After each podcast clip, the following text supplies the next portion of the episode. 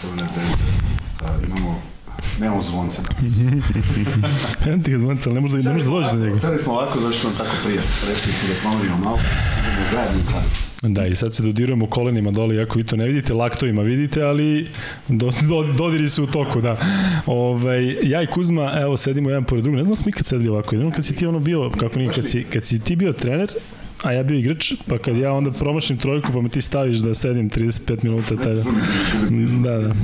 Bliži meni da bi ušli u igru.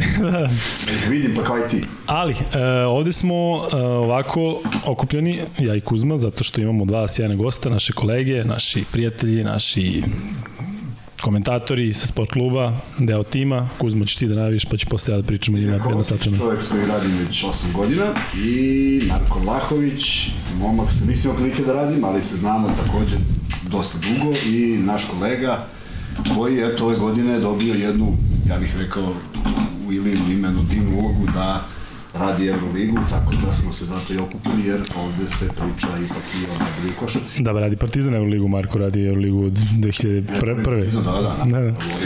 Da, se, da smo se okupili oko toga što je napokon dva Kuzmin mikrofon ne radi, Banja. Ma radi, ili kako ne radi? Luka mikrofon, Kuzma mikrofon. Da, da ne, pa ne verujem zato što svi to piše. Čovjek se normalno. Hmm? Čuje se mu kao normalno. Kuzma se ne čuje, čuje se iz ofa, Kuzma se ne čuje, ali stvarno stiže na stotine poruka, dakle nemoguće da... Ja čujem normalno, slušam. Čujete vi sebe? Čujemo sebe. Ja čujem. Ko sada nas maltretira. Ne, ne, ali stvarno ovi naši redovni. Pa sad sad moramo sve ispočetka. Ne, ne, ne, nije uključeno. Hm? Nije uključeno. Češ moj mikrofon. Ove... Dakle, neko kaže da se... Ćemo dvojica na jedan mikrofon. Ja mislim da mogu da vratim, mogu da vratim ovde nas u live pa da čujemo mi, da li, stvarno, da li se stvarno čuje. Ajde, pošto je emisija, sad ćemo da vidimo. Um, se kad dođe naš četvorni Da, ovo je, vidite i sami da je ovo jedna vrsta onako eksperimenta. Kuzma ne radi, Luka se čuje, Kuzma je nešto tih. Dakle, Vanček, ovo već nije ono od klasično trolanja. Ja čujem, Da, Kuzma i Kuzma otišao. Otišao sam, da. Ne znam zašto. Tih je Kuzma. A možemo sad... Moramo sve ispočetka. Da, Kuzma, Kuzma se čuje kao na mom mikrofonu. Pa to znači sad, da... Sad, e, sad je bolje. Sad pričaš glasnije. Sad je bolje, a? sad se čuje. Da, Kuzma se slabo čuje, to je sada po potreb, stigla potreb. Ali mislim da je to do tebe, da ti nisi navikao da pričaš mikrofon na toj stolici. Ne, pa ništa Kuzma, onda ti nemoj, nemoj mnogo da pričaš sad. dakle, to je, uf, sada razbija. Nešto, nešto, nešto razbija kad pričam. Da. Nešto se dešava. Pričaj ili ti ovaj, ja ću da pokazujem. Da. 1, 2, 3. E, Se čujemo sad, ajde tamo. Šta kažu komentar? Izgubila, izgubila zvezda pa Kuzma nema snage. Sad je, pošto su konstatovali da se ne čuješ, sad je otišlo na sprdnju. Oh. Evo kažu, bitno da se Ilija čuje. Ilija, jel se čuješ? E se čujem, čujem se valjda. I to Rafi Menko kaže, koji nas prati, naš redovno pratilac Rafi Menko. Ovaj, ništa, sad bi ja rekao samo, stvari, dobrodošli smo, zdravo Marko, zdravo Ilija. Da. Zdravo, zdravo. Sad mi da nastavimo da pričamo o našem podcastu, pošto očigledno nemamo nameru da damo vama da pričate, ali ovaj, ja bih rekao nešto o mojim kolegama, Kuzma rekao koliko radi s Ilijom i koliko zna Marka. Ja ili ovo Ilija verovatno zna, ali ja verovatno ne bih bio na sport klubu da nije Ilije, zato što smo se mi upoznali preko jedne košarkaške priče. Koliko ima godina Ilija? Ima, ima 17 godina. 17, pa točno znaš, tako? 17 godina. Prema se da misli. I e, u jednom razgovoru preko telefona ostali smo u kontaktu i tad je on radio nešto isto i na sport klubu, ja sam radio u nekoj drugoj firmi, onda smo se čuli, ja sam rekao, da ili je kod vas da odem ja da probam to za komentatora, zaista šaleći, šalio sam se, ili rekao, pa ajde, stvarno, ja sam otišao i, i počeo sam da radim već taj vikend. E, s tim što mi je taj producent tada, koji je već Sava, Sale, kako se zvao, on mi je rekao kao, pa znaš, kod nas teško može, nema šanse, u smislu treba baš teško da se ovo, i onda sam uradio taj ovaj, e, probni snimak i to se dopalo, ovaj, kome treba da se dopadne i zaista je bilo ovaj, fenomenalno iskustvo u smislu jako brzo, nisam se ništa navikavao ili ti bilo šta. Tako da nije Ilije, ko zna u kom pravcu bi bio moj život, e, u kom pravcu bi krenuo. Ali da se vratimo koju godinu nazad, ja mislim, mislim da e, ti si onako stidljivo rekao ovaj, to kako smo se upoznali nema nikakvih ovaj, pod priče ili bilo šta, ali eto, 2005. je bilo u pitanju i a, na moje veliko zadovoljstvo bio sam deo organizacije jedne velike košarkaške manifestacije. A, sad onako ljudi koji prate street basket i to sve znaju o čemu se radi, u pitanju je End One Mixtape. A, I to je nešto što je onako, na što sam baš izuzetno ponosan e, na kompletnu tu priču koja je trajala nekoliko meseci. A, mi smo prvo napravili selekciju, napravili turnir, a, napravili našu selekciju. A, od svih zemalja gde su N2 igrači išli, mislim da smo mi napravili najozbiljniju priču i mislim da smo napravili uh, najozbiljniju utakmicu, najozbiljnijeg protivnika koji se suprotstavio uh, tadašnjim zvezdama, a ti ćeš se setiti sada ko je sve, ko je sve tu bio i uh, deo tog tima je bio uh, kolega Luka.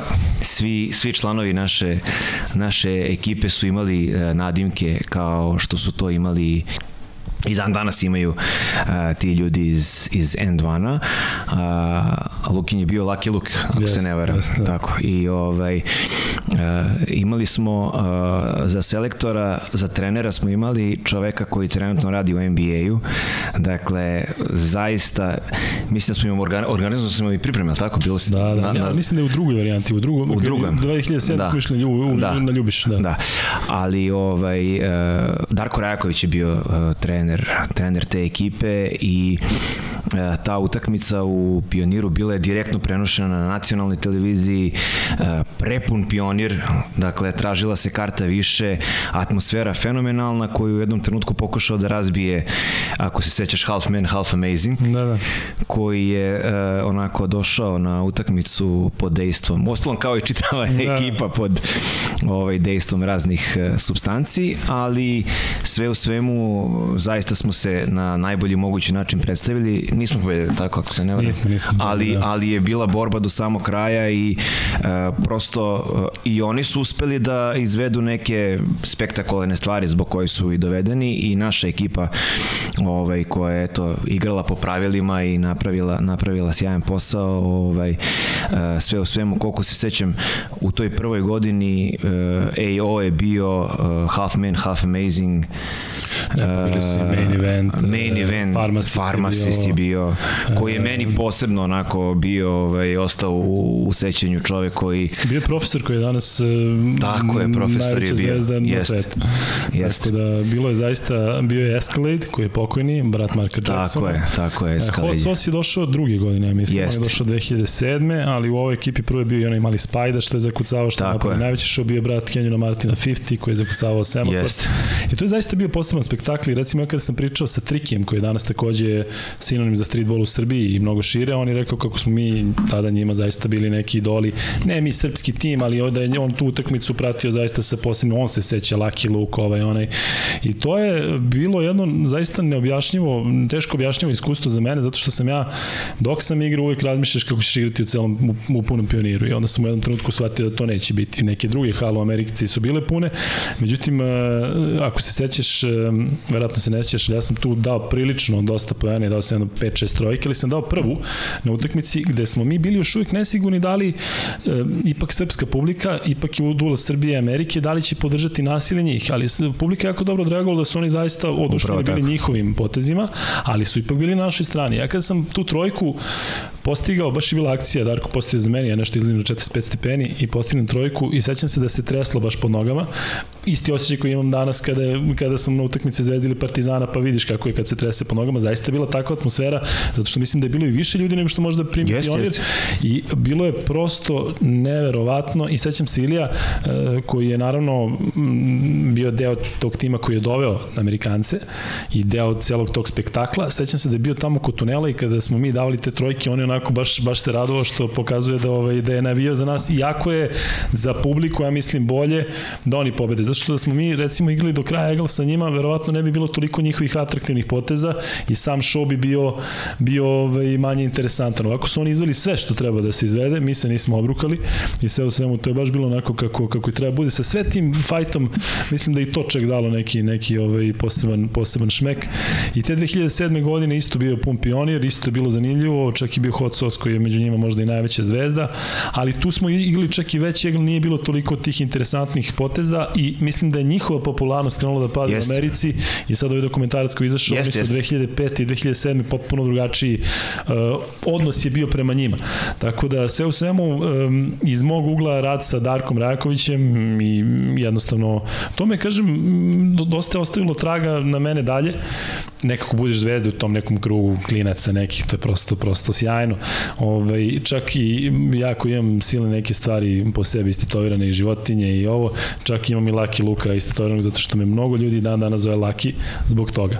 Tako da, ovaj, eto, tu smo ja Ilija ovaj, se upoznali i kasnije, ovaj, eto, već koliko dugo smo, deseta godina smo, ja koliko radim na sport klubu, toliko smo kolege na na, na sport kluba. Što se tiče, evo, piti ovde gde ima taj snimak. E, sigurno neko ima taj snimak od ima, ovih, ima, od ovih igrača. Ima ga na YouTube-u. Ne, ima Siguran. na YouTube ima samo nešto, nešto kratko. Da. da. Ali baš ima snimak utakmice. Baš je cijela utakmica bila, da. Prenosio tada, kanal, a Sport klub je prenosio drugi meč. I ovaj, znam da, ja mislim da sam ja imao taj CD negde, ko zna gde, ali znam da neko i mnogi momci koji su tu igrali, koji su uključeni bili u to, gledaju ovo, javili su se, pa ako neko ima, ljudi javite se već na Instagram ili mail, pa da puštamo neke delove da se prisetimo toga kako je bilo zanimljivo. A što se tiče Marka, Marko je... Marko, sviš kad smo ti i ja, ono... Dve, a, 2007. Ne. Ma sećaš Marko kad smo mi to... kako Baš dok su oni to, a mi smo da, drugi. Da. Ove, ovaj, Marko je kolega sa sport kluba koji je e, od ove sezone tako počeo da radi Partizan. Jesi radio ranije nekoliko puta, jesi? E, ja sam samo jednom, e, ona prva trinkjerijeva sezona, je bilo jedna utakmica, Alba Partizan, eto, to se baš sećam. Si da nešto loše radio, pa ti viš stavljali samo jedna. Nije, pa, to je bila poslednja, to je bila poslednja top 16 faze. Aha. Ne, Da li uopšte Partizan? Da jeste, ušao je Partizan u top 16 fazu tada i nisu mogli dalje, to je bilo. Alba ih je onako dobila prilično. E, to je da, prva Trinkerijeva sezona, eto tad sam imao priliku da radim Partizan. To je bilo gostovanja, sada Sada Partizan nešto, full, nešto da. potpuno drugačije, da. I Marko, ja smo kolegi, koliko si ti na sport klubu? E, pa ja ne znam sad e, tačno, ali pomoći ćete mi ovaj, kad je bila ABA liga na, na sport klubu, tad sam ja došao. 2014. 13-14, ja mislim da. da je to bila sezona. Jeste. Ovaj, tad sam ja počeo da, da radim uglavnom košarku na sport klubu, bile su tu i neki drugi, neki drugi sportovi, ali od te godine pa koliko ima, 9 Da, otprilike smo krenuli, krenuli isto vreme da. i kaže Marko je zaista jedan super kolega sa kojim nam jednostavno nije moguće da se da bude bilo šta osim dobrog i uvijek se lepo i dopunjavamo i, i sarađujemo i menjamo se za prenose kad treba. Tako je, tako je, da, da. I radili smo, sećam se, iz Pionira smo radili zajedno, um, beše Euroliga, juniorska Euroliga, da, da. 2018. godine, tako da zaista obojici, ne zato što su ovde, već smo pričali, pominjali smo ih i ranije kada pitate, zaista imamo i ja i Kuzma, potvrdi sa ti. Da, da. Imamo, imamo zaista fenomenalna... Sad ja klijam glavom, pošto mi ne radi mikrofon. Ne, ne, ne, ne čuti. Da. Ko Mr. Bean. Tako je. Tako da... E, Čujem se normalno. Evo, vala, ovdje jednog i drugog zaista hvale i verovatno partizanovci e, Vlahovića, E, zvezdaši Iliju, ali eto, poslednji komentar koji izašao, kaže Vlahoviću, gubim glas u svaki tvoj prenos Partizana, odličan si car. E, Hvala. Luka, postoji mogućnost da radite... zvezde u da. e, e, ovo je interesantno pitanje na početku, zato što ljudi pitaju, evo sad pitaju mene, da li postoji mogućnost da radite ti Marko zajedno utakmice Partizana L, ali mislim da češće je pitanje da li Mića može da radi sa tom kao što, što Kuzma radi sa Ilijom. To, to mnogi pitaju i, i ne znam da li do Mića ili do čega. Mislim da sam pričao s njim o tome i da, da ne znam ni, ni dok smo stigli. Kabina prima tačno dvojicu kakvi smo Ilija i ja. ne, ne, nije, nije. Ovaj, A Mića velik čovjek. Nastav, da. Da, ne, ne može da stane čovjek. Da. ne može da stane. Ovaj, pa ne, ja ne, ne znam za sad, e, to nije ideja. Ja sam isto, isto sam imao sa Mićem ovaj, raz, jedan ili dva razgovora na tu temu, ali nismo ovaj, nešto uh, daleko odmakli, ali vidjet ćemo, ja, ja sam za to da ovaj, svakako probamo jednom, da bi to bilo ovaj, da bi to bilo zanimljivo, zato što ovaj, ja sam imao priliku da radim jednom sa Marinom Sedlačekom i em što je mnogo zahvalnije za komentatora zato što ne moraš mnogo da pričaš nego samo ko ima loptu u principu i to je to što treba da kažeš Marin Sedlaček sve ostalo objasni to, to me služi stručni stručni konsultant, da. Ovaj, da pojasnite neke situacije na terenu i onda i nekako bude i dinamičnije i, i, i dva glasa kad su tu, to je uvek, to je uvek bolje. Da, ba, i pritom e, Timić jako dobro funkcionište u studiju, pa zato vratno ljudi pitaju zašto to ne prenesete i, i u kabinu. Ali A i verujem da bi volili Miću da vide, o, čovjek legenda da, Partizana, mislim, ovaj, vole da ga vide i, i u tom studiju, a verujem da će da, da bi volili da ga čuju ovaj, kao komentator. To je stručni konsultant. Stižu neverovatni komentari, pitanje i sve odlazi, ali evo ovo što je meni sad stiglo i što moram da potvrdim za moju generaciju ili je simbol za NBA i pogotovo za NBA action, ali zaista je tako. Bomba! Dakle, ali ne možemo NBA da zamislimo ništa ovaj, od toga bez ilinog glasa, te NBA action je bio nešto što smo čekali, dakle, svakih, svakih 7 dana. Gde beše to? To se jedno vreme prikazivalo na, na BK, pa onda BK. na prvo je krenula, prvo je krenula na, na BK i praktično od samog početka e, zvaničnog, regularnog NBA prenosa sam radio, to je bila neka 95. 6. sezona e, kad su ukinute sankcije i kad je zvani, da. zvanično kad ne, kad je zvanično bilo do tog trenutka do sezone e, za, za, zaključno sa sezonom 94-5 i to se dobro sećam kao da je juče bilo a eto koliko ima? Skoro 30 nemoj, godina. nemoj da govoriš. Dobro neću da govorim. E, Predaleko, da. E, to finale e, smo mogli da gledamo na svim televizijama. Ne znam ko se seća praktično na, na, na trećem kanalu TV Politika, Politika SOS, prenosila, da. SOS kanal uh, onako ljudi su mogli da, da šaraju s kanala na kanal i sad, je, sad jedino što je bilo razlika ko je odakle krao jer se to tako tako se, tako se zvalo ko je tad krao signal da li je DSF da li je uh, ne znam NBC da li je znači samo eto i, i razlikovali su se uh, komentatori ali praktično eto od te neke 96. je je krenulo zvanično ta sezona 95-96 kad smo već kod bombi.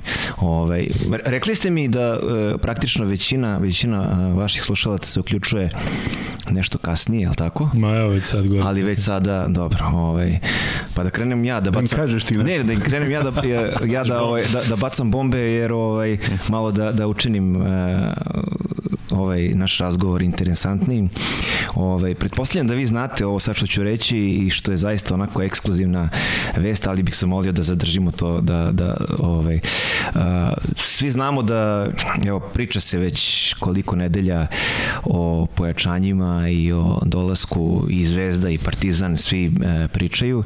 Ja ovom prilikom mogu da najavim uh, dolazak jednog izuzetnog pojačanja ove nedelje. Ovaj ne mogu da kažem gde će doći to pojačanje, ali ovaj e, mogu da kažem da će e, prvi nastup imati u četvrtak i onda mislim da će to sada ovaj ljudima sve onako biti jasnije, ali e, zamoli ljude da ne pitaju jer neću više ništa reći. Nećete ni vi ništa o, znači, ništa reći, do, ali do ovaj da, ali ali ovaj u četvrtak će biti prvi nastup. Mogu dobro, evo jednu stvar mogu da otkrijem da da dolazi iz Amerike. Evo, to je to je sve što mogu da kažem. Ogromno, zapad, ogromno, poja... istok ili zapad. ogromno pojačanje u pitanju, ogromno pojačanje, neću više ništa da pričam, ovaj, držite me za reč, e, pričat ćemo u četvrtak. A znate, ne, mislim, ne, nemojte, nemojte da pričate, da. Možemo da kažemo još jednu stvar, pa da, da napravimo potpuno onako obrt, obrt, ali on je u stvari povratnik. Tako? Uh, da. Eto, eto, sad, da. sad razmišljaju. Gledaj ovo. Stiže. I dobar šuter. I dobar šuter, tako je. Tako da, Dobro. četvrtak, dosta, dosta. obratite pažnju na, na, na da, nemojte, prenos. Ništa, ništa. to, ja bih to. jedno pitanje za Iku, kad je već spomenuo sve ovo ovaj, o braći Karić i uopšte o, mm -hmm. o tim vremenima. Kako je, koliko je teško sad objasniti nekom da smo mi to zaista čekali?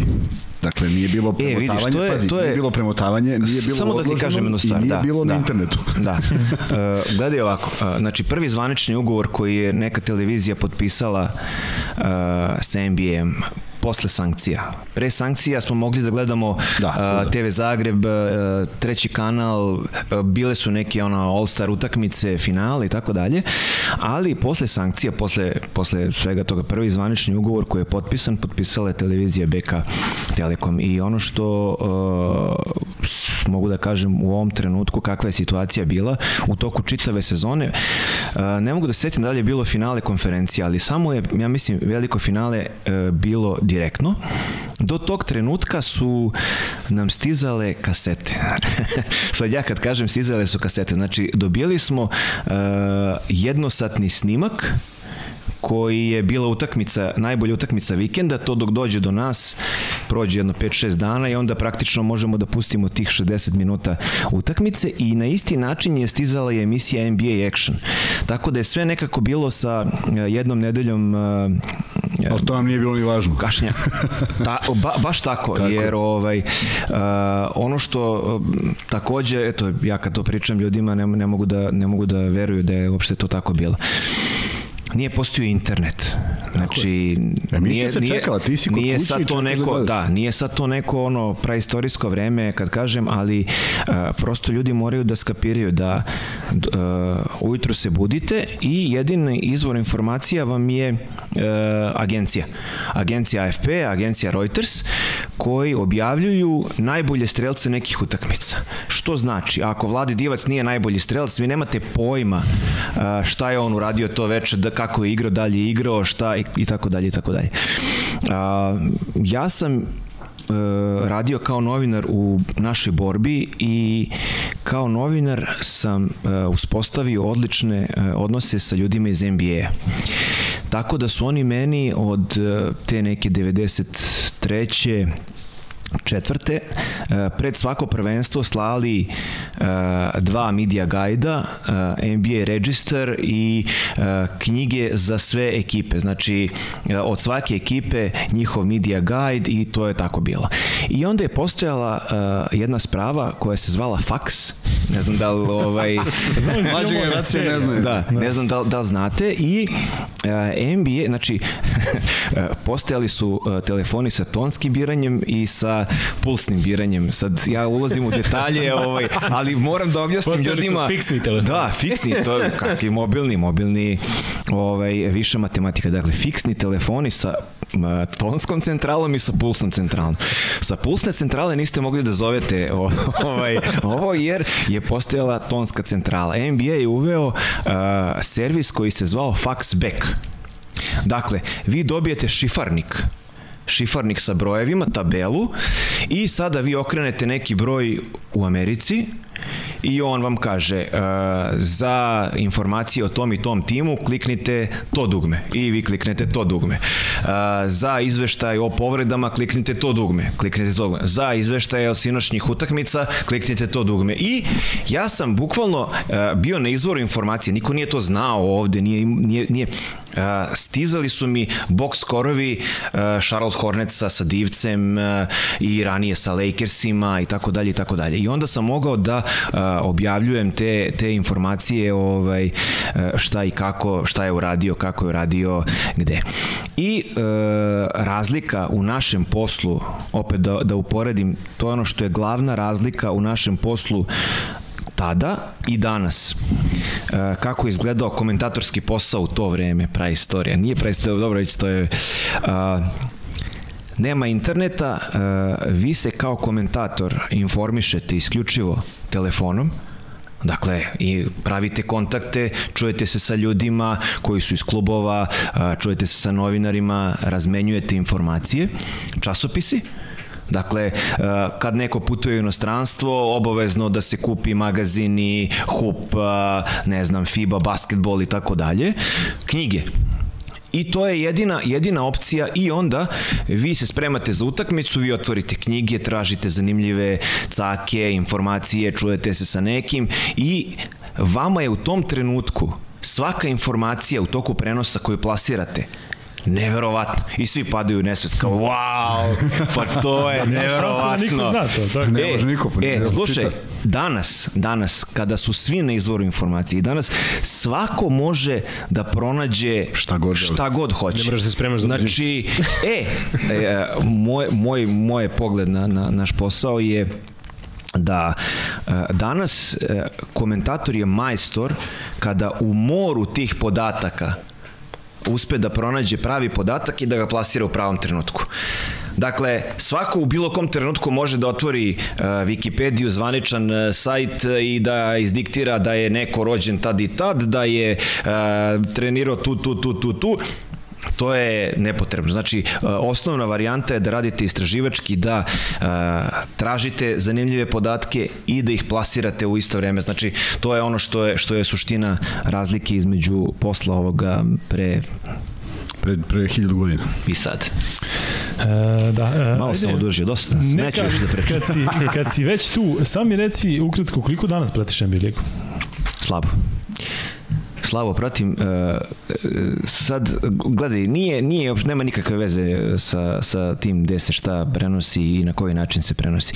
Jednu stvar moram da kažem. Uh, kad sam radio to o, o, čemu, o čemu ljudi pričaju i povezuju mene sa, sa NBA-em, tad sam imao 20 i kusur godina i onda je prosto bilo toliko jednostavno i uživanje da izađem u grad sa društvom i onda oko 2 sata, 3 sata dođem na posao, odradim uh, prenos sa zadovoljstvom, uh, odem na doručak, posle doručka dođem kući, odspavam do 2, 3, 4 popodne i ja sam uh, regenerisan već sutradan. Znači ja sam sutradan se vratio u normalu, ustajem na vreme, ležem uveče na vreme i to je sve. Kako sam stario, tako se dešavalo da je taj period regeneracije e, bio produžen na 2, 3, 4 dana.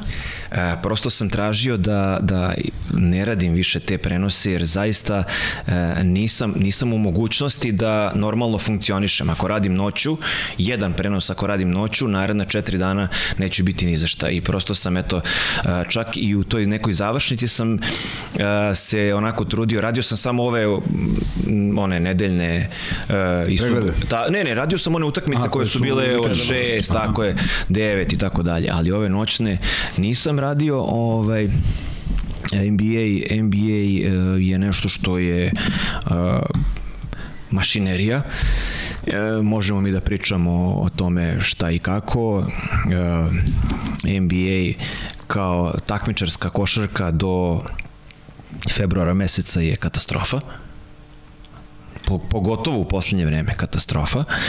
A, a ono što gledamo od e, februara do kraja lige i u play-offu je nešto najbolje što uopšte košarka može da ponudi. I prosto mi je neverovatno da a, liga kao liga ne, ne gleda to na taj način da e, vi morate da imate ut- utakmice i u novembru, i u decembru, i u januaru, koje su zanimljive, koje su interesantne, gde morate da vidite igrače koji će se boriti u, e, ne znam, 12. novembra za neku utakmicu.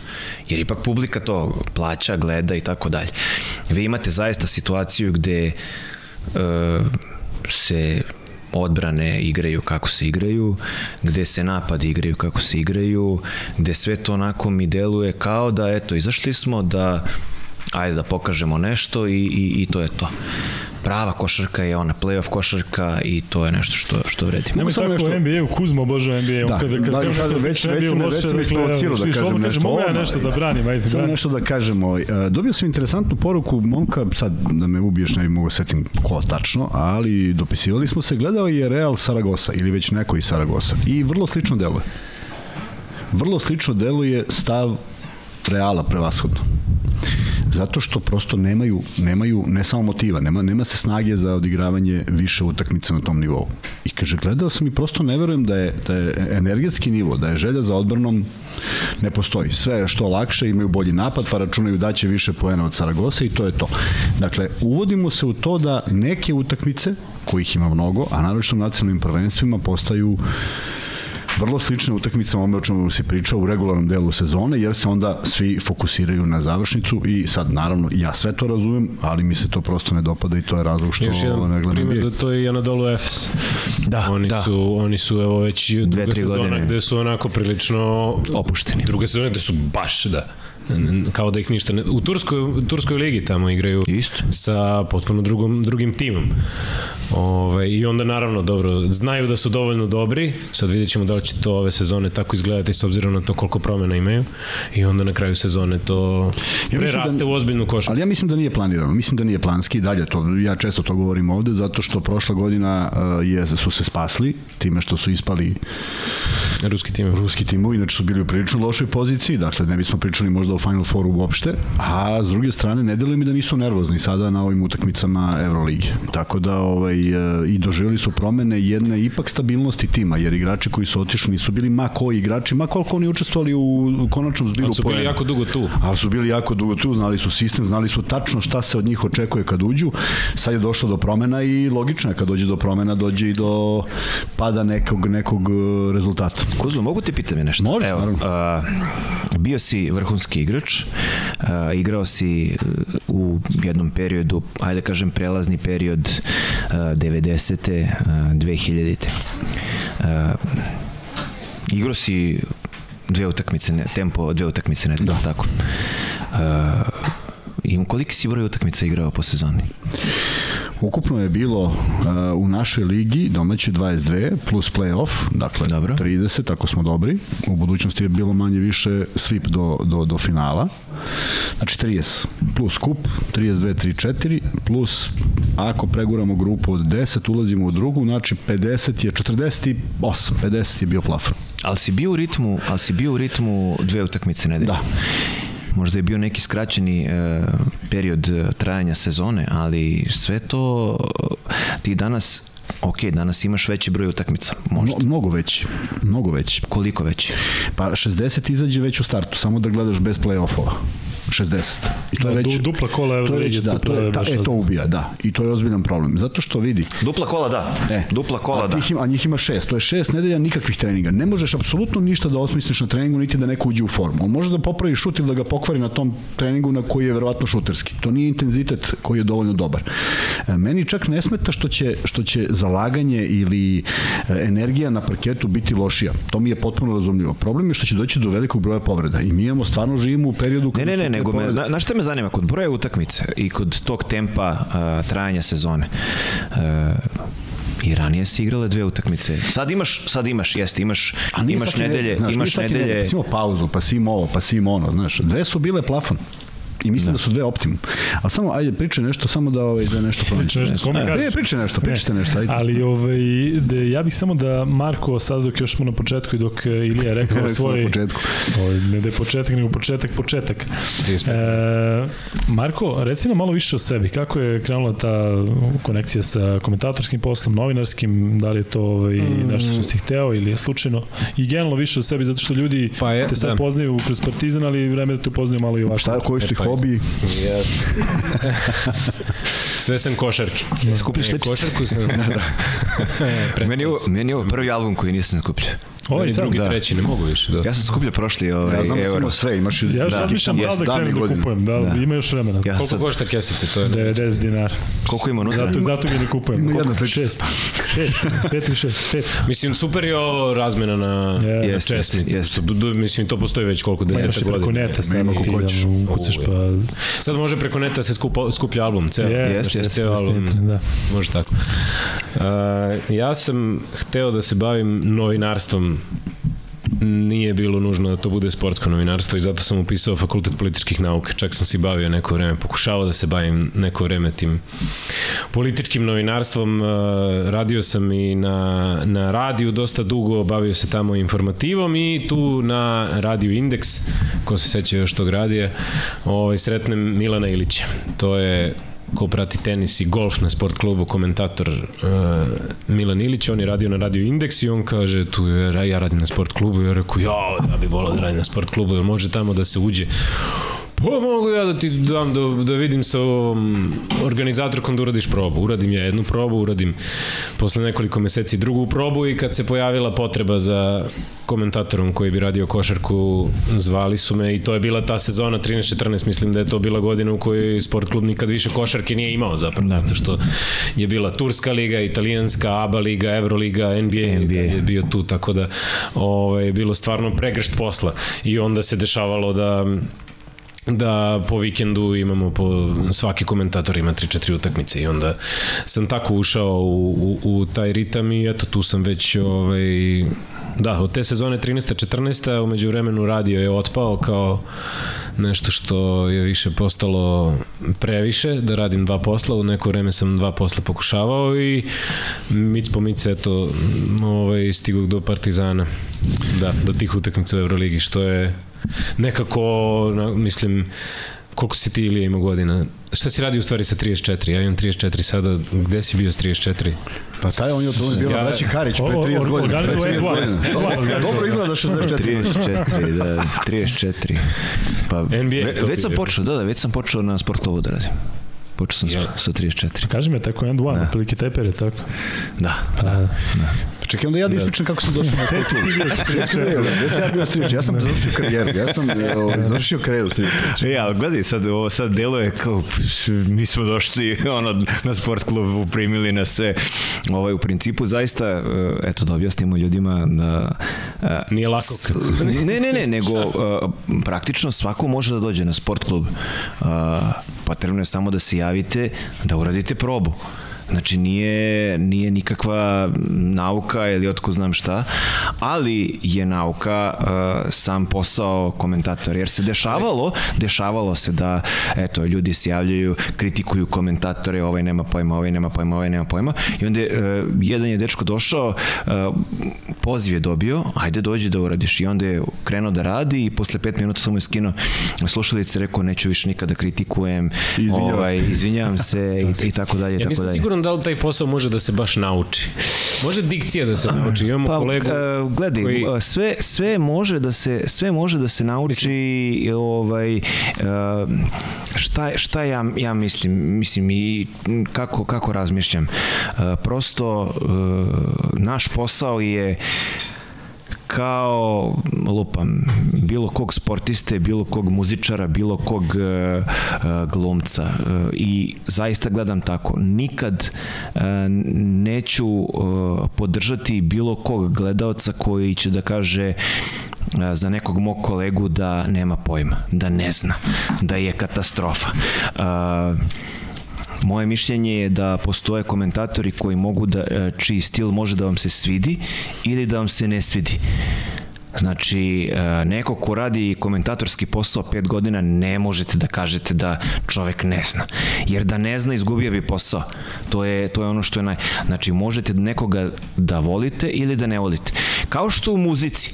Vi, ako, ako ste ljubitelj narodne muzike, imate Chopina, kaže, ma katastrofa, ne, ne, znaš, ne, ne možeš da kažeš, prosto ti ne voliš, ne voliš tu vrstu muzike, ne voliš kao, ne znam, slušaš Guns N' Roses i neko ti pusti Silvano Armenulić, ti kažeš, a znaš, a pričamo o Silvani Armenulić kao vrhunskoj, vr, vrhunskoj pevačici. Tako da, s te strane, gledam i na naš posao i zaista ne volim, ne volim da vidim, naravno, kritika, kritika je uvek nešto što treba da se dešava, ovaj, ali prosto ljudi moraju da, da skapiraju da ne mogu da kažu da, za nekoga da nema pojma, nego prosto može da kaže ne sviđa mi se kako radi. A da li ima pojma i nema pojma, da li ima pojma i nema pojma, ocenjuje, ocenjuje, ocenjuje njegov poslodavac. Znači, i tu je, i tu je tačka. Ne, ali ima nekoliko stvari. Prvo, nas komentatora ukupno, dobro, sada ima više zato što se otvorilo sve i svašta i mnogo ljudi je novih došlo, ne mislim kod nas, nego generalno,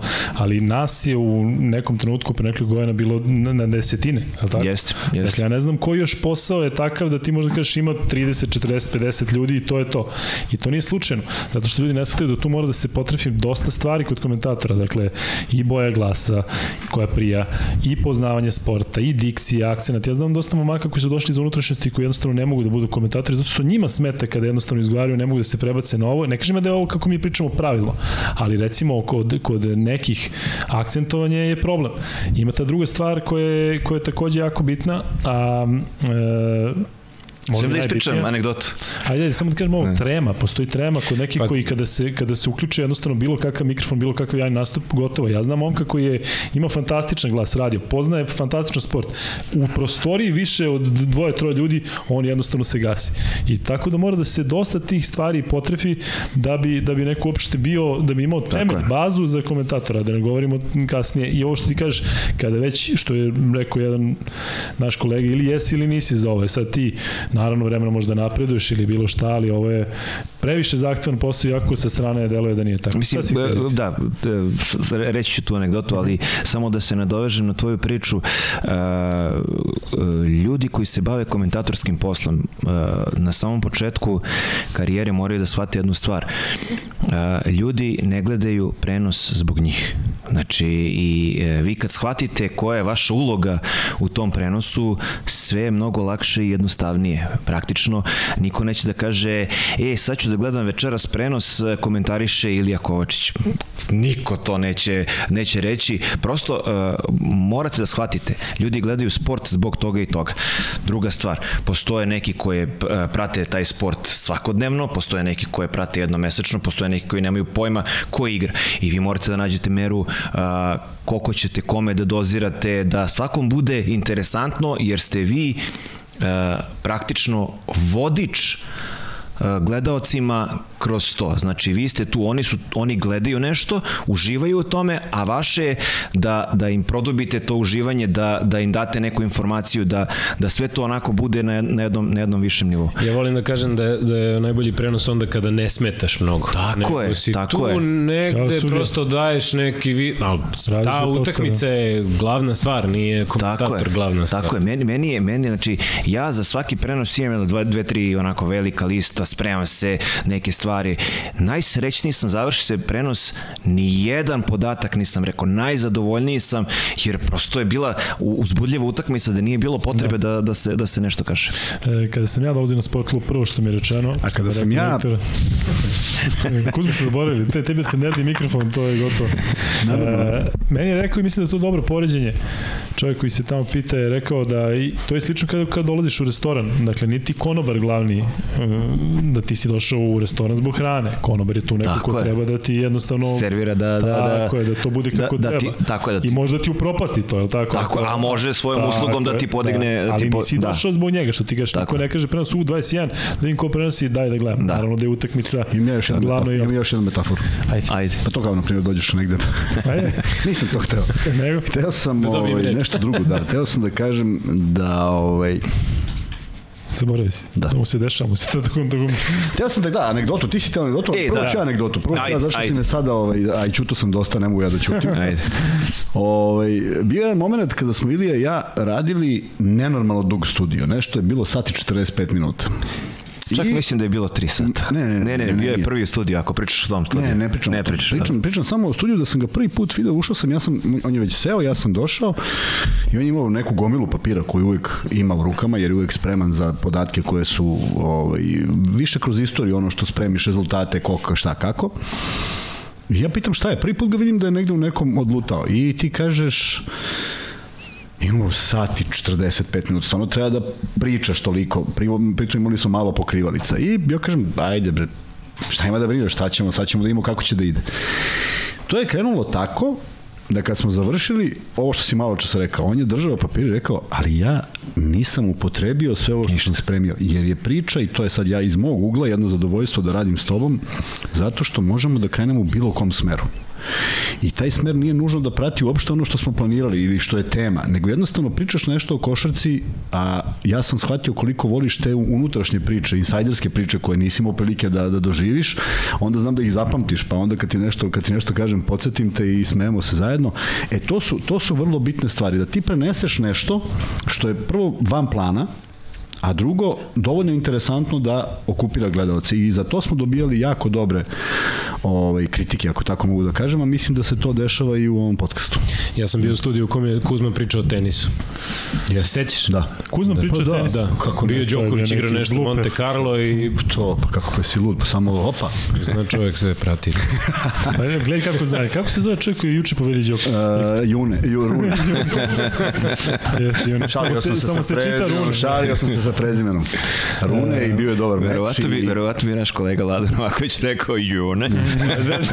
Ali, ali zaista divan gest na kraju. Prosto, znaš, u jednom trenutku sam se iznervirao Ovaj, zato što... To je ono kad kaže Kuzma da odlutamo neke, e, pa to se nešto u podcastu stalno. Čemu šta je bilo? Iznervirao sam se u jednom momentu zato što, zato što uh, ja Jako Đokovića doživljam kao apsolutno ovaj, čoveka u svakom pogledu, u svakom smislu svega da je, da je fenomenalan. Ja, na primjer, ne, ja sad razmišljam da sam ja on, ja ne bi dozvolio da izgubim od Rune, ja bi već bio u penziji i nikad, nikad nek, neki Rune ne bi mogao da kaže da me pobedio.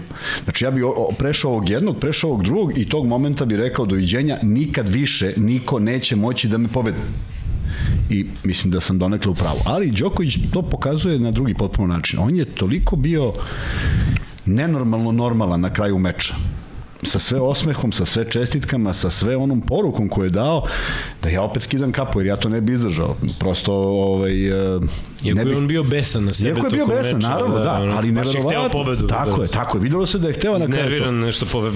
E, i sad moram da pređem, apropo odlutavanja, na jednu potpuno suludu anegdotu, čitao sam knjigu uh, Roja Kina. E, pričao o kantoni, ima celo poglavlje o kantoni i kaže bila neka novogodišnja ovaj, lutrija i bila je fora da svako ubaci ime u vrećicu i svi napišu kantone. Ne, ne, napišu svoje ime i izlači se jedna do Božića. Koliko se pri, koliko se njih prijavi, da, toliko dana pre Božića počinje. I prijavili su se mladi Solskjaer, Solskjaer ili već kako god, i, i ovaj Giggs.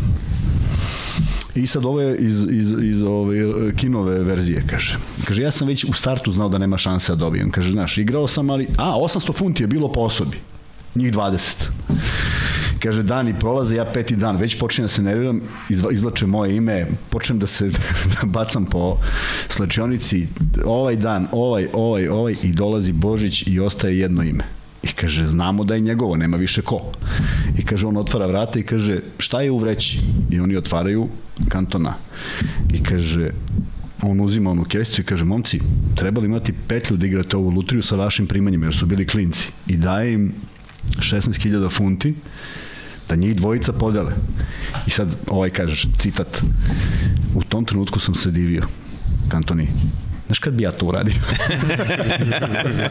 tako da, ovaj, eto, odlutali smo. Tako sam i Đokovića doživeo i ovo što kažem. Znaš kad bi ja to mogao sebi da, da, da uz sve što razumeš, prosto svaka mu čast, zato što je to promenilo potpuno moj neki tok misli i svaka mu čast što će nastaviti i dalje i svaka mu čast što je dao tu izjavu. Ja mislim da ih je malo ko bi, koji bi to izjavili, a da se vratimo i na košarku. Ne, kako mi teš parove Ligi šampiona i Partizan Šerif? Paris Saint-Germain igra protiv Bajerna, ja navijam za Bayern inače, a drugi par je Liverpool i ovaj Real. I Real, Čak da. i kad se šališ, on ti odgovori... Nema kod mene šale, ko je vidio da se ja šalim?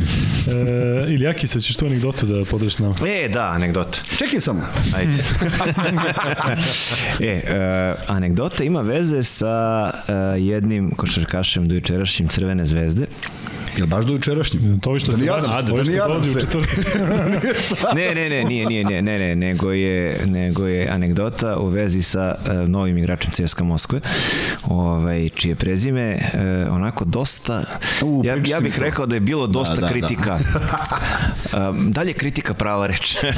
ovaj, prosto, eto, ja uh, zaista volim I eto, desilo se to i na ovom kvizu na RTS-u da je neko rekao da je da se ona zove Aleksandar, jer su je tako mama i tata nazvali. Ovaj, takmičarka jedna.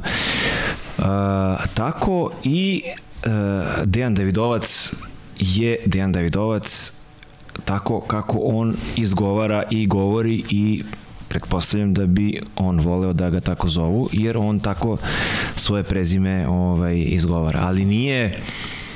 Uh, ne nije u duhu, nije nekako ljudi smatraju da to nije toliko u duhu srpskog jezika, ali ako čovek se rodi i u familiji svi govore Davidovac, onda je mislim Normalno da ga zovemo tako. Norm, ne normalno, nego mislim da bi bilo fair da ispoštujemo čoveka jer je e, I e, sad, ovo leto, e, ja sam bio na Zlatiboru sa e, ženskom košarkaškom reprezentacijom i bio je neki slobodan dan, ja iskoristim slobodan dan malo da prošetam ovaj, e, okolo Zlatibora jer u centru se sve radi i tako dalje.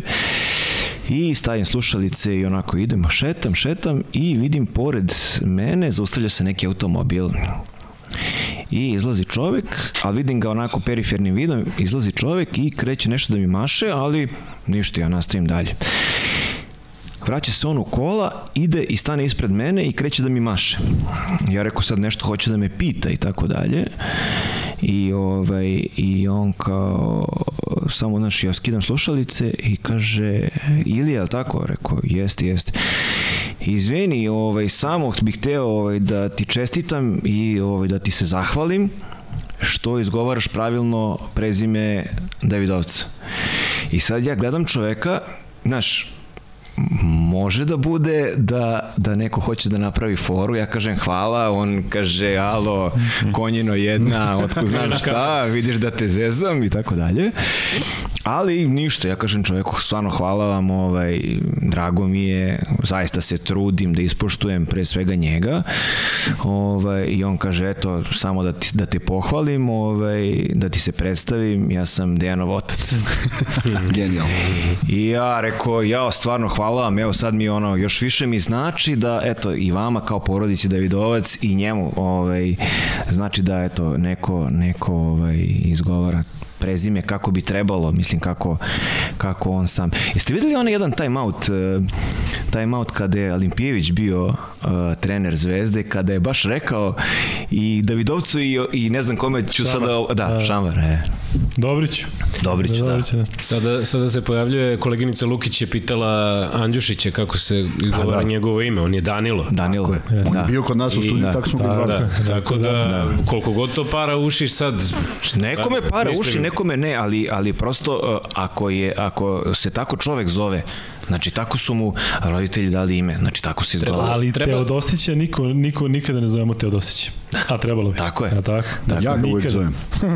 Kad na telefon. Da. Ne. Trebalo bi sa stranim imenima voditi računa, jer mi smo, evo sad taj Solsker Solšer. Da, on je I Sulšer. kolega Vladan Novaković nam je stavio Na- na šta ti je da tu? nije Da. Solsker, ali To je- to je- 90-ih smo ga pro, to je, tra, prozvali. to je transkripcija i to je nešto što su mene naučili kako se nešto ustali ne može da se promeni. E, to isto imaš problem recimo dalje e, e, Rud, o- Rud Hulit je. I sad kad bi neko I njega rekao sam zvao tako. kad bi neko rekao kad bi neko rekao Hulit kaže alo bre šta šta pričaš razumeš Jean-Pierre Papin nije Papin Ne. To je Ima- samo Vladanko Stojaković. ima radio, ima pa- ima Hoću da ima ti kažem sad i naša dužnost malo da vodimo računa o tim stvarima i da, i da se zaista raspitamo kako se koji igrač Ali ja mislim da moramo da se, izgovara. Ali mislim da moramo da se rukovodimo srpskim. Više nego kako se izgovara. Mi, mi moramo da pročitamo šta piše. Ne, ne, ti moraš da, da ti moraš da vodiš računa o transkripciji. Ne može znači bude kako Sarica. E, ti e, gledaj. Ufuk. E, ne, on je Sarđa. Evo vidiš, to Da, je da, to je ali to je, to je recimo bio naš, 90 ali Sarica. ali ali gledaj, da jest. Sarica. E, ti moraš e, da njegovo ime da izgovaraš sa svim glasovima koji postoje u tvom u tvom ovaj, tvom jeziku, ne u u tvom jeziku, tako. tako, je. I on je Naš- Saridža. Naš, ako je možda ako je, Saridža? ako je možda izgovoriš Sarđa. Pa ne možeš, bez- nije, bez- bez nije i. naš glas. A ne, ali Sarđa. O, imaš jedan glas. Imaš jednu pauzu. Sarđa bi bilo bez toga. Sarđa. Sarđa. Sarđa sa naglaskom. to, sa naglasom na dž. Šanle. E, gledaj ovo, e, Sertač. gledaj, Evo, ovdje često te sam... pitaju da izgovaraš ime turskih košarkaša, Da, ali Šanle, da znamo si- ti ne Sertač izgovaraš Šanle. to slučajno, nego... Ne, nego, da, nego, nego, to je neverovatna priča, ja sam studirao turski jezik. ovaj. Zato je Sarđa. ali stvarno je, ali stvarno sam, sasvim slučajno sam studirao. Ovaj, studirao sam arapski, a turski je bio drugi jezik. Ovaj, tako da, eto. A ovo tu, To šta, šta, šta tu para toliko uši, mislim, e, Gde? U Turskom? u Šanleu, mislim. Z- Što a, piše Šanli? Piše Šanli. Ne piše, postoji u turskom i sa tačkom i bez i, da, mi, mi, mi, čit, da, mi, ti ga čitamo čitaš Šanli. kao, ti ga čitaš kao i... Imamo i, da. Da, ti ga, E, u rumunskom ti je S sa donjom crtom Š. isto ti je u turskom. S, To je Š. T sa donjem, c, donjem S, nešto S. c. T, sa donjom, tako je C. da, U grčkom postoji... Mucu, kao mucu U grčkom postoji printezis, on nije printezis. da. On je, ali vidi, Ne, Jeskevičius i Jeskevičius. čekaj, u je... Jasikević, da. O tome bi Tako trebalo je, da, o je. tome bi trebalo da razgovaramo Da, da. isto. Ali, ali kako da razgovaramo kada je NT u grčkom jeziku D? D. Pa, i, Bo, bon, Znaš kako, bon znaš tirok. kako se pisalo? biti? Znaš kako se pisalo? Na- na- po- znaš kako m- se pon pisalo- tirok A ka. Duda? N- Ntonta. n- Jeste, kao Bontiroga- Adetokumbo. Bontiroga in Ne, Tromponija. Poljaci su najbolji, zato što Rzsa kad je došao u Partizan, sećaš se Rzsa, mi smo Da. zvali Rzsa. Da, George Jones. Jones, E, ali da. vidio da sam potpuni analfabeta futbalski i da me prvi put neko odvede na utakmicu i gledam Arsenal u onom periodu kada je Thierry igrao tamo. Dobro. I ja kažem, Henry. pita me neko kako Henry. se prezove, pa Henry. E sad, moje drugo pitanje, ja mislim, ja mislim i neću sada da se neko naljuti, ja samo ovo mislim, da su da je onaj Henry 7. ili 6. ili 15. koji je, ima svoj spomenik u, u, ovaj, u, u Engleskoj, da je on mormon i da je on bio Henry, ali ga niko ne zove Henry, svi ga zovu Henry u Engleskoj. A on je poreklom, ja mislim, bio ozdolj. Znači da je bio Henry. To ću kažem, mi ne, ne bi trebalo da ga zovemo Henry. Na, naravno, ali ja sam to pročitao, a mi smo Srbi koji čitamo šta piše. Kako bi ja znao da je on Henry? Samo da mi kažeš. Je tako? Tako je. Ne mogu da, Da čuješ. Da čujem, tako je. Da neko izgovori kako se on preziva. Uh, evo, ja, ja bih samo ovaj, iskoristio priliku da, da pohvalim Euroligu koja nam je dala mogućnost da čujemo uh, sve igrače Eurolige kako izgovaraju, izgovaraju svoje imena. I još jedna stvar, eto, kada se pojavi tako neki novi igrač, uh, a ne znam kako se izgovara. Ne, ne da ne znam, nego uh, za koga bih hteo da proverim na koji način se izgovara njegovo ime. Uh, YouTube je najbolji izvor informacije i prosto uh, odakle, odakle dolazi.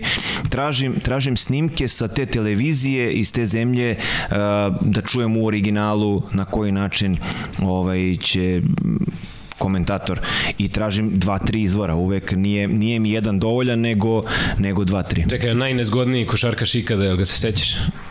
Koji? Rus. Na, na P. Pičkurov.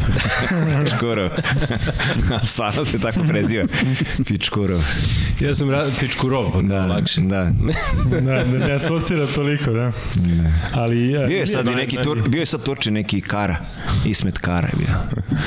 E. Iljakis, ali e, reci nam onda malo kad smo već na ovoj temi koju nismo planirali, Dobro. ali reci nam oko e, Karaševe i Krasijova. E, vidiš, e, to, to ti je ta priča Gulit, Hulit. Ja njegovog oca pamtim kao Karaševa i bio je Karašev i Jeste. tako dalje i prosto mi je, ja znam da Rusi izgovaraju njega Karasjov, ali je malo bez veze da sada vraćamo, vraćamo na, na, na to E sad je ovaj Karasjova, a otac mu je bio Karaš. Da. To je malo e, to, to ti je ta priča. Ako, znaš, Prihvaćeno. e, prihvatiš ga, prihvatiš Da, da. ga tako i to je i to je to. Da, Kuzma, e, ovde imamo dosta pitanja i dosta svega i svačega, pritom e, je jedan najboljih fora bila dok Ilija pričao o mm, broj, brojčanicima i telefonima. E, znaš s kim ste te poredili? Šta misliš? Ajde, Ekis. Šta misliš sa kim su te poredili sada kada je, kada je ove, Broj jedan. bila onaj jedan. old school priča? Ne znam. Ded Albert iz Mućike. Eto vidiš. During the war. Da, da. I bukvalno during the war, kao padaju bombe, znaš, kao padaju bombe. Ove, baš dobro, dobro fora. I Bela Kuzma. brade i sve. To. E, ajde malo da se prebacimo u, u ovaj moment o kojem i ovde komentarišu mnogo, šta se to desilo u, u meču između Zadra i Zvezde. Pitaj ljudi. Uh, Zadar ozbiljno mora da pomisli da Božić više ne igra pošto im sve ide kako, kako je povređen. Odigrali su jednu majestralnu utakmicu koju mislim da je Zvezda pre svega dozvolila da odigraju. Dakle, to prvo polovreme 52 poena, niska postava, Zvezda koja otvara utakmicu sa pet trojki bez pokušaja za dva, što mene uvek izluđuje i jedan, jedan verovatno pristup da to baš nije toliko komplikovano. Ono drugo polovreme koje u kom je takođe primljeno mnogo poena moralo da izgleda mnogo drugačije jer je bila veća agresivnost. Onda ti se dešavaju neki ispa, ispadaš iz odbrane zbog nekih e, zbog neke nervoze, ali Zvezda se vratila na 2, 3, 4 poena, ne znam koliko je bilo najmanje i naravno nije, nije, nije, nisu zaslužili preokret, ali ovaj, ja prosto ne mogu da, da energetski ne mogu da prepoznam kako izgleda kada ti zarotiraš tu petorku, kada neko dobije šansu na početku utakmice, kada hoćeš da rasteretiš neki neki igrače igranja ove utakmice i ti dobiješ jedan prilično prilično ovaj loš odgovor tih momaka. Uh, nije mi se dopalo zato što je mnogo poena, nije mi se dopalo zato što je mnogo trojki, nije mi se dopalo zato što je bilo isuviše nonšalantno. Mislim da je to najveći problem. Pa, ja dakle, mislim da je... Ta neka nošolotnost sada na 1-5 u Euroligi, dakle kada treba da se zbiju redovi, da se ozbilji. A znaš, ka, znaš odakle to prolazi? Izgubili su od Splita, a ne igra Luka Božić. Ih, sad je ovo... Naši su, da. Da, i onda neke neobjašnjive stvari, pre svega neobjašnjive u odbrani 1 na 1. Dakle, nije, nije to bilo ništa spektakularno, oni su pogodili apsolutno sve. Ja mislim, delovali me da imaju 104% šut za 3 igrači Zadra, to, to je samo padalo, ali oni su iz najbanalnijih kretnji bivali sami. Pa čekaj, nešto nije u redu, nije to, nije to, pritom, ajde nek ode na prodor, čak nisu slovno bacanja svi dali, ajde nek prod na prodor odu, ajde nešto da uradimo da vidimo kako to izgleda. E onda kad te ponos malo udari, kad odeš na minus 19, e onda krećeš, vjerojatno i publika počela da ovaj, priča šta priča i onda ti sad ostiš da ti tu po, da, da, da si pogođen i kreneš i onda to jednom izgleda mnogo bolje. A ne može da nadoknaniš minus 19. Nekad će se desiti, ali na ovoj utakmici se nije desilo. Naravno da su sad sve oči opet uprte u Vladu Jovanovića. Opet bi ja volao da kažem nešto o Vladu Jovanoviću, samo ne znam baš konkretno šta u ovoj utakmici, ali možda postoji nešto što ne vidimo, a to je da ovaj, da, da, da te neke stvari ne dopiru do igrača ne ulažeći ko je u pravu, da li je pristup dobar, da li pristup treba da bude drugačiji, znači nema neku kontrolu nad onim što on kaže da se to i desi. I samo ja se vratim na poslednji, na poslednji podcast, apropo svega onoga što smo pričali, e, bio sam malo pod stresom zbog puta u Zagreb, jer je bilo malo vremena za odmor i sve to, i onda sam prilično nesmutreno rekao, znaš kad su pitali da kažem nešto o Vladi Jovanovića, sećaš šta sam ja rekao? Ja sam rekao, ajde ti reci.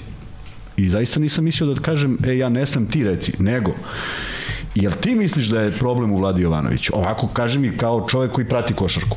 Pa šta sam rekao tad? Ne, ne, ne, ne, delo, ne, ne, ne, delovalo je kao da, da, da od mene očekuju što sam bliži zvezdi, pa ja da kažem. A nisam, nisam hteo da se zaštitim da kažem, aj ti reci, ja ne smem, nego ajde ti reci, jel stvarno to misliš? A, a, a ja, ja znam da ti to ne misliš, da ti Vlada Jovanović nije čovek u koji je upereno sad ovo, o, ovaj bes koji postoji i što se utakmica izgubila. Dakle, hteo sam da vidim da li ti misliš tako, a ljudi su protumačili da, da, da, da si ti mene nešto pitao, smo se isprovocirali, ja tebe, ti mene nešto bez... Da, Kuzma je stvarno bio nervozan zbog toga što je posle 3 sata morao za Zagreb, da, da, da, da, nije da, da, da, da, nije, nije toliko, da. da. Tako da, to je jako... Ali da jako... znaš da su naši, ovi koji su redovni, koji su dobri, koji nemaju lošu nameru, oni su pitali to. Dakle, jedno je kada ovde dođu pa pričaju, da, ne znam, da, neki... Ne, naravno, naravno. Nego baš ljudi naravno. koji, ja i ne mislim koji da je to pitanje. su objektivni sve, jednostavno tražili su neko objašnjenje. Je, zato što je. potrebno da se sada vidi šta je problem u zvezdi. Tako je, a ja sam nešto treba da se menja, a sam znaš da je uvek na treneru najveći... Upravo to, a ja sam samo hteo onim, onim što je prilično nenormalno ispalo, hteo sam kažem, ajde ti reci u smislu, jel ti vidiš da je problem u treneru. Zato što neće me mrzeti, uzet ću jednu utakmicu Evrolige i pogledat ću koliko izmena prave drugi treneri. Pošto sad se idu na to što pravi toliko izmena. Evo, stvarno ću da uzmem, zato što mislim da ima ekipa koja imaju i češće izmene. A ja opet ulazim samo sa aspekta da je danas, na primjer, opet, evo, sad je, ovo je druga utakmica da je ista postava. Zašto je mali Ilić bio u petorci. Nismo dobili očekivan odgovor od svih tih igrača koji žele da se nametnu da igraju više. Nismo, opet nisam zadovoljan. Evo, Lazić pogodio. Je li sad problem u Laziću? Znači, ajde ne pričamo sada zašto Zvezda igra loše, Lazić nije dao 6 poena, a danas je dao. Uhu. Mislim, nisu to uh, teme za razgovor. Problem očigledno postoji. Da li je vlada pogrešio pristup, jer misli da to što im kaže da oni to mogu, jer očigledno da 52 poena primiti na domaćem terenu, Crvena zvezda koja kao sad treba da juri pobedu u Euroligi, koja slovi za glavnog favorita, može u jednoj igri kad tebi ništa ne ide. A zvezdi napad uopšte nije bio loš. Samo je do ih bio bolji i odbrana apsolutno 20 minuta nije postojala ni u kakvom segmentu. To su bile ispadanja, to su ljudi stalno bili sami. A nije mi jasno zašto, kada su već niska petorka i kada je već Zvezda odgovara niskom petorkom, pa daj malo odgovornosti u jedan na jedan. Pa nemoj ti šutne tri, nek te, pro, nek te probija, nemoj ti svako šutne tri. Ispostavilo se da oni šutiraju bez problema sa ruke, sa, preko ruke i pogađaju. Ali je problem da je autoritet? Zato što su ljudi o tome pričali na početku sezone, da je Vlada Ivanović, i tome smo mi pričali, Jesmo, stop, pričali da je Vlada Ivanović u stvari najmanje poznato ime u ovom timu tako Zvezda. Dolaze formirani jedan ligaški košekaši, dolaze Sve igrači koji su bivši reprezentativci i Vlada Ivanović, da li to što si sam rekao, da nije uspeo da nametne nešto tako svoje? Ja, ja, ja to ne mogu da pođem, ja ne, ne poznajem dovoljno materiju u smislu, ne znam, ne, ne, nisam s njima, ali uh, izuzetno, koji god trener da, da mi je došao, imao sam izuzetan respekt prema njemu. Dakle, meni je to već nenormalno da nema. A jesi bio u toj situaciji da ti dođe toliko mlad trener? Tebi je došao Sreta kao pr prvi put trener, ali je Sreta bio Sreta, preozbiljno ime. Jeste bio sretan, ali bio prvi posao. I videlo se da nešto ne funkcioniše. Nešto smo mi, što mi nismo hteli. Nego zato što prosto veliki zalogaj. I za Vladu ne mislim da je veliki zalogaj. Zaista mislim da ima dovoljno iskustva. Ali jeste veliki zalogaj kada ja ne znam njegov ugovor, ali činjenica je da ima bar šest igrača, ako ne i deset, a možda i 14 koji su skuplji od njega. E sad, ti stvarno treba da imaš neki, nekog sluha za tog trenera i koji ti daje dobru ulogu. Ti si, na primjer, Bentil. Ja da sam Bentil i da dobijem ulogu u Zvezdi koju sam dobio, ja bi trčao 140 na sat. Zato što mu to niko nikad nije dao. Vildosa ima svu slobodu sveta. Nedović, ja mislim da mu svi onako, samo da, ga, da, da, da, da, da se još ne, ne dopovredi. Ja mislim da mu svi tamo pomažu da, da, da, da, da, da, da izađe iz, iz, iz povrede, iz psihološke blokade. Prema tome, ako, je, ako taj pristup ne valja, onda stvarno sam razu, onda su me razuveli, onda treba biti ono psovanje, vređanje, a videli smo da ni to ne prolazi. Videli smo potpuno normalno ponašanje 95% trenera na, na, na, u Euroligi. Dakle, to je sad i neki manir ponašanja. I sad, šta, šta onda valja? sad neki predlozi su, kaže, treba vratiti Duška Ivanovića, pošto poznaju Duškove da, metode. I ovde, i ovde isto. Tu poznaju Duškove metode. Pa tu, ja mislim da od toga ništa ne bi ispalo, jer ovi igrači nisu uopšte spremni na to. Ako nisu spremni na ovo, pa tek na ovo nisu spremni. Ali vidiš, evo i u Realu se priča o promeni trenera i to ozbiljan e, sajt španski priča kako za Ćus Matea više nema prostora, pa se pominju i neki... I sad ćemo ispratiti, Novi, gledaj, gledaj, a da. gledaj sad danas, gledaj sad danas šta dolazi. Eto, kaže nama, kaže ode Radonjić i odmah se desi. Pa prvo ovako, nije otišao samo Radonjić, je li tako? Pa otišao je ozbiljan deo ozbiljnih igrača Zvezde. Drugo, da je Radonjić sve moguće, pa napravio bi to isto dole. Znači, opet zavisi mnogo od tima. To znači da se ovde poklopilo on, igrači koje poznaje, utakmica kako može da napravi, igra koju može da napravi. Da li bi se on snašao ponovo, da li bi bilo bolje? Ma ne možemo mi da znamo šta bi bilo kad bi bilo. Ali činjenica da je ovaj film, da je ovaj film, da je ovaj tim mnogo transformisan, mnogo promenjen. Tu više nema nemaš, čim nemaš Davidovca i čim nemaš Kalinića koji su prošle godine bili zaista vrlo bitni igrači, to je potpuno drugačiji tim. Prema tome, ja, nezahvalno, ja ne želim da se Vlada Ivanović potroši. Ne zato što je on moj prijatelj, ne zato što se mi nešto družimo i znamo. Znam ga iz perioda reprezentacije, nego zato što mislim da jeste dobar i mislim da promena njegova na veliku žalost svih navijača Zvezde neće doneti nešto neverovatno. Vremeno možda hoće, a vremeno možda hoće i ovako. Ali često pričamo o Olimpijeviću i pominjemo ga kao Pa eto. nešto, ali Olimpijevića, za Olimpijevića ispostavilo se da je bila dobra odluka da ode iz Zvezde. Za njega jeste, ali nije Pa dobro tako. za Zvezdu. A za Vladu Jovanovića Da bi bilo dobro da pa da. ne znam. Pa sad- Zato ti kažem, dakle, ne mora da znači sad naš u smislu Vlada Jovanović Pa- ostaje zato što je za Pa njega to dobro, nego znam, šta. znaš kako ti Ko sada, zna, možda, možda, možda, bi se čovjek, možda bi se čovjek spaso i možda bi bilo super, Tako. ali, ali vidi, e, mnogo, ja, ja samo pričam sa aspekta da svaki trener koji se pojavio u Zvezdi Partizanu nije trajao. I to me izluđuje.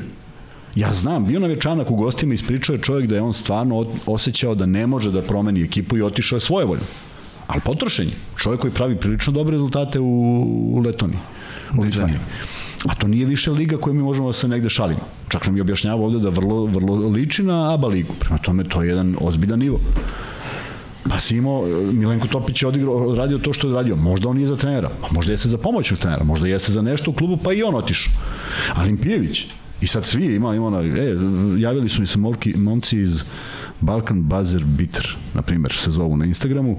Zahvalili su što sam dao ono poređenje, jer su našli negde na B92 izjave kad je Olimpijević trebalo kad je izgubio finale. Pa ti si ovo, pa ti si ono, pa ti si ovakav nekoliko ovih, a onda ide sad ovo kad je pobedio. Pa mi smo verovali, pa mi smo znali. E to ti je kod nas problem. Što mi nikom ne dajemo šansu. Ja, ja, ja, bi, ja bi volao da vlada ostane, po cenu ovoga.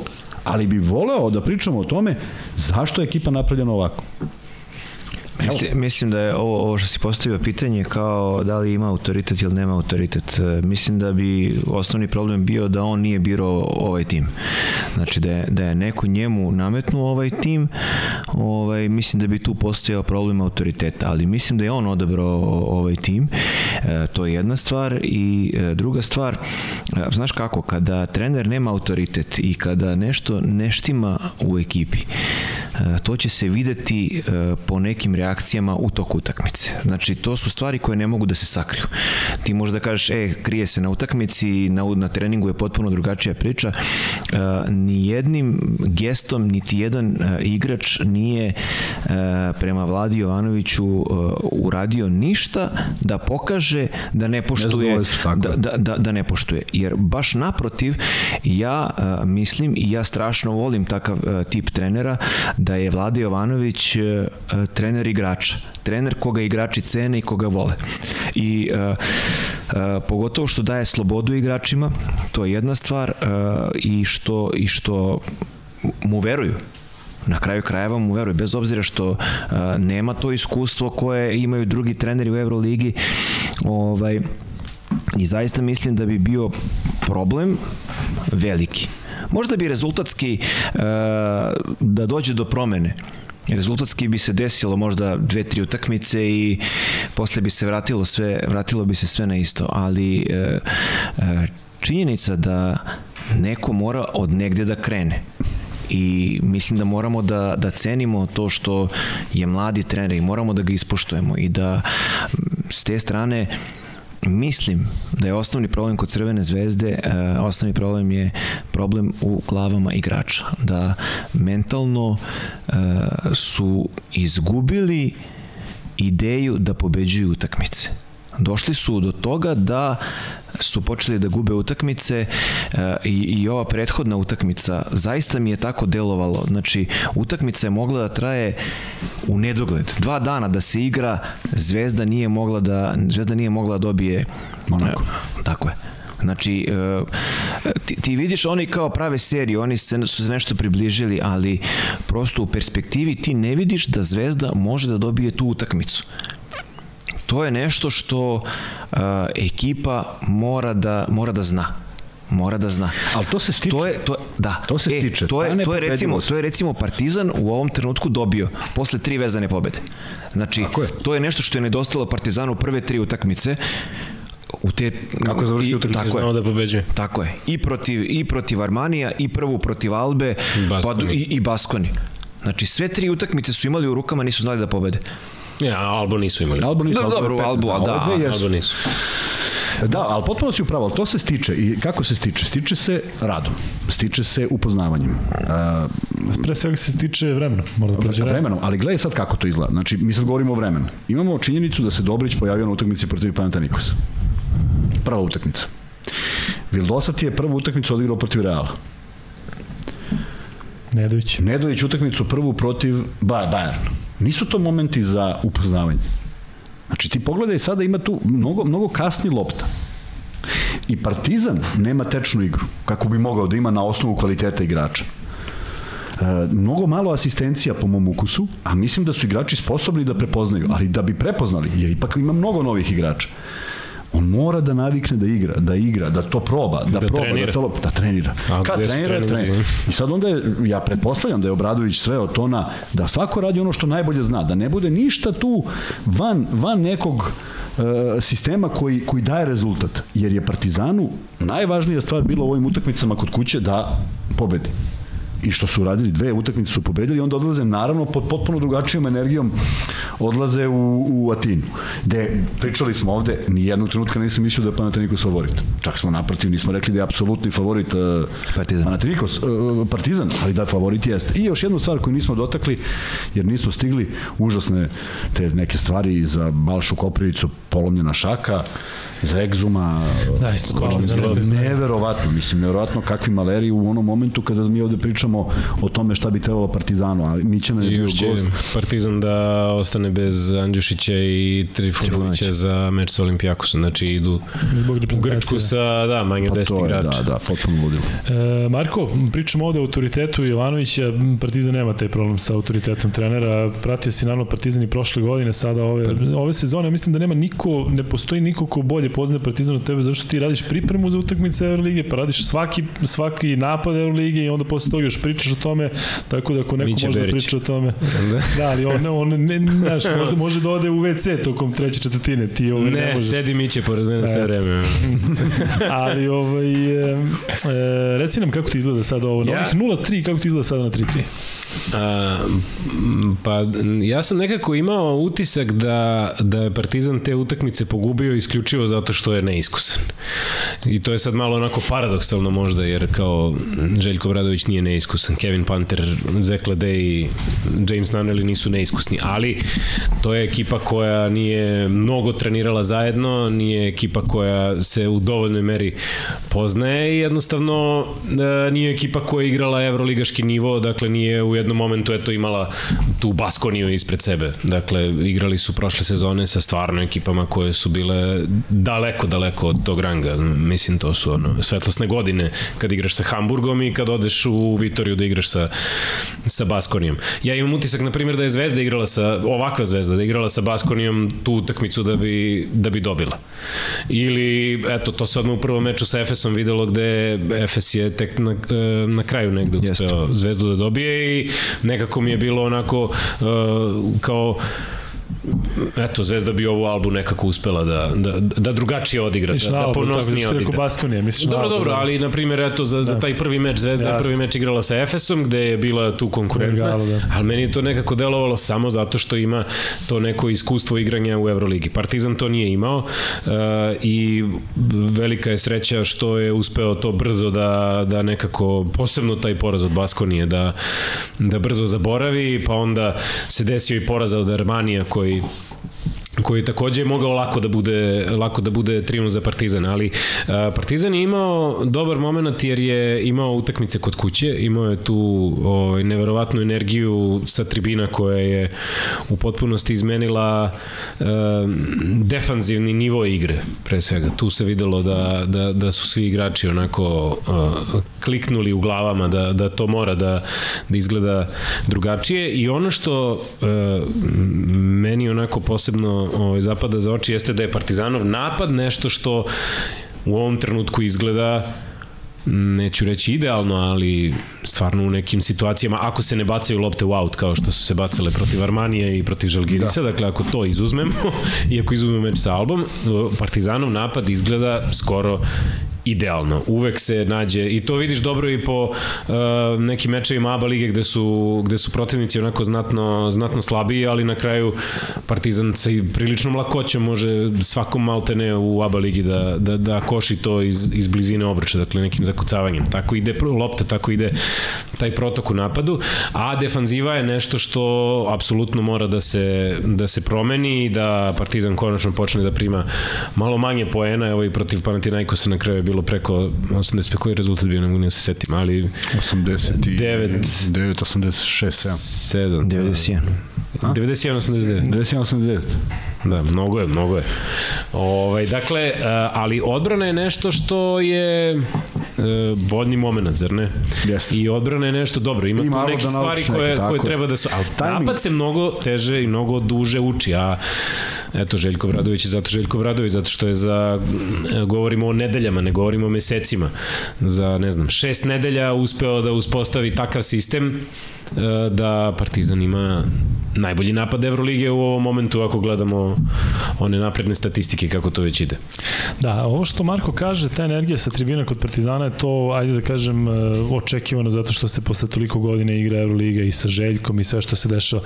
Ilija Kuzma, koliko mislite da Zvezdi fali ta neka energija? Da li e, je manje strpljenje kod, kod navijača Zvezde? Da li to ima možda veze i sa tim nekim odnosom da pojedinci ne dolaze na ABA ligu, ali čini se da to nije kao što je bilo prethodnih godina.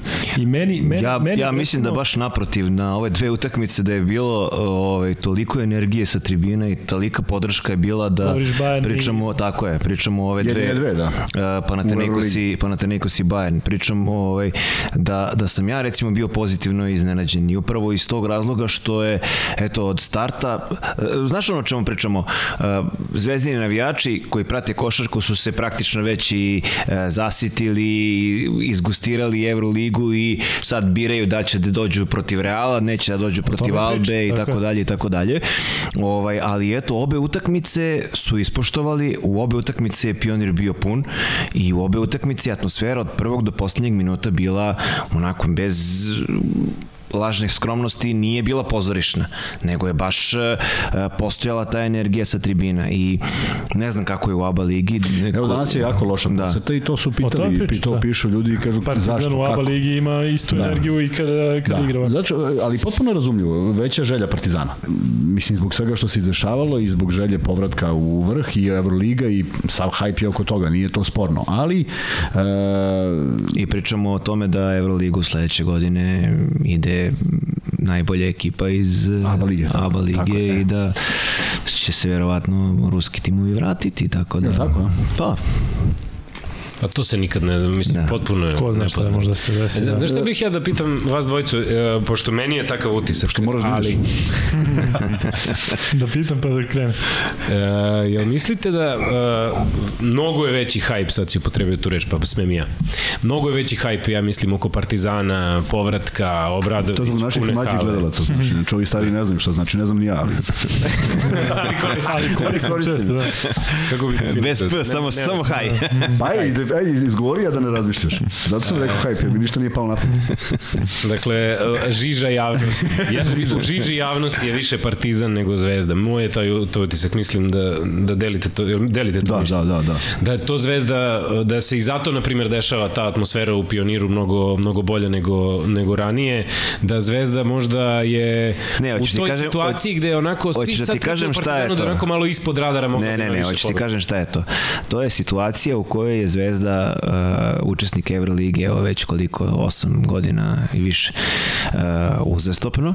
Izgustirali. I, ne, ne, ne, ne, ne. I jedina je bila uh, u, u Euroligi. I onda je bilo potpuno opušteno, onako igramo, nemamo nikakav pritisak, uh, niti sa strane, niti... E, sad, prvi put, nije prvi put, i ona prva sezona, ali prvi put da su u jednoj ligi i Zvezda i Partizan i sada se sve meri sada se svaka pobeda, svaki poraz, uh, uvek ćeš uh, imati uh, zvezdine utakmice gledaju Partizanovi navijači, Partizanove utakmice gledaju zvezdini navijači, svako se sladi ako protivnik izgubi više nego da njegov pobedi. I sve se na neki način sada meri. I sa te strane mislim da eto to je još jedna onako stvar koja je vetar u leđa zvezdinim navijačima da eto tu je Partizan i sad bilo bi glupo da eto i ove godine odradimo isto kao i ranije godina nego ajde kao razumeš ajde pričamo ajde dolazimo ajde. Samo samo samo mislim da je, mislim da je to ta priča. Ali nekako onako rezultatski mi izgledalo da će Zvezda eto kao Partizan igra, pustiti njih, neko oni rade svoje, nek dolazi 20.000, ali onako Zvezda nekako malo skrivenije od očiju javnosti da, da, Zvezda već četiri godine, ja mislim, koliko god da je igrala u, u areni nije, nije bilo puno. Da, nije bilo puno. Ali vidio, i sad ima, ima tu, ja, mene, mene raduje kada se napuni arena. I ja zaista mislim da je atmosfera, imao sam zaista priliku, ako sećaš prvih da. godina, ja sam radio Partizan i stvarno je bilo fenomenalno, nalaziš se u spektaklu. I to sam radio profesionalno kao što radim i ovo. Sad, naravno, uvijek će neko da se nađe pametan pa da nešto kaže, ali nisam imao problem da radim Partizan, čak sam uživao da radim košaku koja je tada bila najbolja. Ovaj, I, i sad sam odlutao opet. Pionir, Partizan, I- Arena. 20.000 u areni. 20.000 u areni, ne vredi. Nije to. Dešava mu se često, znaš, dešava mu se često. Gotovo. Da. Sećaš se Sve, sve češće, to me Ali u četiri sata kad se probudim, Da, da, da. kažem, to sam te. to sam htio da Evo sad kad ja pustim sledeće pitanje pa neko Da, ne odgovori, 100%. evo ga, Šta e, ste vas uopšte smo- pričali? E, Iljakis, e, Ali vratit ću se ja na ovo. Budite spremni, ne, ne odlazite u WC. Za 4 sata. Vanja, stavi pol ono što smo Šta je zaboravili, Kuzma dakle, mislio? Zvezda, Partizan, Šta je e, Pol, šta je Kuzo mislio? ovaj, ko, koga navija, da imamo koliko ima jednih, koliko drugih. Ali Ilija, pričamo sada o, o tome šta je na tribinama i kako je na tribinama. setio sam se, izvini, molim. Ajde, stvarno- Izvini. stvarno ili- Majki, majki Ajde. se setio. Da, i sada divno je biti u punoj areni. Što kažeš, Zvezda nije, koliko smo sedeli pa smo viđali ovih praznih mesta. Ali sad ide... Bilo je ide- sa, sa Antom Tomićem kad... Kad Ante ostao, da, stvarno je bilo. Ali sad pazi ovo, sad ide da je najgledanija ekipa u Euroligi Partizan. šta je tu nelogično? Šta je tu, šta je tu fantastično? Ima još četiri takve dvorane, je li tako? Jel ima četiri? Poput Pa, Rene. Poput Rene. Atina, Madrid, Kaunas. Znači, pričamo o Atini gde ne gledaju svoje, ovi Ova Efes, iz ova. Panathinaikosa, Efes koji je krenuo lošim rezultatima, dakle, potpuno normalno, ne treba to sad bude argument Jer da je pionir, bio bi pun pionir. Da je arena, bila bi puna arena. Da je stadion, ja mislim da bi oni napunili stadion. Samo nije to sada važno ako imaš Monako koji bude dupke pun. Kad bi govorili o procentima, opet bi Partizan bio visoko. Ali mene ne iznenađuje što najviše gledalaca ima, kad po logici stvari i može da ih ima najviše. A na stranu Partizana arena ne bi bila puna da Zvezda igra u areni. Vrlo moguće. Ma, Ali ne, ma, ja nemam objašnjanje zašto. Kada Zato- Zvezda ima više navijača, ovo što Ilija rekao, ligu, ovo što kada... Ilija rekao, zato što je 8 godina tako i sad Partizan želi i želi da napravi atmosferu i želi da pomogne igračima. ali i kod Duleta Vujošića je posle 8 godina arena bila prepuna u Euroligi. Nema veze sa Zvezdom. Dakle, ne možeš sad da kažeš Sad Zvezda ne mogu navijači se, ne bi ne, dolazili, da. ne mogu se vratim baš u to, prepuna, ne prepuna, stvarno ne, mogu- ne mogu da obacim, razumeš, ali mm, ne, Nije, da nije, se nije, Zvezda nije, čak nije bila ni onih poslednjih godina, nije, nije bila... Evo, 13, znaš, to je bila ali- poslednje godine. Bilo Znaš, je par seti se, utakmica. seti se, seti se da je, da je recimo, da, da je recimo Zvezda u to je Evrokup već sad bio u Unix igrala u, u prepune. Jeste. Znači, znaš, to su uh, mislim da mislim da su to neke priče ajde da pričamo uh, ko, znaš, ajde da se merimo. Uvek ljudi vole da, Pa da. se da se mere i tako dalje. Uh, mo- moramo da shvatimo jednu stvar i Mislim da će to svi, to će svi da, da, da, da prihvate na taj način, da zvezd, zvezdina publika, zvezdini navijači su više futbalski navijači, partizanova publika su više košarkaški navijači. I sa te strane prosto je logično da kad pričamo o košarci, da eto Partizan uh, posle toliko godina vraća se u Euroligu, naravno da je logično da, da budu pune tribine i da, i da svaka utakmica bude, bude prepuna i da svaka utakmica, jer e, gledaj ovo, ti nemaš nikakav, e, nikakvu vrstu pritiska koju recimo e, koja se, koja se dešava u Crvenoj zvezdi. Jer na klupi ima Željko Bradović. Ni jedan navijač Partizana neće reći ništa loše, ni ne može da kaže. Da. Čak i da, i da Partizan izgubi, i da Partizan izgubi 10 utakmica u, u Euroligi, nećeš čuti ni jednu ružnu reč uh, o, o, o Željku Obranoviću. Znači sa strane uh, Partizanovih navijača. Ti ovde imaš, znači kod, kod Crvene zvezde imaš problem, eto, znaš, do, došli smo do toga, godine su u Euroligi, uh, svi su počeli da prate, svako zna koji je problem, svako zna šta je, šta je, razume šta treba, šta ne treba, kako treba da se, da se, da se igra, znaš, to su potpuno normalne stvari, jer, eto, izgustirano je, ti ga imaš svaki dan i kao, ok, biram sad na, na koju ću utakmicu da idem, ok, ići ću na ovu utakmicu, na ovu ne moram, nije mi to. A ono što, ono što mene recimo uh, raduje s jedne strane, s druge strane mi smeta. Uh, moramo da tretiramo, bez obzira da li je Zvezda i Partizan, uopšte ne pričamo o, o tim navijačkim stvarima, uh, moramo da tretiramo Euroligu kao najkvalitetnije evropsko klubsko takmičenje i svi e, koji vole košarku, iskreno vole košarku, treba da budu srećni što se igraju utakmice u, u, u Beogradu. I to sam i rekao, i to sam i rekao u studiju posle, posle utakmice, prve utakmice Panathinaikos, da je strašna stvar za Beograd što, su, što je bila puna uh, hala prva protiv uh, protiv Armanija, tako bila prva u, u Beogradu, što je protiv Panathinaikosa puna uh, pun pionir. Lepo je i zaista je divno videti Tako je. da, da i jedni i drugi igraju u predivnom košarkaškom ambijentu i da ljudi vole košarku. To je, to je, to je ono bottom line i ne bi išao dalje, razumeš, jer uvek ćemo da pričamo, znaš, uh, koga ima više, ko je bolji, ko je, znaš, uh, čega se, ja, čega se ja plašim? U stvari ne plašim se, nego ja mislim da je to realnost, zaista. Kada se završi sezona, jedni će biti 13. drugi će biti 17. I onda će da bude, e, bato, mi smo 13. vi ste 17. Vi, znaš, Da. A, a, ali bi jako vidio ko će biti 30 ko A? 17. Ma, znaš, nema veze, kogod, Da, da. razumeš, kogod, nije, nije uopšte stvar. Znaš, uh, moramo da promenimo taj način razmišljanja, moramo, znaš, uh, sećate se tokom leta koji je bio hajp u toku one nedelje kada je jedan dan Zvezda dovela, jedan dan Partizan, jedan dan Zvezda i mi konstantno pričamo kao, u, ovo je, znaš, napada se Euroliga, znaš, i onda dođe, ne znam, Pengos pređe ovamo, ovaj pređe ovamo, uh, dođe u Efes, znaš, i ti sad kao, čekaj bre, šta je ovo, razumeš, znači ono, pričamo nešto puta deset. onog trenutka kad mi krenemo da se merimo sa, sa tim e, ekipama, ne po novcu, jer po novcu ne može da se meriš. Ti možeš da uđeš tu u kolo da, da budeš tu, ali po onom što, po čemu smo mi prepoznatljivi, a to je pravljenje igrača. E kad dođemo do tog nivoa da mi možemo da pravimo igrače za Euroligu, to će biti e, ono varijanta da, da, da, da uđemo u to kolo i da se borimo ravnopravno. Šta ja mislim da je do- dosta važno apropo posete, posete navijača i tog da se, da se ne desi to izgustiranje Evrolige, da se nekako navijači identifikuju malo sa igračima, a mislim da to sad malo fali Crvenoj zvezdi. Set, seti se i sam koliko si, na primjer, bio srećan e, u onoj godini kada je Zvezda igrala play-off, to je bilo, dakle, Bobby, Williams, ili tako, Jeste, jeste. Kalinić, to je bila strašna ekipa, ono, voliš ih i kada pogreše i kad naprave ono najgoru grešku na svetu.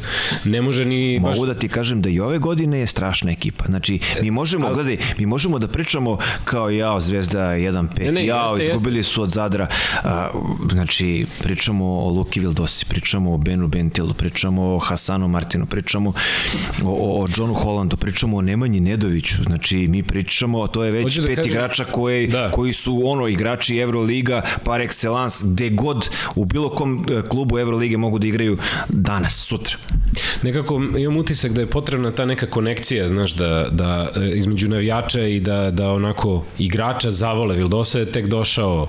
E, to je to je evo onda- vidiš što sam rekao u, u prenosu protiv protiv Bajerna. već kupio. Ne, neverovatno, znači da, on je kupio rekao. on je kupio publiku uh, Bentil je kupio publiku Ovi niko- nisu i kupili John. Holland Ali još ne znamo zašto.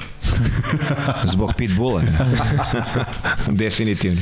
Ne, ovde si u pravu za identifikovanje, ali... Jer mi- Obradović kad je došao u Partizan, to je to, To je to, 20.000 da. ljudi je tu. E, jeste, to je to, ali, ali vidi, i tu je problem sa identifiko, identifikovanjem sa igračima.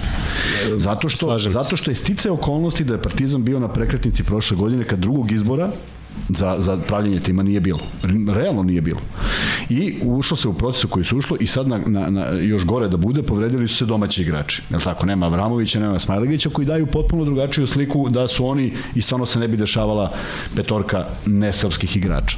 Međutim, e, Obradović ima već dovoljno veliku težinu, okupio je sve to, imaju jasan cilj i pokušavaju do tog cilja da dođu. I zato je, zato je ta, ta energija se prenela i sad navijači dolaze bespogovorno. A ovo je Ilija potpuno u pravu. Ovde imaš navijače zvezde koji sumnjaju u ovaj u Jovanovića. Da li je on dorastao, da li nije, da li je ovaj ovakav, da li je ovaj onakav. Mislim da da nedostaje strpljenja.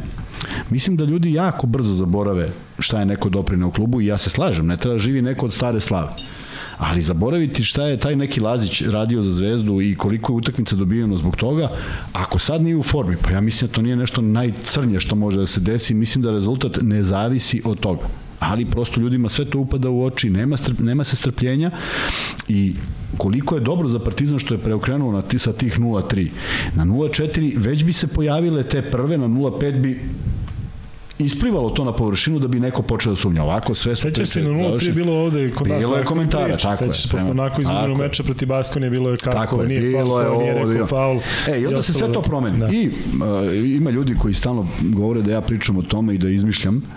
A, ajde vas da čujem vaše mišljenje, pogotovo vas dvojice, pošto Luka i ja O dobrom faulu. pričamo o tome. Ne, ne, ne, ne, to, to smo već aktualirali, to Ja, sam ja, već... sudijama, priznaj. To, to Željko kad je izjavio na utakmici posle Baskonije, i ja sam to objavio u priči, da je dobar faul oružje pametnog igrača, ja sam završio više diskusiju o pametnim faulovima, to mi je drago. Nego ovo sam teo da pitam, samo da se setim šta.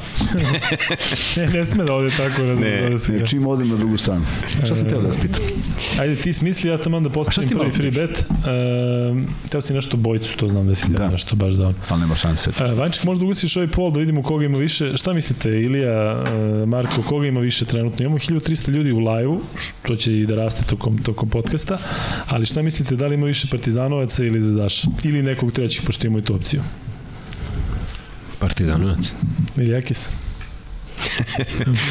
Partizanovac. 58% Partizan, 35% Zvezda, neko treći 6%. Da, i je, neko je postavio pitanje, a gde smo, kaže, tu mi koji ne navijamo ni za jednu. ni za Evo ih sad u 6%. Eto ih, nema to šta. vam je. Koliko? Ima. Ajde sad šest. pol za koga navije. Pa, Da, polovi će biti e, kasnije, ali sad idemo da ispucamo dva free beta za redom, jedan e, za našeg gosta sa leve strane, a drugi za našeg gosta sa desne strane.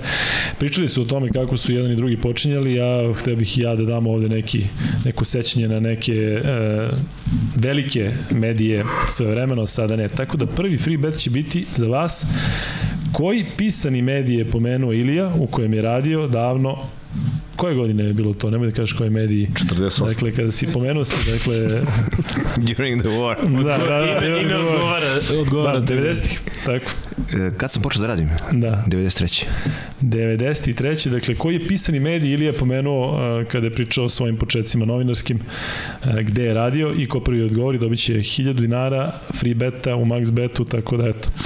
Uh, u međuvremenu ti se seti Ne vredi gotovo. ovo. Ilija, ne, ne Marko, vidim da Sad odgovara razmišljam u za kom je, kom je časopisu bio. Da. E, Nenad KG, blizu si, ali nije baš tako. Moramo da imamo... Po... Jeste, Radivo Janjić je prvi odgovorio naša borba. Je live chat. E, pa nije prvi odgovorio, jedini odgovorio, tako da nema šta. A nije live chat, ina. nego je top chat. Sad sam išao E, 300 odgovora pre toga. E, ali, ali gledaj, samo da, samo da razjasnimo, ovaj, jeste naša, naša borba, ali ali ovde moja borba. nije moja borba, naša. Da. Da. To je neki naša, vaša, čika, to je vaša borba. čika sa Brčićem da. napisao. Ovaj, ne, jeste, borba je bila, borba je bila i onda je posle godina dana postala Tvoja naš, borba. naša borba. Da. Moja borba.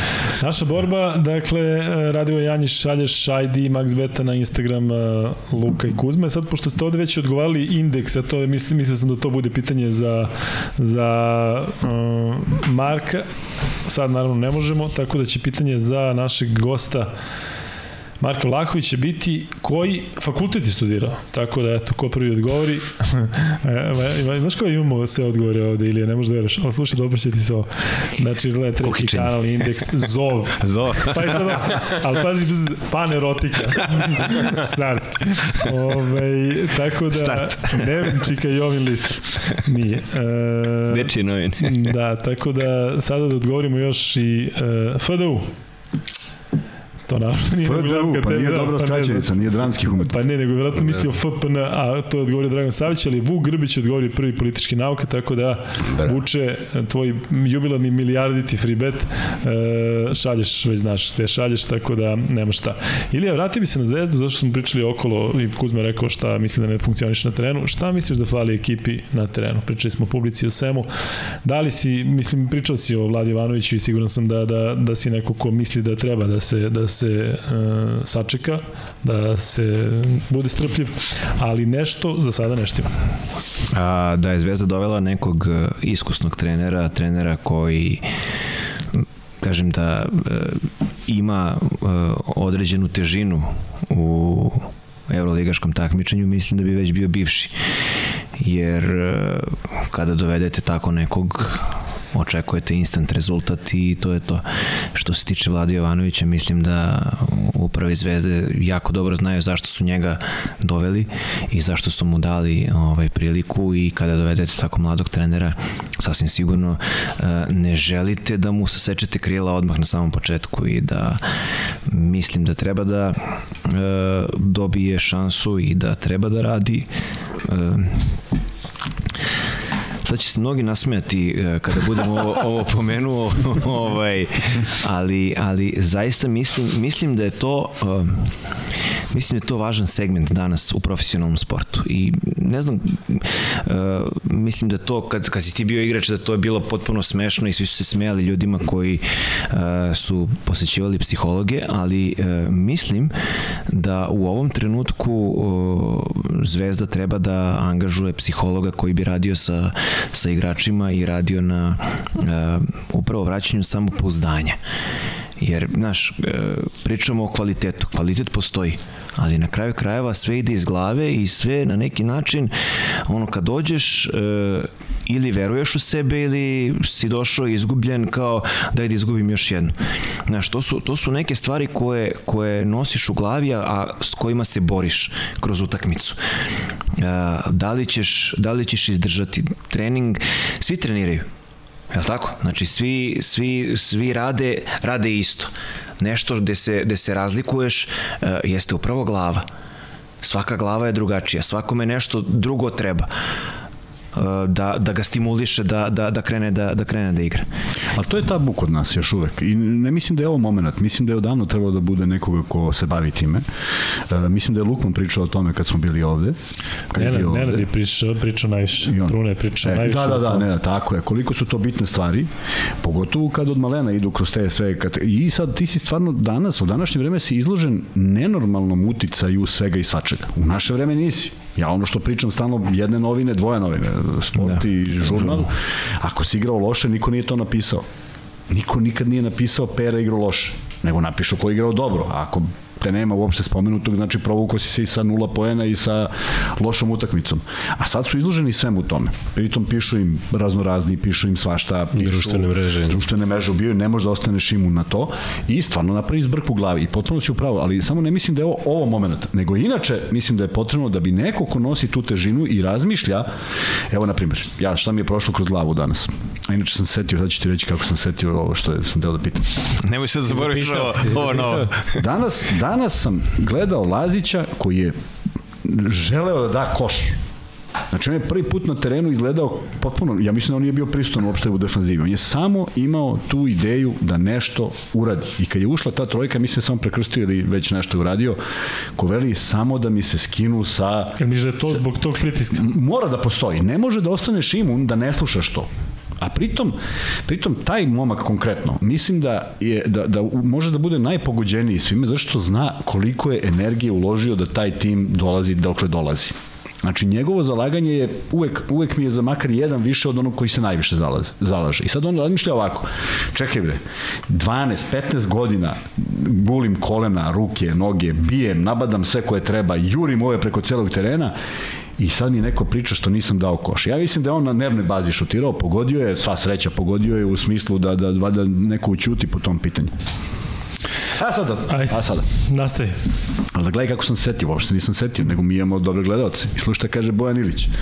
Kaže Kuzma, hteo si da pitaš o rasporedu Zvezde, sa što se utakmica igra na strani, 100%. I ja kažem Aj, koji stano... sam majstor. To sam hteo da pitam. Da mi stvarno si I sad si se pokrio. Pričali smo, pričali smo o rasporedu i ja sam hteo da kažem, ne majke i ja sam hteo da kažem, da, pitaš, da, da, da, i ja se setim da sam hteo da pitam kako vas dvojica sa vaših pozicija vidite raspored, da jedan partizan ima 3-3, je tako? 3 kod kuće, 3 u gostima, a Zvezda ima 2 4. Da li to utiče? Pošto ja kad kažem da utiče, onda će ja sam navijač. Sad će bude 2-5, a Partizan će imati 3-4. Da. Ipak je to, i naročito kad su u serijama utakmice. Šta misliš? Da li, ima, da, da li utiče na rezultat? Pa, konkretno, opet, konkretno da. Partizanov raspored sada je užasan, je li tako? Jeste, ali i moguće da, da utiče e, zato što je Partizan igrao dve utakmice kod kuće za redom. Tako I je. baš je bilo bitno e, jer je izgubio od Armanija na onakav način, tako bacanjem pa onda, pet lopti u aut. pa I dva dana kasnije, znači odmah si tu, odmah imaš priliku sve da ispraviš na tvom terenu gde ti dolazi umorni protivnik koji je zbrljao utakmicu ovaj, u Kaunasu. I koliko ti znači... Ali, ali to, mislim, Euroliga ti negde da, negde oduzme. U ovom, to, seze, u ovom delu sezone Partizanu je dala. Nije da. ništa da to Partizanu. Samo je sve neko okolo. pogrešno ne razume, nego eto, takav je raspored. Tako je. Partizan sad ide da igra Barcelona Real. Da, užas. Dve, Olimpijakos. Dve, pa, da. da, onda Panathinaikos Olimpijakos gde dva puta ideš u Atinu. U, da, Ajde. potpuno. Da, izjednačit će se u nekom trenutku. U nekom ne, trenutku će e, se vratiti. Ali misliš da, da, da poč, na početku? Da, mislim da je svaki početak. Da Vlada da. Jovanović ima raspored, neki lakši, gde su dve, tri utakmice bile kod kuće, pa ti sad imaš isto ko Partizan, 3-3. To niko više ne priča ništa. Možda da je Zvezda igrala sa Efesom kod kuće prvu utakmicu. Ne, me ne. Možda ja sam, je to bilo... Meni je bilo super što su igrali na strani, jer to ti je jedini moment u sezoni kad možda ih iznenadiš. Ma dobro, da, ali... I bilo je sasvim okej. Okay, Ajde, uzmi sad, ne znam, neku jaku ekipu, da su s Fenerbahčom igrali kod kuće prvu utakmicu, možda bi njih mogli da... Ne bi, ne bi, nije Zvezda izgledala dobro. Nije Zvezda izgledala dobro, ali samo kažem, da, da, negde, da negde nekom uzme, ovo lepo si rekao, nekom uzme, neko dobije, ali prosto zavisiš i od toga. Ne zavisiš samo od sopstvene forme. Ne, Ne da zavisiš... ljudi ovde, kada smo sad rekli da Partizan ima 3-4, nismo mislili da ima 3-4 poraz, jer ovde ljudi kao da smo upisali 3, poraz. 4, da, 3 kod kuće, Govorimo 4 na strani. o- Četiri na strani, da, Zvezda da, da. dva, 2-5 dva, pet. Da, da, će imati da, sada, govorimo odnos u domaćinstva i... Da. i Samo da, da su domaćini bili tri puta, a da će četiri Mislim, puta Evroligin biti gosti. raspored je ne možeš da ga uhvatiš ni za glavu ni za rep, nema- nema ovaj, jer ti u tako je. 18. kolu nećeš, Partizan neće igrati sa Albom, Zvezda neće igrati sa Efesom, Da, da, da, da, da. da. što skroz, mislim i dobro, to je, to Biše je i tako. Jedne one sezone Zenit igrao pa igrao. Igrali su valjda pretposlednje u prvom delu. Odmah, i odmah je bilo. Pa onda sledeće. Da. I ti, prvo- mislim, ali to je prosto e, raspored u premier ligi i u futbolu je tako isto. I- Može da ti se desi da u Slažem mesec dana igraš dve Slažem utakmice ili u dva meseca. Slažem se, i NBA nema nikakav, nikakav zvaničan raspored koji prati nešto, je tako? Ali ipak smo mi živjeli dugi niz godina u rasporedu cela košarka je bila bazirana na rasporedu koji je išao tapa, tapa, tapa, tapa, pa onda kontra raspored, tako gostuješ. Znao si ga unapred, čim Da. si video kako ide. Ovo je sad nešto novo i ja bih voleo da ne utičem Dobijaš neki- nečije rivale, ono Da, ideš. tako je. I ja, igra. ja bih volao da, da, da, da u ovome može da se uživa, ali Iko ti se sećaš da smo radili kada je Him, Himki bio prvi sa pet utakmica kod kuće jednom na strani. Jeste. Ovo je 5-1. I oni su zaseli na prvo mesto tabele ničim krivi, ni dužni. Ničim izazvan. Jeste. Tako. Ilija, evo za tebe pitanje i Bojane hvala na, na, na pitanju i na donaciji. Zašto graditi tim koji je nakrcan dobrim igračima i iskusnim igračima, angažovati trener koji nema iskustva sa svim tim glavama, kako Ilija kaže, ili zvezdama? Zar to nije spoj koji je od starta osuđen na fijasko? Neko mora da dobije šansu. Izvini, molim te. Da li je fijasko bio postavljanje Željka Obradovića u Partizanu sa neverovatnim Da. igračima onog vremena? Nije zato što znamo da nije. je li tako? Da li su da, da bili domaći igrači? I to je ok, potpuno ali su bili, ne, ali su bili velike zvezde, nisu bili Jesu, neki jesu, ali sa njima komuniciraš ipak na drugačiji način. Sve sa to njima stoji. bio sa nekim bio saigrač, sa nekim ovo. Sad e, dođe još Bentil- gore, još gore, saigrač. U, mnogo je teško da ga ti doživiš sada kao autoritet. Uspeo je i to je jedino što znamo. A da li je, da li je recept za Vladu Ivanovića? To nemamo pojma, ali negde neko mora da počne. Pa i Deo Radović je počeo negde. Mora, gledaj, moraš nekome da daš šansu. Moraš da mu pružiš šansu da vidiš da li je, da li je to dobitna kombinacija ili ne. Tako je. A, da li je to fijasko najavi, kao što Kuzma kaže. Eto i Željko Bradović je krenuo od nule sa, sa, sa ekipom koju, eto, bio im je do, do juče saigrač i onda ovaj, im je postao trener. Znači, ne, ne, ne mislim da je fijasko u najavi i ovaj,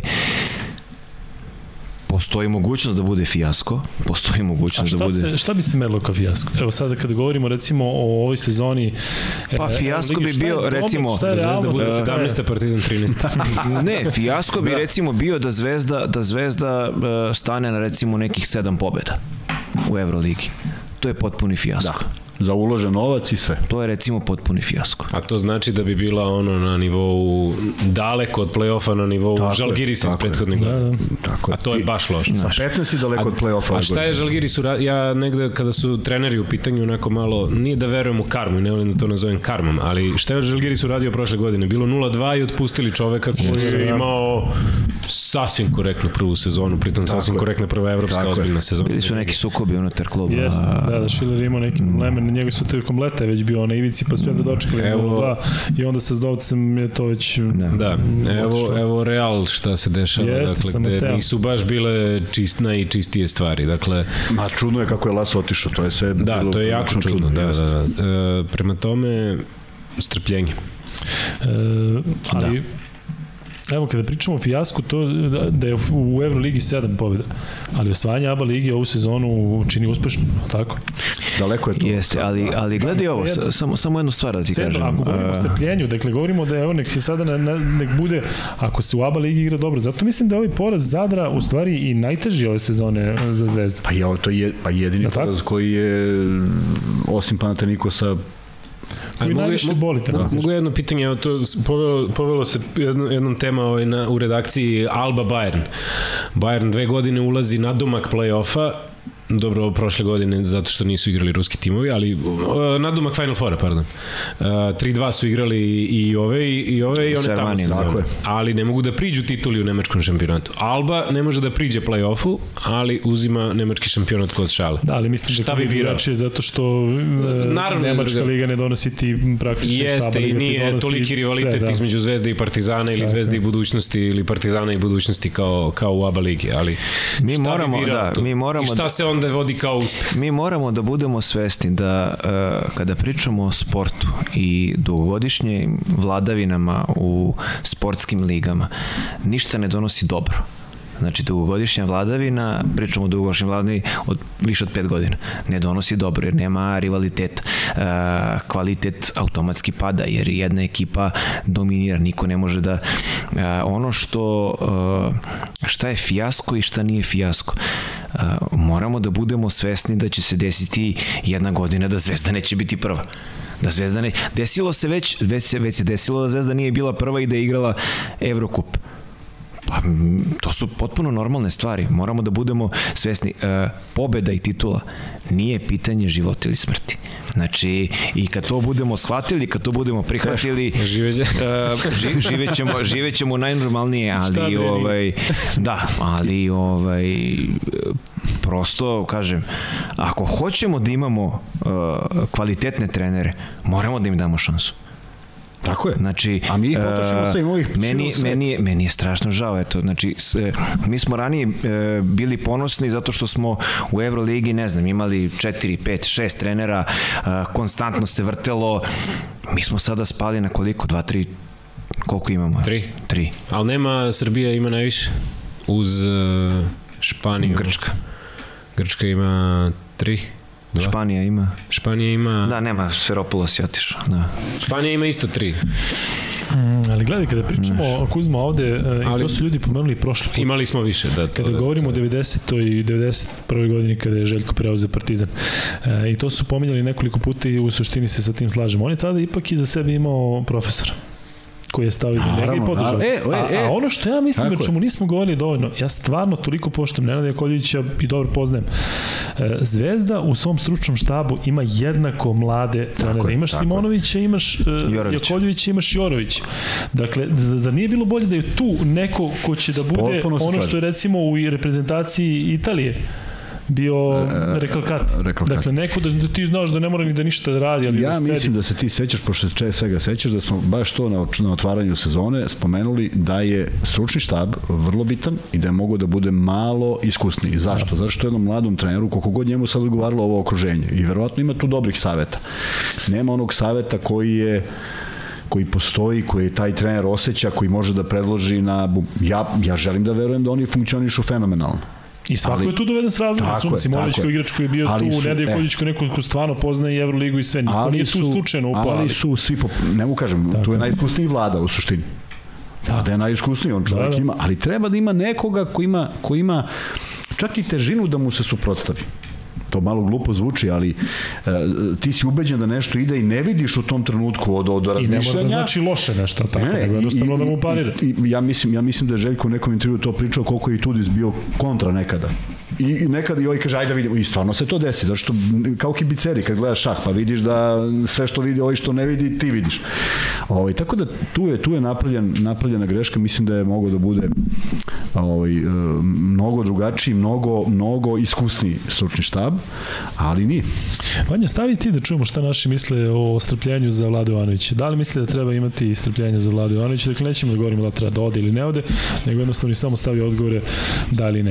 E, Marko, um, Pričamo o Partizanu i pričali smo malo pre o dometu Crvene zvezde. Šta je realnost Partizana ove sezone? Šta je, dakle, znamo kakve su ambicije pojedinih navijača, dakle, Željkova 10 titula, znamo šta je nerealno, šta je realno. Sada na ovih 3-3. meni najče kad smo bili ti ja i Miće u studiju i ovaj, pa dobro, a šta ćemo, ko je, ko, ko je cilj Partizana, Miće ono, Final Four. A ne znam da li se šalio ili tako grobari Da. gledaju na to. Da, ne znam koliko ne je znam ni ja da li se i sve, šalio. da, da, ali je mo- momentalno odgovorio, bio je spreman na to, da. Mm, znaš kako, uh, Euroliga ovaj, i ja ja bih malo i o tome ovaj, da, da, da kažem neko svoje mišljenje. Mislim da je ova Euroliga, dobro, sad 18 ili 16 timova, sasvim je svejedno, nešto najbolje što je mogla Evropa sa klubskom košarkom da ima. Um, ok, sve ono, nekako onaj sistem sa še, četiri grupe po šest, pa top 16 faza, to je nekako izgledalo lepo. I lepo je da šampion države ide u, u, u najkvalitetnije takmičenje, ali ti moraš da imaš, uh, da bi imao kvalitet, da imaš stabilne, kvalitetne klubove. I zato imamo sada ovakvu Euroligu i zato imamo da mi ne znamo ko će da dobije ko će, da do, ko, ko će u sledećem kolu da dobije iako izraziti favorit. Svi smo verovali da Olimpijakos dobija Valenciju, svi smo verovali da će Efes da dobro počne, niko nije očekivao da će Fenerbahče sa ekipom koja ima dve nedelje zajedno treninga da, i trener koji je tu dve nedelje da, da će da imaju 5-0, znači sve je sve, sve može da se desi. Da će Partizan 30 razlike da, da, da, da odere ekipu Virtusa. Prema tome, znači, pod broj 1, apsolutno je sve moguće u, u Euroligi. Razne iznenađenja mogu da se, mogu da se dešavaju. Prema tome i sam taj domet e, Partizana je onako baš diskutabilno, diskutabilno e, prognozirati, ali negde e, mislim da je ideja da onako na na primjer e, ono što je i Zvezda imala prošle sezone, ali kad su ruski timovi otpali, pošto pre toga je bilo jasno da neće ući u play-off. Ali kad su ruski timovi otpali, tu se pojavila ona neka šansa kao e, nekih koliko? 7-8 kola pre kraja. Ako si yes. 7-8 kola pre kraja u igri za play-off, sa ovakvom Euroligom, sa ovako ujednačenim timovima, sa time da ne znaš iz nedelju u nedelju ko će dobije, mislim da je to premije za Partizan koji igra ove godine prvi put Euroligu posle toliko godina. E, dobro, ne znam u kom će sastavu igrati u tom trenutku, možda bude ono, mnogo bolji tim i mnogo se više od njega tada očeki, bude očekivalo, ali mislim da je to premija. Ako si ti u borbi za playoff, na to mesec dana pre kraja onda to, je, to je bomba. To je bomba A... i onda će hala da bude puna svaki put, onda će da bude neviđeni kao što reče Kuzma hype oko svega. Hype, hype. Tako da... to je sad moderno. E, ali jedno pitanje za sve vas. Koliko vidite kada se saberu, znači svi sada klubovi Euro, Evrokupa, i one FIBA Lige šampiona. Koliko još vidite klubova da Zero. mogu da učestvuju Zero. u Euroligi? Zero. Samo, a, ja da govorim Luki, pošto mi pitao za domet, ja mislim da je ovo domet, to što sam im pričao, mislim da je to domet, dakle da Partizan bude tu. A, koliko vidiš još Koliko vidim klubova? Zero. Nema niko. A, a šta, šta, kao, da li razmišljaš samo o tome kakav je tim u ovom trenutku ili razmišljaš o tome kakva infrastruktura postoji? Po svemu, financije, sve, sve, sve, sve. Ja mislim da je jako malo. Samo CSKA. Tako je. Samo, da, fale, ruski, fale samo ruski klubi. Sad se tek vidi koliko ruski klubi fale, ali meni je žao kada recimo vidim neki timovi koji su ranije bili e, evroligaši poput e, Galatasare, ja sam te kažem Galatasare. Ali ne mogu, e, kako, šta oni sad treba da urade? Šta je sad put Galatasare? Nema Galatasaray ne igra ni ne igra Eurocup i ne može ni da se. Ne može, ne, on igra oni su prešli šampiona. Šta im je put? Šta je, oni vrate se, nabave novac. Šta im je put? Da budu šta, prvaci Turske? Ne. Ne, ne, da se vrate u samo preko Eurocup. Da uđu kroz Eurocup. Znači on možda A nikad lakše čudo. ove godine, nikad, A, lakše. nikad lakše. I sad zamisli neko ko će od ove godine igrati Eurocup, Euroligu sledeće. Ajde, koga biste volili da vidite? Kažete mi jedan tim. Iz ovog Evrokupa? Jeste. Ci da vidite Olimpiju, šalim se. Jeste. Možda sa svim pobedama do kraja. Možda zvuči neozbiljno, ali vidim da je Hapoel Tel Aviv uložio dosta u ovaj tim za Eurocup. Imaju fantastične navijače i kad god igraju kod kuće u izraelskom prvenstvu. Volio bih da vidim takvu atmosferu. Još ako imaju para da još ulože, ja ne bih imao problem da još jedan izraelski tim bude u, u, u Euroligi. Zato što igraju ok i pojačali su se dobro, sa još nekoliko ozbiljnih pojačanja, mislim da bi bili bolji od nekih timova u, u Euroligi. Eto, to mi pada na Ali govorim pre svega o atmosferi, o navijačima, o, o nečemu što, zato što recimo mučno gledati Prometej po specifičnoj situaciji, ali Prometej u, u, u igru u Letvani sa, ne znam da li su ono plaćeni navijači njih 50 u nekim sa ne ognuti zastavim, zastavom Ukrajine, ali to je tim koji je nastao pre 3-4 godine, dakle vidi se da mu nije mesto ovde i posebno sada u ovim okolnostima, a šta te kreće onda za London Lions, ono malo neprijatno, neprijatno Paris, ovaj, Paris isto. Paris, da, isto, tako da ja, da, ne, stvarno, teško, teško stvarno nema da nikog, e, ja sam isto prvo pomislio na Galatasaray kada si rekao, Unikaka ima dobar tim i Unikaka ranije igrala, igrala uh, Euroligu u nekoliko navrata, imali su dobru, halom. imali su Stalno oni, je bilo prometa. jest, ali su imali onako dobru, dobru energiju, uvijek su nekako onako bili, bili zanimljivi, tako da eto oni, ali kažem, imaju i ove sezone sasvim pristati. Ovo sa Virtusom, Partizanom i Valencijom. Valencijom, to je to. Da. Da. Lokomotiva je verovatno, čak oni u Rusiji imaju najviše navijača uz Zenit. Da. Tu bude nekad puna hala. Unix. To je ne, A Bursa, da nismo Bursu možda zaboravili, ja? Mislim da ne mogu da, ne mogu da, isp, da, is- da isprate to. Ali, ali imam jedno pitanje za vas. No, To je- to je drugo. Da, da, to je, Čuj, a, jedno e, a ne mogu, a ne mogu da nađem, ne mogu da nađem Pitanje? odgovarajući, ne, ne pitanje, ne mogu da nađem odgovarajući parametar, zato što moram da odem u godinu 18-19 kada se igra- igrala kraća, skraćena Euroliga zbog broja klubova. Pa onda imamo COVID sezonu kad nisu završene sve utakmice, pa imamo prošlu sezonu kad su izbačeni Rusi. Znači, mi još uvijek nemamo završenu ligu od 18 klubova. imamo jednu. Nemamo, Jednu. nemamo, gledao sam majke. Igralo se, sigurno. igralo se. 18-19. 18-19 ima 16 17 klubova. Darušafaka poslednja. Pa evo, majke mi gledam. 18-19 regularna sezona, poslednja Darušafaka 16. Evo, sezona 18-19. 19-20 je 19 COVID. danas je COVID. Da. Znači, nemam ni jedno. A teo sam da vas pitam sledeću stvar. Koliko je pobeda potrebno za Čekaj, a 20-21? 20-21 isto, To je- e, 20-21 Rusi isto, samo bez navijača. isto, ne, ne, isto COVID. Ne, Rusi su 21-22. Da. Isto COVID. A ne 20-21, E, nije E, COVID. to 20, je 21. završena, E, ali da, bez, da, da. bez navijača. Bez navijača. E, koliko je bilo potrebno za osmo mesto? koje Koje godine? 20-21. Aha, Znači, sa koliko se Zenit ušunjao... 17. to, to je kao kviz. 17. Šinjao.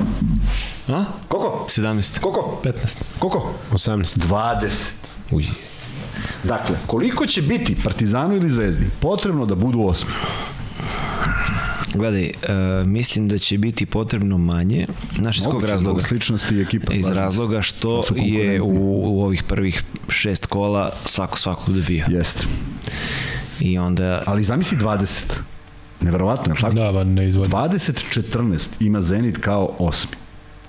I to je u egalu. Da. A koliko ima deveti? 19. Da. Da imaš 19 pobjeda. Jer znaš ono utakmice što je odigrana Da. posle svega. Da, da, da, da, da, da. A onda sezona koja nije, nije od, koja je skraćena, prošla, evo samo da imamo procentualno ćemo da izračunamo. Dakle, pro, prošle godine Bayern ušao sa 50%. Sa 14. Bez tri utak. Znači, Da. da. da, sa 14. Ajde, to bude neki reper. Da će 50%, da će ti 17 biti ulaznica. Mislim da, da neće biti mnogo ispod toga. E, ima jedna Teško. stvar koju smo zaboravili Teško, pa da. i potpuno sad Pa što svakog dobije. Ali vidiš i da bi ušao u play-off, uh, ako se to, na primjer, desi Partizanu Zvezdi, obavezno mora da bude neka pobeda Real, Barcelona. Tako je, tu pa moraš ne, tu da moraš dobiješ negde, neke, a verovatno ćeš i kiksnuti. A kod kuće mora da dobiješ sve. E, plašim se da ću zaboraviti na kraju, ali moramo da kažemo da je preminuo sudija Ljuca. Jeste. Da, da. da. Da, i ti si ga dobro poznavao i Jeste, i već sam dobio poruke, da, već sam dobio poruke kakav je bio i tako dalje. I Ljuce je jako dobro znao košarku, to je prvo bilo. E, nikada nisam imao utisak da za nekoga navije. Taman sudio kako god, nikad nisi imao osjećaj na terenu da on sam tendencijozno sudi za nekoga. I mogu da ispričam tu jednu anegdotu, e, utakmica BFC FMP, opet ja u BFC. Neko je rekao da ima BFC 6-0. Da, da to BFC 6-0, tako je, tako je. Da. Sadašnji Beoč ima 6-0 Da. u toj nekoj ligi. Ovaj, I bila je utakmica protiv FMP-a, Mavrenski sećam sigurno za, za FMP i bila je dobra ekipa. I negde u nekom momentu neko kreće u dribling i prp, koraci. Aj dobro. Ovi kreću u dribling, koraci. Ovi kreću u dribling, koraci. Mi krećemo u dribling, koraci. S- Koliko god, koliko god krene u bilo kakav dribling, šest napada za Mislim da se sećam te utakmice, ne znam zašto.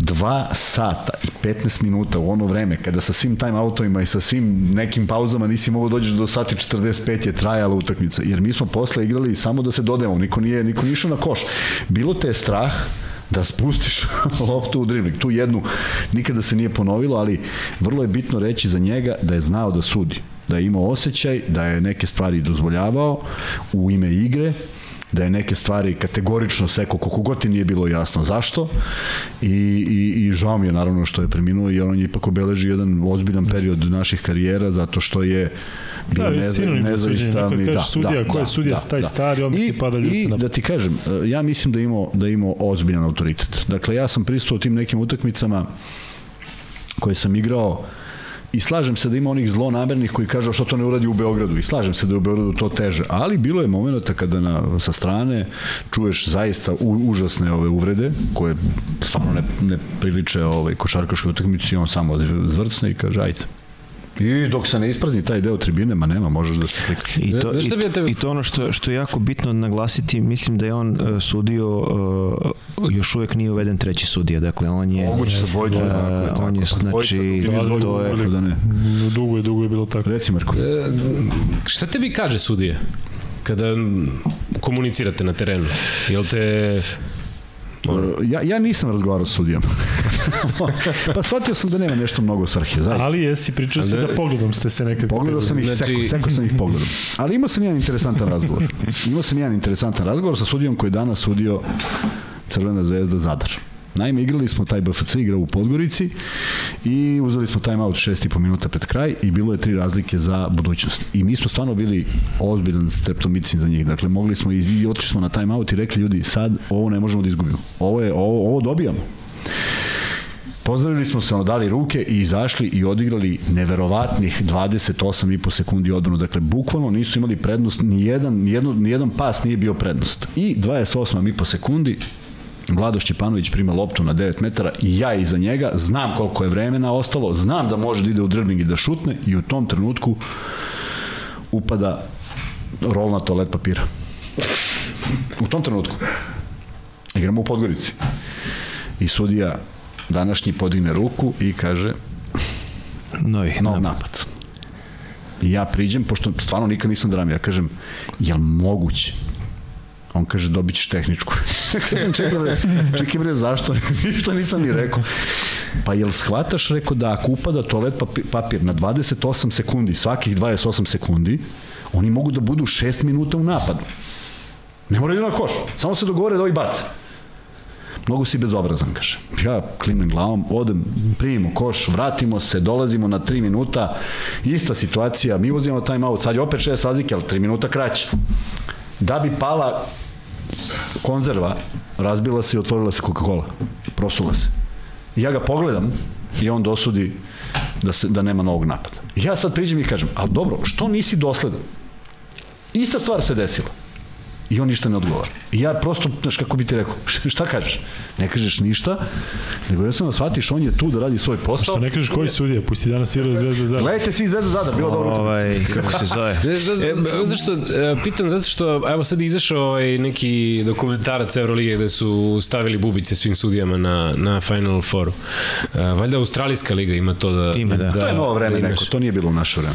Da, ima, da imaju sudije bubice. I francuska, Taj, da. Jeste francuska takođe. Taj moment, ja mislim da bi obogatio TV prenos igru generalno. Ali nije bilo, nije to onako. postojalo. To je sad sve, sad je, sad je Sad sve je to, savremeno, da, pa se naravno, priča. Nisi novo. ti nešto mogao pričati sudiju. Zanimljivo. Pogleda bre. Zanimljivo kad Mnogo- čuješ da pričaju i sa igračima i sa trenerima, Kao ne, ne bi smeli da psuju, pa što ako psuju, evo, onda 100 dolara u neki humanitarni fond, pa neki ide, znaš, nema psovanja na utakmici, što? a, Mislim, teško ja, je. Da, mogu, mogu da ispričam moju komunikaciju na, na, na utakmici protiv Kanade sada, e, Srbija-Kanada na svetskom prvenstvu, ovaj, prva utakmica koju smo a, izgubili. A, I generalno, e, dosta se priča o, o kvalitetu suđenja FIBA Euro. u FIBA, da, FIBA takmičenjima, ovaj, Uh, igrali smo protiv Kanade i uh, na FIBA takmičenjima sat koji meri vreme napada kreće od 24. sekunda i broji unazad s tim što je 24. sekund pun. Tako. Znači uh, greška za 8 sekundi je na 16. sekundi u Euroligi i u drugim 15. ligama uh, je, znači, tebi piše 24. sekund i odmah ide na 23. što znači da je greška na 15. sekundi. Tako je. Uh, dešava se situacija gde uh, kana, kanadska ekipa kreće u napad, sad pokazuje 16, ja ustajem i dajem znak sudijama ne prođe to ništa, ona mi prilazi i kaže mi Nemoj se bezobrazan. Ne, ne, ne, ne, ne, ne, ne, ne, vrlo, ne, ne, ne, ne, što se, što se toga tiče, što se toga tiče, zaista e, komunikacija je na onako izuzetno profesionalnom nivou, znači na nivou objašnjavanja i tako dalje. E, Kaže, samo da vam kažem da je greška na 15. sekundi, na, na, e, na 15. sekundi.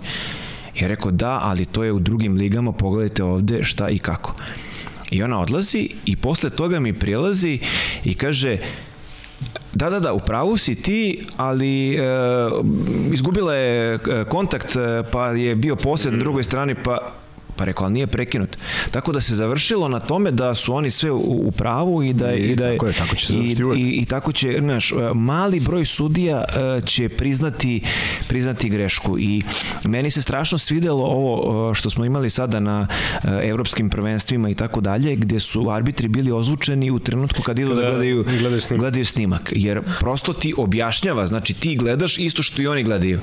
I onda ti on objašnjava šta on vidi. Da li je to normalan košarkaški potez, to Da. jer... E, ali to smo evo, to smo sad zaključili. Ono što su svirali u prva 3 4 kola su prestali više da sviraju. Znači nema nesportski sa strane, dalje ne, dalje e, košarkaški, nije košarkaški i tako dalje. Malo se sve sve to vratilo. Ja mislim to, to Luka pomenuo si u Francuskoj fenomenalno mi to izgledalo ovaj dakle komuniciraju jednostavno igrač i sudija i ti to imaš priliku da čuješ. Da, da. Meni Ne, je u Australiji je to super, zato što tačno Da. vidiš i, znaš, i sa trenerima i tačno vidiš ko ima autoritet, ko nema i daje Jel? neki pos, posebnu težinu daje i meču i, i sudijama. E, Ja ne pratim ragbi, ali bio je ragbi kod nas svetsko prvenstvo na 2019. na sport klubu. Tu je sudija sve vreme ozvučen i sudija je deo igre. Znači to što sudija priča, to je da. Ono mnogo bitno da da gledalac e, na televiziji Tako čuje i da i da shvati igru, da shvati napad na primjer. Dobro, košarka to nije, ali jako bi bilo mislim interesantno. Jeste. E, pošto uvijek idemo sa teme na temu, ali Lije pomenuo si e, taj svoj boravak sada u, u Australiji, ajde malo možeš više o tome, dakle reprezentacija ženska, ne priča se mnogo o tome, četiri finale, veliki uspeh sam po sebi i posebno sa ovim novim timom, kako je tvoje iskustvo bilo?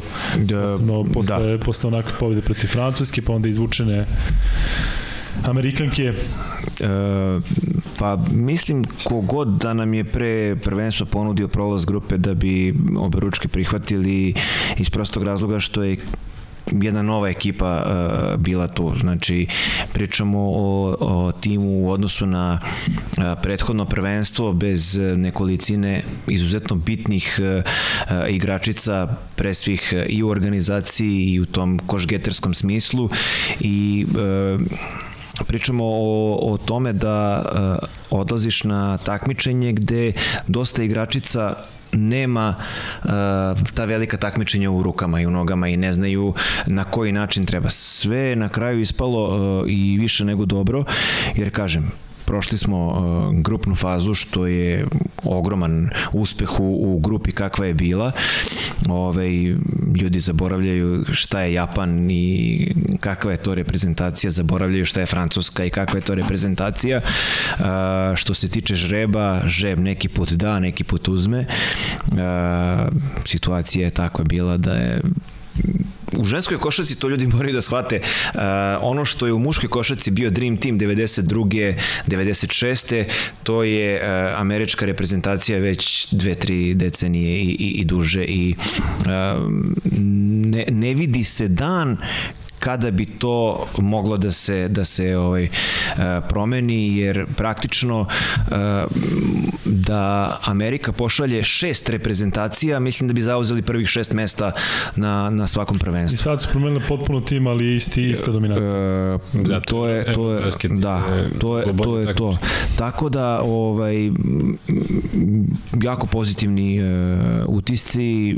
Pre svega mi je drago što toliko našeg naroda je bilo tamo i davalo je podršku reprezentaciji i što su nas pratili i stvarno onako jedan značajan rezultat. Evo sada nam slede kvalifikacije protiv Bugarske u u, u Beogradu, igramo kvalifikacije kao evropski prvaci. Da, potpuno ovaj, odlično, to je FIBA, da, je genijalno. Ovaj, tako da eto, u Da grupu. se svi maltretiraju, da niko ne, ne bude pošten. Pa, igre. e, da, i domaćini igre. E, Gledaj, s jedne strane, onako e, bih razumeo zato što e, ti u, u, u ženskoj košarci nemaš dovoljan broj e, takmičarskih utakmica u, u toku sezone. Znači, ne postoji e, varijanta da može da se okupiš, ali e, nemaš mogućnost, čak ako si e, evropski šampion, ti ako ne igraš kvalifikacije, ti nemaš protivnike u tim prozorima, nemaš s kim da igraš. Znači, praktično, eto, da, da imaš e, direktan prolaz, ali kao da, da učestvuješ, e, to je onda okej. Ali ovako, e, za sad je sve okej, pobeda je bila protiv Hrvatske u Zaboku prošlog novembra, nalazimo se u grupi sa, sa Bugarskom i sa, i sa Hrvatskom, tako da verujem da da bi trebalo da se da se kvalifikujemo na evropsko koje je sledeće godine u, u Izraelu i Sloveniji i eto u ženskoj košarci je ostao taj stari stari princip da se evropsko prvenstvo i dalje igra na dve godine, a svetsko i Odlično, da. svetsko i olimpijske igre se smenjuju na četiri. E, imamo da pričamo još o Zvezdi i Partizanu, pa ćemo onda preći na ono što nas čeka u ovim e, mečevima prozora, ali e, kada smo već tu, e, pričali smo mi o prethodnim podcastima, ali Ilija, kako komentarišeš to da je u ženskoj košaci, u ženskoj reprezentaciji prihvaćeno obe ručke, da imamo e, devojku koja, koja je iz Amerike, odnosno koja je stranac, a da jednostavno postoji takav takva barijera gde niko ne želi stranca u muškoj reprezentaciji. E, Ko je to razlika? Da li ljude ne zanima to žensko, pa ajde može mislim da prođe? da da mislim da mislim da ima da ima toga da se ljudi ne bave time i da prosto s jedne strane i prethodna strana igračica Daniel Page i sada Ivon Anderson su u potpunosti prihvatile tu ulogu na najbolji mogući način. Znači one jesu Amerikanke, ali a, na terenu a, se bore a, kao da su kao da su rođene kao da su rođene u Srbiji i sa te strane ne možete ni na koji način da im zamerite bilo šta. Kada uopšte pričamo o tome, znači to su to su stvari kako da kažem ja sve razumem da mi želimo da zaštitimo uh, naše interese, ali idete, takmičite se, idete na neko takmičenje i sada uh, uh, pravilo kaže uh, svi mogu da igraju sa levom i sa desnom rukom. E sad, mi smo protivnici desne ruke i mi ćemo da desnu ruku vežemo iza leđa i mi ćemo da igramo te mečeve ovaj, bez, bez pomoći desne ruke. A, zašto, zašto pominjem to poređenje? Zato što je a, prosto tako. Znači, nije, nije niko... Uh, doneo to pa kao e sad ćemo mi da imamo stranca nego to je prosto pravilo i ako vi imate deficit na nekoj poziciji a u, u, u, u narednom periodu od dve, četiri godine ne vidite uh, igrača koji može da vam bude na raspolaganju, vi prosto morate da pripremite. Ako će svi da igraju sa jednim strancem, Znači, potpuno mi je suludo, e, kaže, bolje da budem osmi bez stranaca nego da budem prvi sa, sa strancem. I onda će se dešavati ovo što se desilo sad na prošlom evropskom i onda će se dešavati u budućnosti opet neke stvari i tako dalje i tako dalje. Stranac kao stranac u reprezentaciji gubi smisao. Znači, šta je, šta je, šta je reprezentativna košarka? Reprezentacija košarka igraju uh, nacije, nacija protiv nacije, narod protiv naroda. I sa te strane, ako već dovodimo strance, ako je to omogućeno, prosto mora, mora, moraš da ideš sa tim trendom da je to pravilo, eto, svi će da šutiraju za, za tri poena, ti ćeš kažeš ne, ne, ne, mi smo stara škola, mi ne priznajemo trojku i mi ćemo da šutiramo samo za, samo za dva poena. Ja sam za ukidanje trojke. Da. Je, Ja- stvarno, ja- stara škola. Dešali? Ne, ne, ne, pa znam, dobro.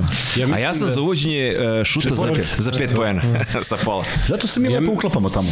Mislim da u, e, dobro je Ilija rekao da pomenu u jednom trenutku deficitarni na nekoj poziciji. Mislim da muška košarkaška reprezentacija Srbije nije deficitarna sezone ni na jednoj poziciji. Sad možda je kvalitet e, kad zagrabiš onako gore ili dole, ali može da napravi Srbija reprezentaciju na svakoj poziciji, jeli?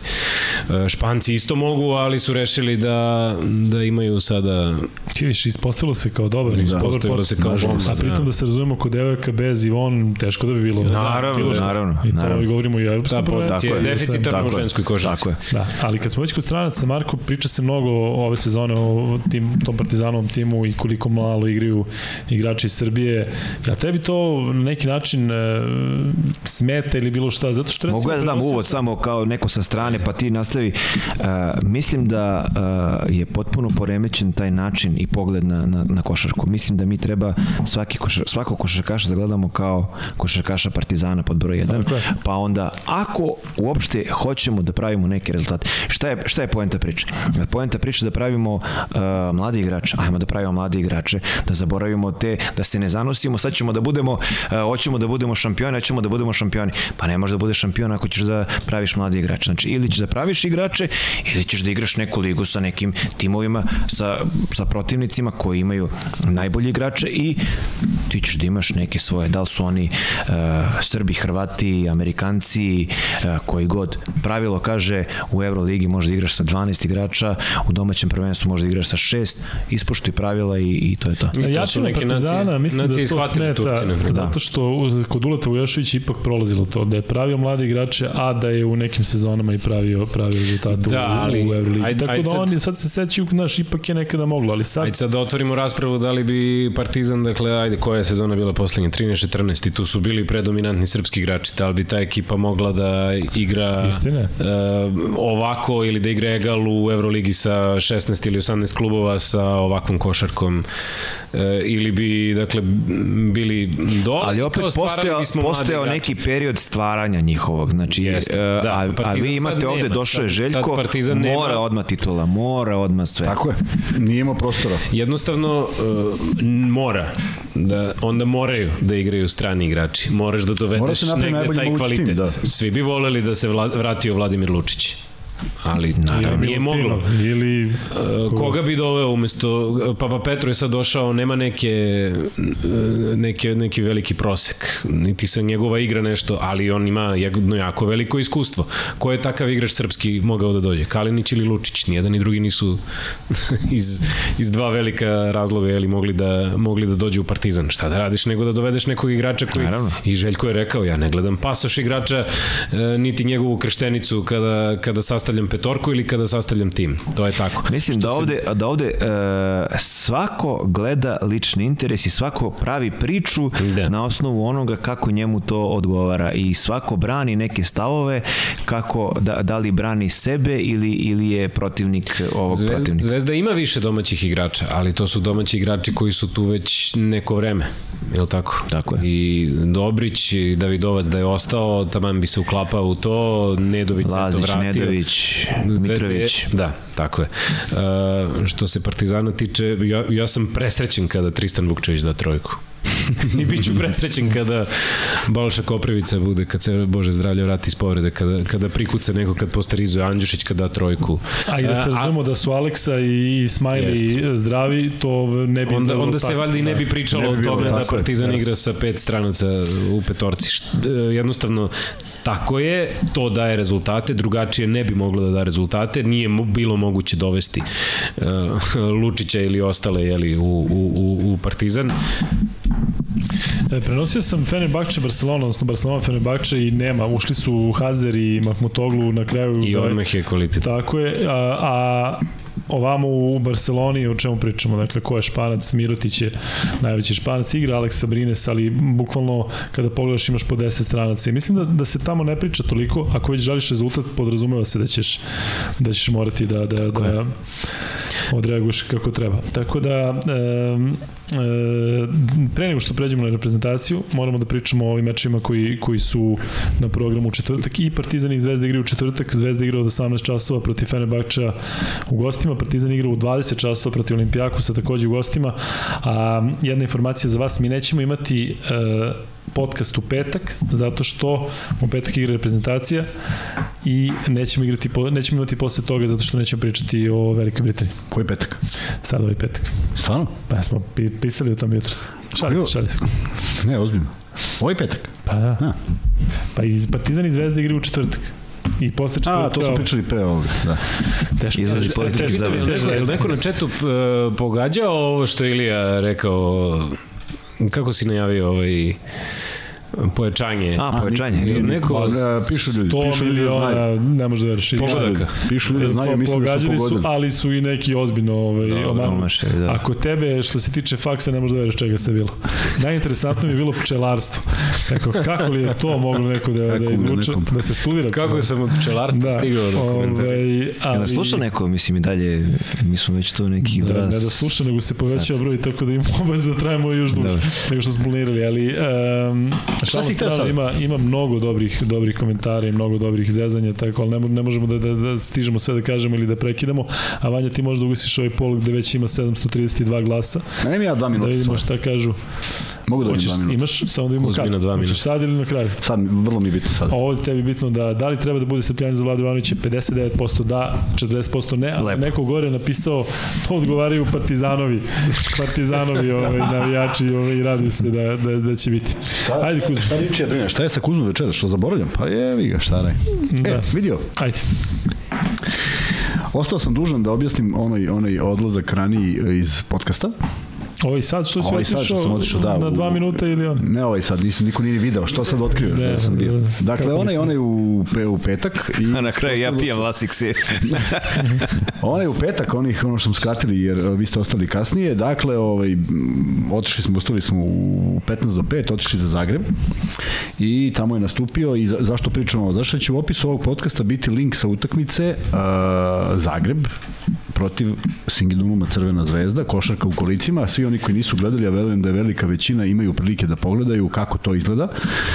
I ovaj, da kažem da je o, Singidunum napravio istorijsku pobedu, pobedili smo Zagreb u Zagrebu, što se ne dešava baš često, jednom dobrom utakmicom, 49-41, druga je protiv favorita za prvaka i tu zaista nemamo šta da tražimo i ovaj, ono što je vrlo bitno, e, ovo što, o čemu mi sad pričamo, zašto mi je palo na pamet, dakle, Singidunum ima samo igrače koji su ponegli u Singidunum.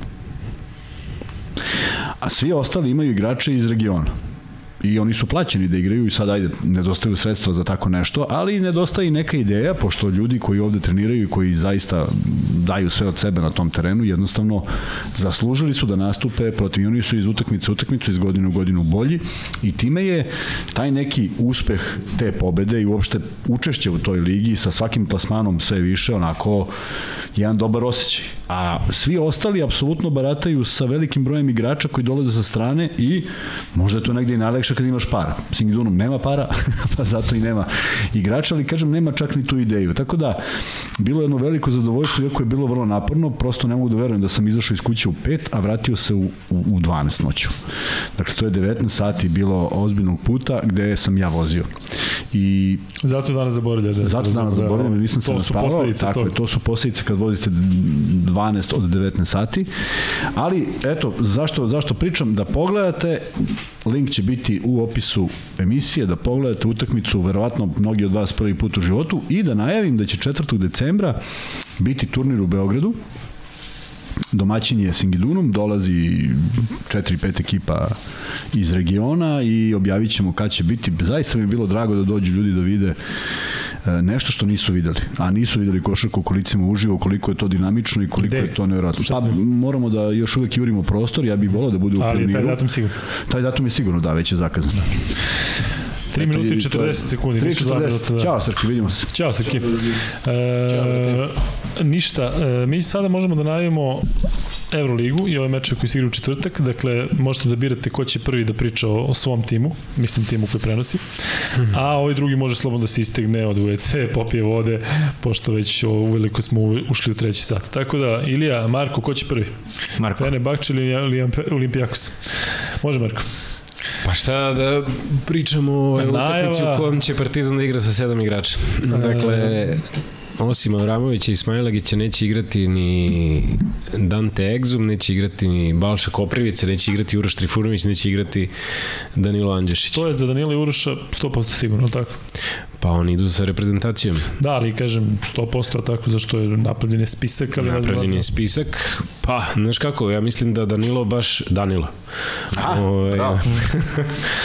da on e, baš mora da ide iz razloga što ja negde i vidim njega kao lidera te reprezentacije. To Ali je te ekipe u, u, u Newcastle. Posle toga treba da bude ovaj meč sa, sa Turskom gde će igrati već evroligaški igrači. Ovaj, ne znam da li Kuzma pokazuje dobro Ne, ne, to što pričam. pokazuje. Ne. Tako pokazuje. Pokazuje Vanja. E, i ovaj... Uh, da, sad dobro je pitanje ovaj, da, li, da li je to sigurno, možda se tu u poslednjem momentu desi nešto. Ja ne znam da li se reprezentacija danas nešto gleda, da li se da reprezentacija danas okupila, znam da sutra imate otvoreni trening gde, gde idu mediji na, Mislim da danas, na da. trening. I sad možda se tu nešto ovaj, izmeni u poslednjem trenutku. Ali ovaj, u takvoj konstelaciji snaga mislim da ovaj Partizan stvarno je ovaj, ide onako malo rasterećenije na tu utakmicu. I zato je ovaj meč sa Panathinaikosom bio tek posebno bitan da se dakle u Pireju ode s 3-3 niko ne voli da razmišlja o porazu naravno neće, neće ni Partizan ići tamo da izgubi niti se priprema utakmica da se izgubi ali uh, kad odeš posle te, tog triumfa dakle sa Panathinaikosom imaš 3-3 mnogo ćeš se komotnije i laganije osjećati da ideš u uh, Olimpijakosu na gostovanje sa koliko će igrača Rasterećenije se biti igra, da, rasterećenije se igra, a, Da. i, a i Žoca tamo očekuje sigurno dobrodošlica. Pa da, a opet e, možda je malo žal, žal jer smo videli ovaj, da Olimpijakos isto, ovaj, iako je počeo fantastičnu sezonu na, na krilima tog, e, te osvojene titule u Grčkoj i na krilima e, sjajne igre na, na Final Fouru, e, mislim da su oni sad ove sezone mnogo snažnija ekipa nego prošle i da onako igraju s jednim samopouzdanjem, ali videli smo i da mogu da izgube ovaj, od Valencije. Mislim što je, da je E, problem tak- za Zvezdu i Partizan to što je Olimpijakos izgubio od Valencije i mora sada da se vadi, Da, a što da. je Fenerbahče stvarno odigrao loše protiv Barcelone i što je da se- rekao je, e, čak su možda i žrtvovali tu utakmicu na neki način kada su videli, dakle nisu se možda toliko angažovali i sada protiv Zvezde teško da će da se žrtvuje Da. bilo šta. Ali generalno Olimpijakos e, ove sezone oscilira, sada kada pogledamo ovako. E, je li ima nešto što misliš da bi recimo moglo da bude prednost Partizana? Čak i ovako sa sedam igrača. Da li te recimo, prvo Panter ili Dejsu ili Olimpijakos, tako se koliko se sećam Panter bio. Jeste, pa, jedan i drugi. je- Jedan i Duše tako Panter da- nešto valjda kratko, da nisu imali kratko, strpljenja za prvi, njega. Prvi angažman, mislim da mu je bio u Evropi. E, Ali da je ostavio već dobar utisak. Ledej jeste, Ledej je ono, valjda posle Žalgirisa otišao, da- ili je, ne, Olimpijakos je bio Prvi a, prvi posle Tako nekog je. Hapoela, a. Panter je igrao nešto za Virtus i za razne neke ekipe. Mislim prvi je Pa ligaški tim. aha, dobro. E, pa onda i jednom i drugom prvi Evroligaški Olimpijakos, eto. E, i ja mislim da e, tu e, će prednost Partizana pre svega biti e, Kevin Panter i James Naneli koji je izostajao u utakmici protiv Panathinaikosa. Sad ne znam koliko, je, koliko će ga ova povreda juče protiv borca. Šta je, udarac u glavu, pad, šta je Da, bilo? to mislim da. Da. Pa je Ne, završio to- sa sa trakom preko, preko čela. E, da će tu negde onda onako moći Partizan da, da se nečemu nada. E, problem će biti svakako što imaju samo jednog centra. Ledej će verovatno morati onda da igra peticu. Ali ja bih volao da vidim možda... prvo, prvo, kad je krenuo na jednu, Vanja je prebacio na drugu, misleći da će proći tamo. Dobro, Viđen si, viđen si Lijagi, Dobro, da. nisi sve tri obišao. Da. Kad znaš znanje, tako je. Nastavi, Mare. Ja bih volao da vidim možda, ako je već takva utakmica, ako je već pobeđen Panathinaikos, da onda vidim više minuta za opet, Za Tristana. možda to ni, za Tristana, da. da. da vidimo tog uh, Đorđeja Jovanovića. Gregor A šta je Glas, Silanović? Je li igrao U redu uopšte? Ušao je? nije, nije, sad? e, samo je bio u protokolu, ja mislim da A glas nije je povređen, je povređen. Glas je povređen, e, Željko je ali rekao je da je on- stalno tu, Da. na treninzima je i stalno je u, u rosteru, ali jednostavno nije njegova povreda, do, Željko je rekao da njegova povreda nije dozvolila da on normalno Da, trenira sa da, ekipom 5 da. na 5, koliko sam ja shvatio. Da. I onda verovatno ne može da, da uđe ni, ni na Ni utakmicu. da, ni da zameni malo. Pre koju godinu, ako se sećate kad je Alba tu ulazila u Euroligu i onda odjednom Alba nema pola tima, tako isto, nešto se ispovređuju, ispovređuju. i onda odu Realu da gostuje, dakle potpuno rasterećeno nešto slično tako izgledalo i onda odjednom vidiš da je tada trenera Ito ovaj, davao šansu nekim momcima koji imaju tako 19-18 godina i potpuno ih jednako tretira, tamo je to izgledalo tako. Svih 12 igrača potpuno jednako tretira bez obzira na to koliko, uh, koliko greše, koliko imaju godina, nego jednostavno igra trpi to, uh, Alba izgubi 30 razlike, jeste to tako, ali možda je ovo sad prilika da, da vidimo te neke igrače, pa što da ne, da, da tako malo eto, Tristan malo više igra, uh, ne verujem da će moći pet igrača da igra 40 minuta. Neće i ne valja i ne bi trebalo da igraju i svako dobije šansu, ali da, da kroz to o, pokaže da. jednu, jednu odgovornost u igri i da jednostavno Apsolutno, kupi sebi se- minute za neki dalji period. E, mislim da je i dalje neophodna ta poruka igračima da oni sami pravi, prave da. sebi izmene. Da.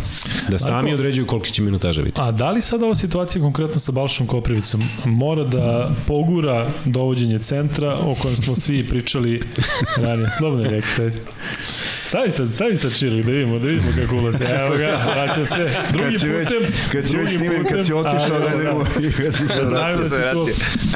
Jel treba uh, Partizanu centar pod hitno? Ja znaš ko treba Partizanu.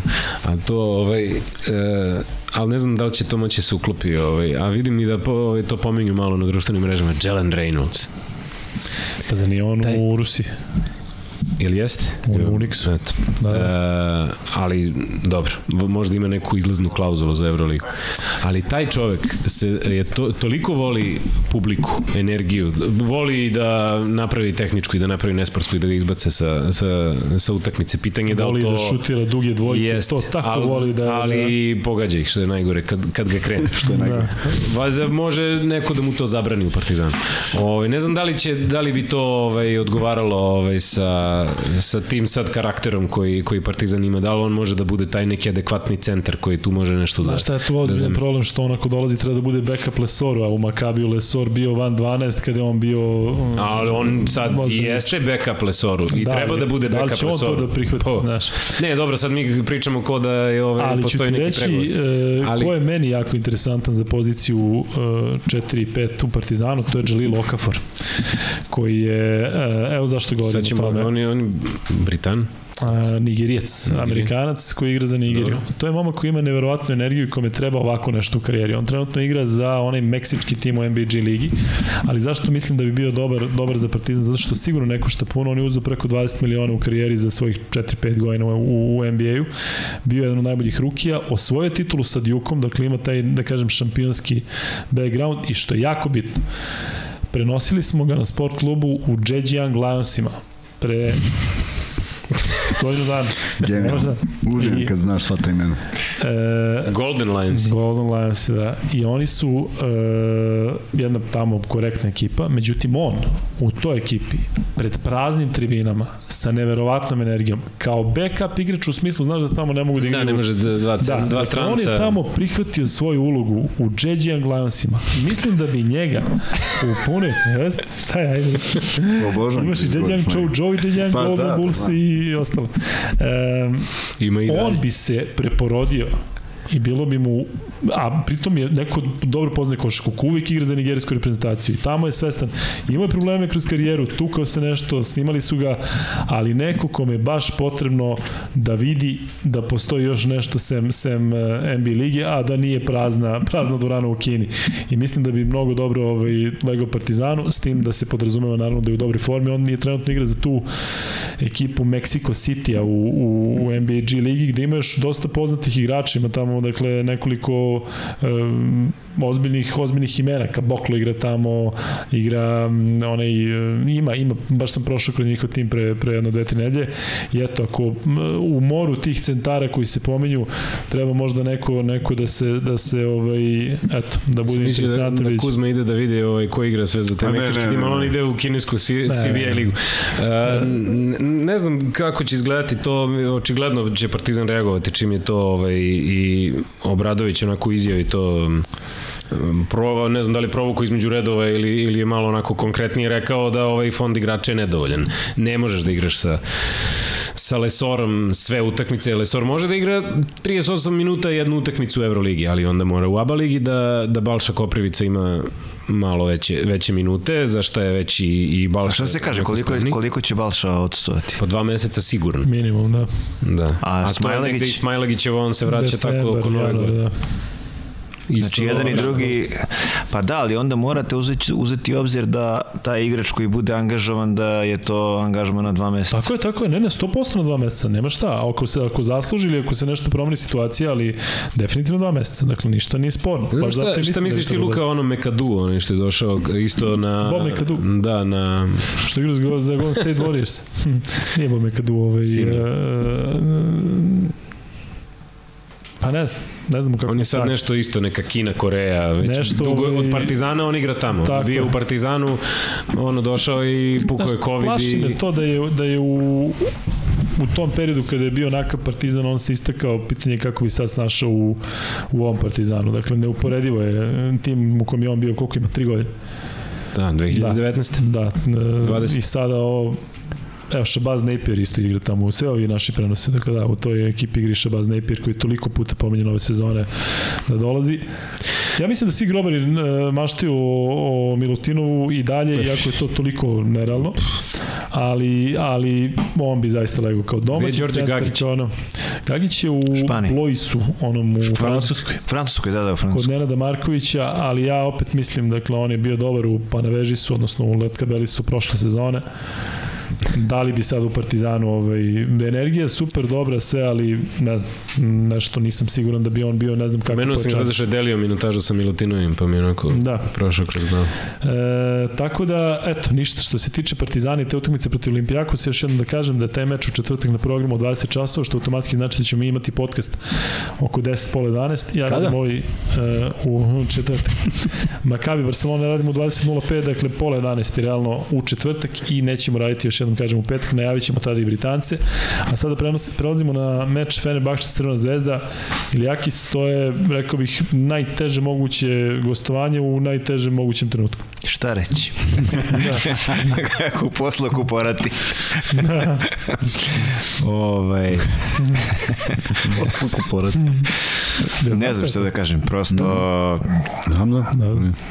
Prosto je situacija takva da čini se da eto iz kola u kolo Zvezda dobija u svakom kolu ekipu koja mora da pobedi ili otko znam eto prošli, prošlo kolom prošlom kolu su izgubili prvu.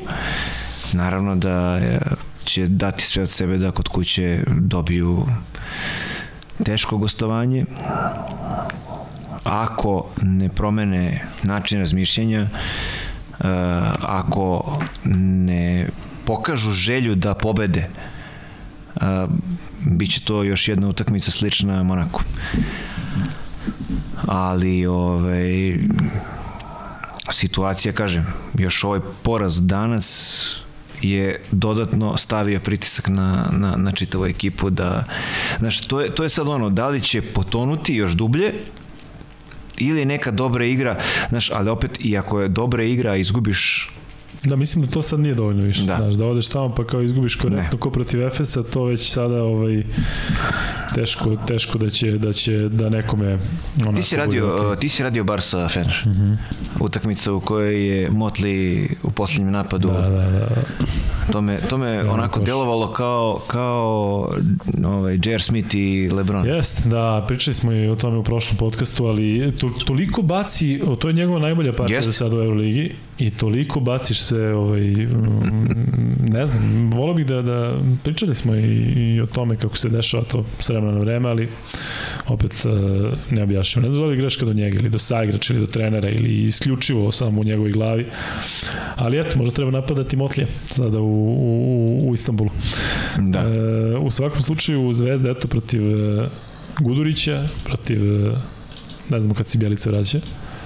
No, I tako. da li se vraća? Da. Da. E, tako da težak, težak, teško E, gostovanje Crne zvezde. Kuzma ti Da, nastavi. ovaj, i, vrlo je bitno jedna stvar koja može da se uradi tamo, to je da Zvezda pokaže neku igru.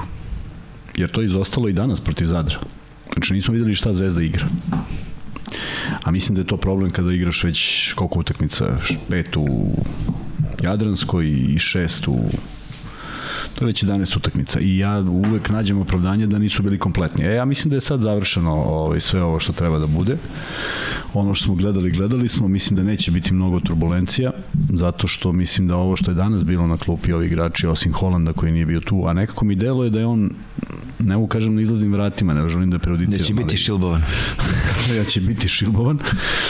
A onda mi je onda mi prolazi kroz glavu da bih sada eventualno protiv Fenerbahče volao da vidim nekakvu nešto.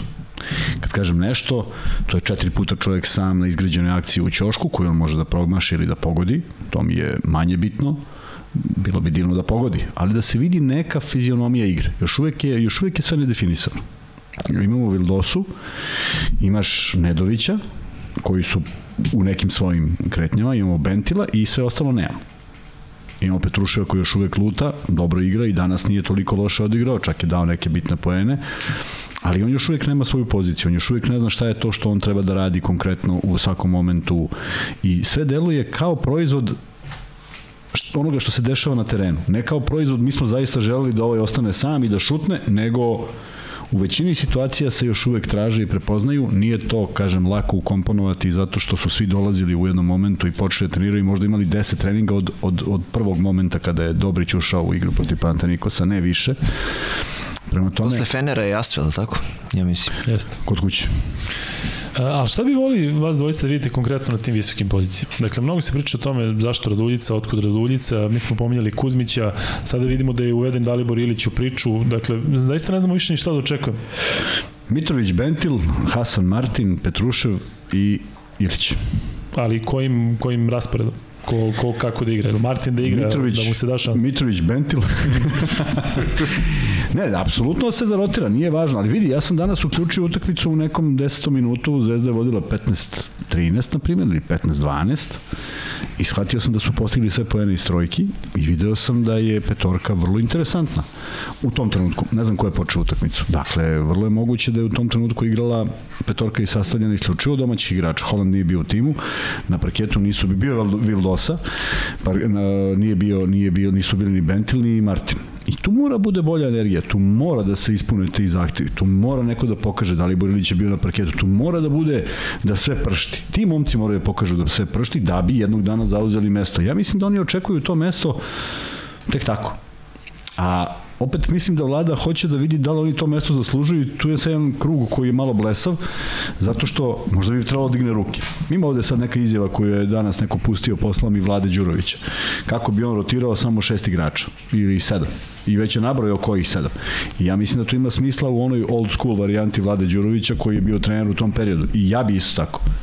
Ali ne znam koliko je to danas moguće. Možda jeste moguće tri utakmice, ali u četvrtoj je već ozbiljan problem, jer prvo nemaš nikog drugog razigranog, a mora da igra. Prema tome, ovaj, ne bih se baš sveo na 6-7 igrača, ali bih želeo da vidim da neko od igrača koji igra manje želi da zauzme mesto igraču koji igra mnogo. To bi volio da vidim. A to može se postigne samo da ima jedan igrač koji igra mnogo da bi ga ovaj jurio. A Ovako- neko konkretno? Pa ne, mislim da, mi, da imaju prilično dobro podeljenu minutažu, što je s jedne strane dobro, ali nije, nije učinak isti. E onda bih išao varijantom, ok, ako sam već probao šest kola i ne dobijam taj odgovor od igrača koje ja pustim koliko mislim da treba, onda daj da igramo sa manje u kraćoj rotaciji. Pa jevi ga. Ideš na pobedu koja ti sad život znači. Ajde, što da ne vidimo utakmicu protiv Fenera sa šest igrača koji su najraspoloženiji? Ne bi imao ništa protiv. To ne znači da i sledeća možda se igra sa šest. Sledeća onda mora da se igra opet sa 12, ali bi valjda proizveo neku želju kod ovih šest koji sede na klupi, neku reakciju i rekli, hej, mi hoćemo malo da igramo protiv Fenera. To je Partizan uradi. Pa jeste, pa da. Mora bude malo gladi neke da, da, znaš, vlada mi deluje, on sve to izrotira u prvoj četvrtini, u prvom polovremenu, da vidi na koga računa, meni je sve to delovalo smisleno. Ali onda odgovor ekipe mora da bude takav. A ne ti taman misliš, u, ovo je odigrao odlično prvo polovremenu, u drugom ne postoji onda mora postoji neka konsekvenca koja nije kazna, nego jednostavno više nemaš poverenja u to igrače. I vla- vlada mora da izvaga minutažu. Ali mi, na primjer, ne znamo za koliko je minuta Vildosa sprema, je li tako? Danas nakaradan potez koji je mogao da reši utakmicu, Lazić stoji u ćošku, dve trojke je dao, i Vildosa pravi fintu, niko ne reaguje, on ulazi u problem i onda dodaje iza igračevih leđa Laziću u ćošak. I lopta ode u kafić kroz tunel. Znaš koji pas? Nikoji. E, zašto nije bacio pas? Zato što ne znam šta je mislio, ali to mora brže da se rešava, to mora bolje da se rešava, možda fokus nije izgubljen jer se umorio. Sve su to stvari sa kojima se samo oni suočavaju, da ne misli, opet se stalno vrti priča kao da ja vladu branim. Ja samo razumijem u poziciji u kojoj se nalazi. Da je on faktički na prethodnoj utakmici dobio kompletan sastav svih igrača da su zaigrali po prvi put, je li tako? To je u, petom, u šestom kolu Euroligi. Pa ne znam da li bi neko mogo bolje, ne znam da li bi neko mogo lošije. Postavljam pitanje da li je Skariola zaboravio da vodi ekipe evropski prvak ovogodišnji, da li neki sličan problem ima Mesina sa toliko poraza, da li Ataman više ne zna kako da vodi ekipu, to su sve onda ista pitanja. A ja ne mislim da je to tako lako definisati, pa ni u slučaju Vlade Ivanovića. Ovo što Ilija rekao ranije, ja mislim da je zaista nešto o čemu treba ozbiljno da se razmutra da se nađe neko dakle, ko će pričati sa igračima profesionalno, zato što mi konstantno kroz ove podcaste pričamo od početka sezone da, se, da su svi u formi. Dakle, neki imaju opravdanje u smislu povreda, ali čeka se Dobrić, čeka se Nedović, čeka se Ivanović, čeka se, čekao se taj Adams, čeka se Marković, čeka se Lazić, dakle, svi su u nekom problemu u glavi E, tako da zaista ne, ne zvuči loše koliko god to kod nas ovaj, jeste neka tabu tema. Ali eto, možda Velika je sreća Zvezdi kada tako e, posmatraš da je Vildosa došao odmah spreman. Da, da, došao da, dve da, utakmice MVP da. meseca ABA da, ligi. Da. Mislim, Nakaradno je kako biraju MVP-a, ali to, to tačno, stvarno to nema nikakve veze, ali, ali, zaista je kupio ljude i odigrao utakmice sa, sa nepoznavanjem gde se ko kreće. Odigrao je i, i, i, i naravno dođe utakmica, sad... Uh, Zašto je, kaže, odigrao protiv Monaka? Pa zašto je Monako ima prilike da ga gleda? Ovi, pre, ovi prethodni nisu imali prilike da vide šta on može da uradi. A Monako je našao način i ima čime da odbrani.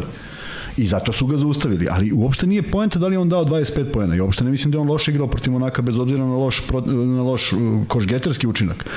Ne može svako veče da bude. Niti ima igrača. A nije, nije čovek veče. čarobnjak da, nije, da on, je, on je došao Tako ovde, pokazao ogromnu energiju. Tako te prve dve utakmice pokazao je nešto što uh, navijači nisu mogli da vide kod ostalih igrača. Tako je, tako je. I odjednom sad očekuješ od njega da će svaku utakmicu ne, ne nema šanse. Ali je to, je... doneo, doneo energiju koja sad mora da povuče druge. I zato je meni najtužnije... E, može da bude veliki problem da se on uklopi u ovo sivilo može, i sad da, da, da, da, da, grupa, da grupa povuče praktično tako njega. Je, ali ko je bio pokretač svega toga? Ja sam uvek bio ubeđen da je to bio Lazić. Ako on digne ruke, jer, jer mi deluje da na terenu, bez obzira kako se odvijala utakmica, deluje mi da on i dalje najviše želi. Znači, prosto ja hoću da vidim utakmicu gde ulazi Petrušev, gde ulazi Dalibor Ilić, o kojima imam zaista lepo mišljenje, sa nenormalnom energijom da budu najbolji na terenu. Ne najviše poena da daju, nego da budu najbolji. Da ti kad kažeš utakmicu, kako, kako, šta, šta kažeš utakmicu, kažeš jevo te ona dvojica lete po terenu. Ja bi to volao da vidim. Dobro, ali Petrušev si video? Petrušev menja to. Petrušev to menja. Ali opet, to, to mora da se, može da se nadogradi. Danas jedan silovit zalet sa, sa, sa 90 stepeni direktno na koš odjednom propade, umesto zakuca preko svih, opet ne dade koš. Znači, u toj energiji, da ti kažeš to kad on krene, to će da se desi. Da, da. Zato što on ima taj potencijal, ali to mora da se probije u glavi, da ti nemaš strah kad imaš da, čoveka. Nesiguran i dalje, definitivno. Upravo to. Znači da donese jednu sigurnost. Čim donese sigurnost? Pa znaš kako je to drugačije, kako se drugačije igra. E, a Zvezda trenutno nema pet sigurnih igrača. Danas, danas ti pogledaš fizionomiju. Pet zvezdinih igrača je duplo veće od pet igrača. Nikog ne ubaciš u reket. Bentil, jadan, bori se s čovekom koji je niži od njega. I borba teška i šutne neki polu horog i spada. Ne može, mora drugačije se da koš. Mora se uđe u reket, mora se razgrne, šta god nedostaje to i ajde da vidimo da li će promeniti. Jako interesantno kolo Euroligi, da kažemo da počinje u sredu, zato što su pomerili svoj meč, verovatno zbog e, ovih nekih Prozora. ustupaka Fibi, Fibi.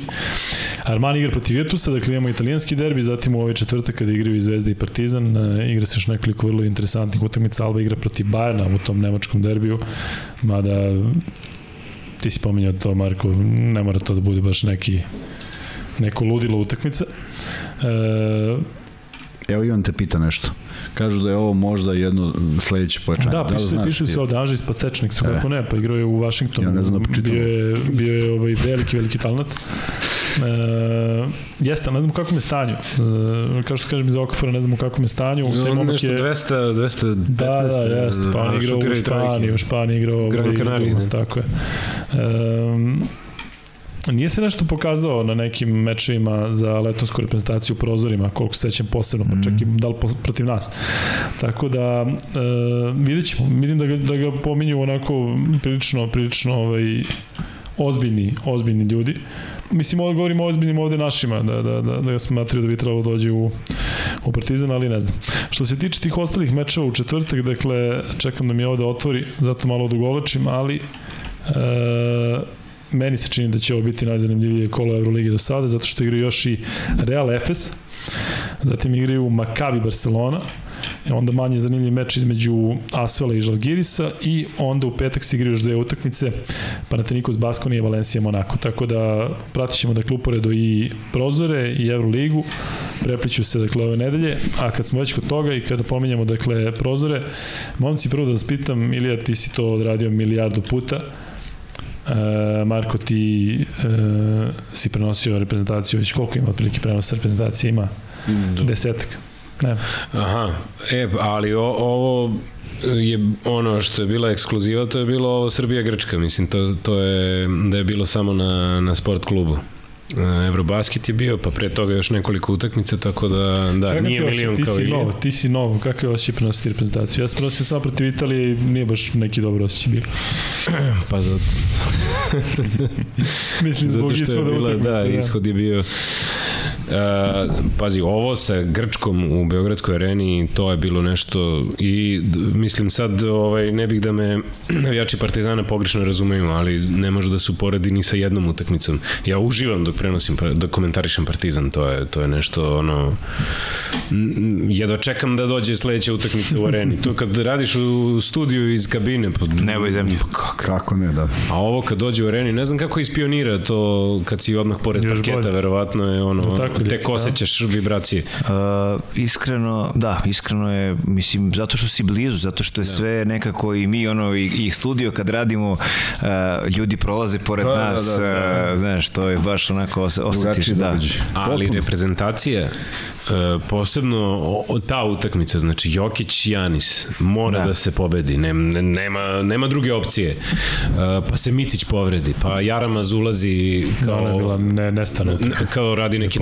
nemoguće stvari. On, uh, pa, pa sam imao, eto, pomen- pomenuo sam da je ovaj Marin bio uh, stručni konsultant, pa sam imao njega kao neku pomoć, mislim pomoć, isku, preiskusan čovek koji ovaj, divno radi taj posao stručnog komentatora, uh, stručnog konsultanta. Nekako osetiš posle ono shvatiš pa čoveče svi su te svi su tebe slušali znaš ono kao to je neka to je to je neki stvarno meni onako bio baš neopisiv osjećaj i evo sad pokušavam da nađem neke reči kao da da da, da objasnim šta je to meni značilo ono ali baš neki nestvaran nestvaran utisak sam bilo imao. treme, bilo malo neke te pozitivne treme, te neke nelagodnosti, ne znači. Znaš šta, ja sam, ono, volim da uvek imam neku istu pripremu pred utakmicu, tako da s tog aspekta ovaj, sam, sam bio ono, skroz ok. Čak sam više veću tremu imao kad je prvi put trebalo da prenosim Partizan u areni nego, nego reprezentaciju Srbije. Tako da s te strane ne. Ove, Ali jeste stvarno, kad, kad pomisliš, dakle, samo ekskluzivno sport klub, takav Da, meč, da. svi gledaju. A znaš šta, je- znaš šta je meni stvar? Ovaj, Prelazno, ja da. prvi put kad sam seo za mikrofon, e, ne znam, na fakultetu sam neku radijsku emisiju i ovako kao sedneš ti u studio i sad ti si tu sam s tim mikrofonom i ti uopšte kao, ti se obraćaš nekim ljudima, ali ti te ljude ne vidiš. I ti znaš da ima nekih tih ljudi. Konkretno to je bio stu, Studio B. I ti znaš da neki ljudi slušaju taj Studio B. I ja sad znam da neki ljudi ovo slušaju. Ali ja imam samo vas kojima pričaju imam svoju glavu. Tako su nekako i te ono velike utakmice i prvi svoj televizijski prenos. Tako sam razmišljao o tome. Sedim ja tu sam s televizorom i mikrofonom i pričam o nas dvojica. Mislim. E tako nekako posmatram i ove utakmice. E naravno posle kad ti dođe Jao, pa mene je slušalo ono, ko zna koliko ljudi. E, pa sad pozovi te ljude da lajkuju. Gledaj, imamo 1370 ljudi koji gleda, a 425 lajka. Kako si se iznervirao, što to? Ma, kako se ne iznerviram? Ne, ne, nemoj se nemoj se Živiš od lajkova? Od lajkova živim. Da, da. Da. E, a, Marko, ti pozovi sada ovaj, Ajde, i onda imaš lajk. 5 minuta. Stavi 5 minuta. 5 minuta da vidimo, a onda Ilija zove 5 minuta. Ajde. Stavi, koliko je sad? Marko, evo nek pozove. Marko Dobar, pozovi. lajkuju. Marko pozovi. Se da ovi Pozovi u lajkuju. kameru. Pozovi tamo u kameru. Vidimo tamo u kameru. E, tamo. Ne, Lajkujte. se, eto. mi smo se sprdali jedno vreme. Na, ja se prvi, sprda? ja sam se sprdao, rekao sam šta Pa ja ja se lajkujem, ne znam šta. I onda su mi objasnili ljudi koji znaju da je Bitno to je lajkovanje stvarno Ma ima da, zbog nešto. algori- algoritma ne, koji stalno obrće nešto i daje nam prohodnost. a, Vas Pritom dvojica imamo- ste se toliko posvetili, ja nisam ovo Mi ne radimo i ovo samo ovo onako Čekaj, kada ste počeli? Pre manje, Nema, manje nema godinu dana. Godinu dana. nema godina dana. Uskoro ćemo da imamo jubilej za koji spremamo. Ej, zvaćemo vas na stoti podcast. Ozbiljno ste se na žurku posvetili svaka čast. Će biti živo. Živo, da. Samo živo, da. Samo Pa i ovo je živo. Imaćemo i pevače. Ovo snimamo sada, nisam ti rekao. Čekaj bre, samo Nije završeno. Reprezentacija, reprezentacija utakmice, reprezentacija. Znaš šta bi ja hteo da kažem o prozorima? Prozori su nastali kao jedno u jednom momentu kao šta će ovo sad da bude kao prekida se Evrokup, Evroligaši ne igraju. Ali sećate prvih prozora, vodio ih je Sale Đorđević, igrao je Ilija Đoković, je li tako? I igrači koji mo- možda je 2-3 bilo na tom, pre- to je bilo, šta je bio to, pre toga je bio Eurobasket. Je igrao Vramović, igrao. Pokojni Jelovac, ili tako? gubili smo od e, Švajcarske, je li tako? I od... A koliko je bilo navijača u hali? Puno. Svaki da, put. da. I ne samo u Srbiji, u svakoj zemlji. Puno. I nijedna država nije imala To najbolji... je, to je suština je najbolji- bila, za, zato, To je su, suština. zato su uvedeni prozori da e, nacionalni timovi mogu da igraju pred e, e, svojim navijačima. Kad si ti gledao sve je Srbiju pre to, toga sve je to, le, sve je to lepo, ali ako nema dogovora da Da igraju da, najbolje, da, onda... da igraju kao što se igralo u, u, u avgustu, onda sve to pada fudbal, onda sve to pada u vodu jer eto Ma da je čak i e, ovo simpatično, ali samo simpatično, jer e, u toj situaciji pobeđuje zemlja koja ima veći fond igrača ne, koja može ne, da ne, ne, ne, ne, ne, ne. Pobeđuje, e, e, pobeđuje ima ekipa koja ima bolje igrače u nižim ligama. Da, koje ne vuku Znači, ti možeš da imaš e, e, uh, 150 vrhunskih igrača i svi će biti u nekim dobrim klubovima i neće moći da igraju. Razumeš? A oni imaju 12 koji Znači, nisu pozvani i igraju konstantno Tako je. zajedno. Tako je. I Zeznuto, to je, i zeznuto. to je, i to je ključni E, Ja problem. sam bio u Savezu kada je bio taj to, kada su pričali o prozorima i naravno da smo postavili pitanja i najveći, najveći akcent je bio na tome, na činjenici da mnoge reprezentacije nisu gledali ljudi kod kuće nikada. Naprimjer, naveli su primjer Francuske koja se stalno spremala negde i stvarno 10 godina nisu odigrali, a da nije neko prvenstvo, dakle neku utakmicu zvaničnu nisu odigrali. I kad je, kad je Srbija isto bila. Nikada, da, jako redko. Olimpijske igre U- Tako, 2016. ali pripreme ti budu negde na drugoj strani, sve to stoji. Ali samo ovo što kaže Ilija, jer mi smo ono pitali, Emil ima ugovora s jednima i s drugima nema, pa ko igra? E tu mi se nije dopala njihova, ovaj, njihova logika, pošto to meni nije logika, meni to nije logično. Oni su imali bili spremni odgovor, oni imaju onaj klik tamo da bi nešto kliknu nekim laserom i op, kaže New Star is born kao sad nove zvezde. Ali ja stvarno razumem da je to krem naše košarke, pa neka bude nova zvezda, ali to će biti igrači koji moraju da igraju, prosto moraš da nastupiš. A, tu imaš- na- znaš koji tu imaš osnovni neko problem? talentovan, a generalno nije to za A, to. tu ti se pravi osnovni, osnovni problem kod e, određenih reprezentacija za koje ne nastupaju glavne zvezde. Znači, e, ti imaš određene igrače koji treba da igraju za reprezentaciju, a svesni su, ako se reprezentacija kvalifikuje na evropsko svetsko prvenstvo, da neće igrati na tom takmičenju. I koji je njihov motiv uopšte? Neke reprezentacije su rešile to tako što su uh, finansijski obeštetile te igrače. Znači, oni njih stimulišu da igraju uh, prozore i daju im određene uh, određeni novac za svaku pobedu i sa te strane i imaju imaju određeni rezultat. Sa druge strane, opet e, imali smo situaciju da evropski prvak Slovenija nije se kvalifikovala na svetsko prvenstvo Tako je, besmisao 2019. potpuni, tako je. 2019. godine. Tako da su to sve To nije... to su sve stvari koje da se ti prozori da se ti prozori prave tokom leta ima smisla ima smisla, ali a, gde god da ne možeš da računaš na najbolje igrače to, to, to, to Ne daje, Pa ne daje mislim, ono što i, i termin, na NBA igrače ne možeš da računaš termin najbolji igrač, e, to sam teo kažem, dakle termin najbolji igrači, pa dobro, dakle igraju Evroligaši, ali ne igraju NBA ligaši Tako je. nikada. Nikada, nikada. Znači nikada Nikada igraju, imati igraju najbolji. kada, kada dođeš, pro- dobiješ prozor ove za svetsko, evo šta se desilo, došli su najbolji igrali Jeste. svetsko i ovde smo, če, ovde smo pričali da, da, su, da, su, da je fantastičan moment naša, od, našeg odigravanja dve jake utakmice. Utakmice. I svi kao, pa zašto? Pa zašto smo kompletni. Pa kaže, ali posle će nam biti teže. Pa bit će i ovima teže. Ni oni neće imati svoje zvezde, je li tako? Dakle, nama je bilo bitno da mi ostanemo u utakmici Najjače za svetsko utakmice, prvenstvo, tako je. da odigramo najjače utakmice u najjačem sastavu. To što ćemo se igrati kod, sa Turskom kod kuće, pa to je nama plus. Igramo kod kuće. U kojem god sastavu, ni oni neće doći u najfantastičnijem sastavu. Pa hoće igra- zato što im igraju, znači u Turskoj, turske ekipe FS i Fener moraju da puste... dobro, i A igraju u nedelju, tako da, Da. svakako će doći. Ali doći će Dobro, onda valjda i nama. ali- Ali, ali sve neće ne biti- bi trebalo da bude ne problema s kojim god da smo timom. Naravno. Dakle, Wilbekin i ono što smo videli, ja mislim da Šanli neće igrati. Šanlo neće. Šanli neće, tako da što je bitan faktor. Jel, da, da kako tu ima, ne, e, sad nemam tabelu pred sobom, ali ovaj, još mi Marin pričao kad smo igrali sa Turcima da tu Belgija valjda može da pravi najveći problem. Pa naj, mora da nama, nama je najveći Belgija problem, dobije- zato, nama je najveći problem zato što smo obe izgubili od Belgije. Da, ako I, Belgija- drugi, I drugi problem je što smo uh, sa Letonijom imamo 1-1, a oni su nas dobili sa više. Znači, Valjda ako bi Turci izgubili od Belgije, ako bi dopustili to sebi, Ne, onda onda nam ne valja. Onda-. Turci moraju pobede Belgiju. Mi da pobedimo Tursku i Turci da pobede Belgiju još jednom. I onda smo mi tamo. jer idu, uh, iz grupe idu da tri. tri. Tri. I to je isto strašno. Znači 12 evropskih ekipa od 32. Pa da. Katastrofa. Pa da. Pa zato Meni je to ja, baš- baš malo. Znaš u, sta, u prethodnim godinama, ono, decenijama, kad pričaju, kaže, pa evropsko prvenstvo je, kaže, teže od svetskog. I stvarno, Normalno da je ti si imao ne- nenormalne reprezentacije na, u na evropskom tlu. Kad dobiješ grupu na svetskom, Uh, sve su to dobiješ- sve su to stvari koje uh, na neki način su posledica sukoba koje mi gledamo u, u tim košarkaškim forumima i uopšte uh, šta je strategija strategija FIBA je da se košarka razvija na kontinentima gde ona nije razvijena znači oni su izgubili bitku sa Evropom i neće dobiti nikada. U Americi ih ne zanima jer znaju ko vlada. Znači njima je osnovni cilj Azija i njima osnovni cilj Afrika.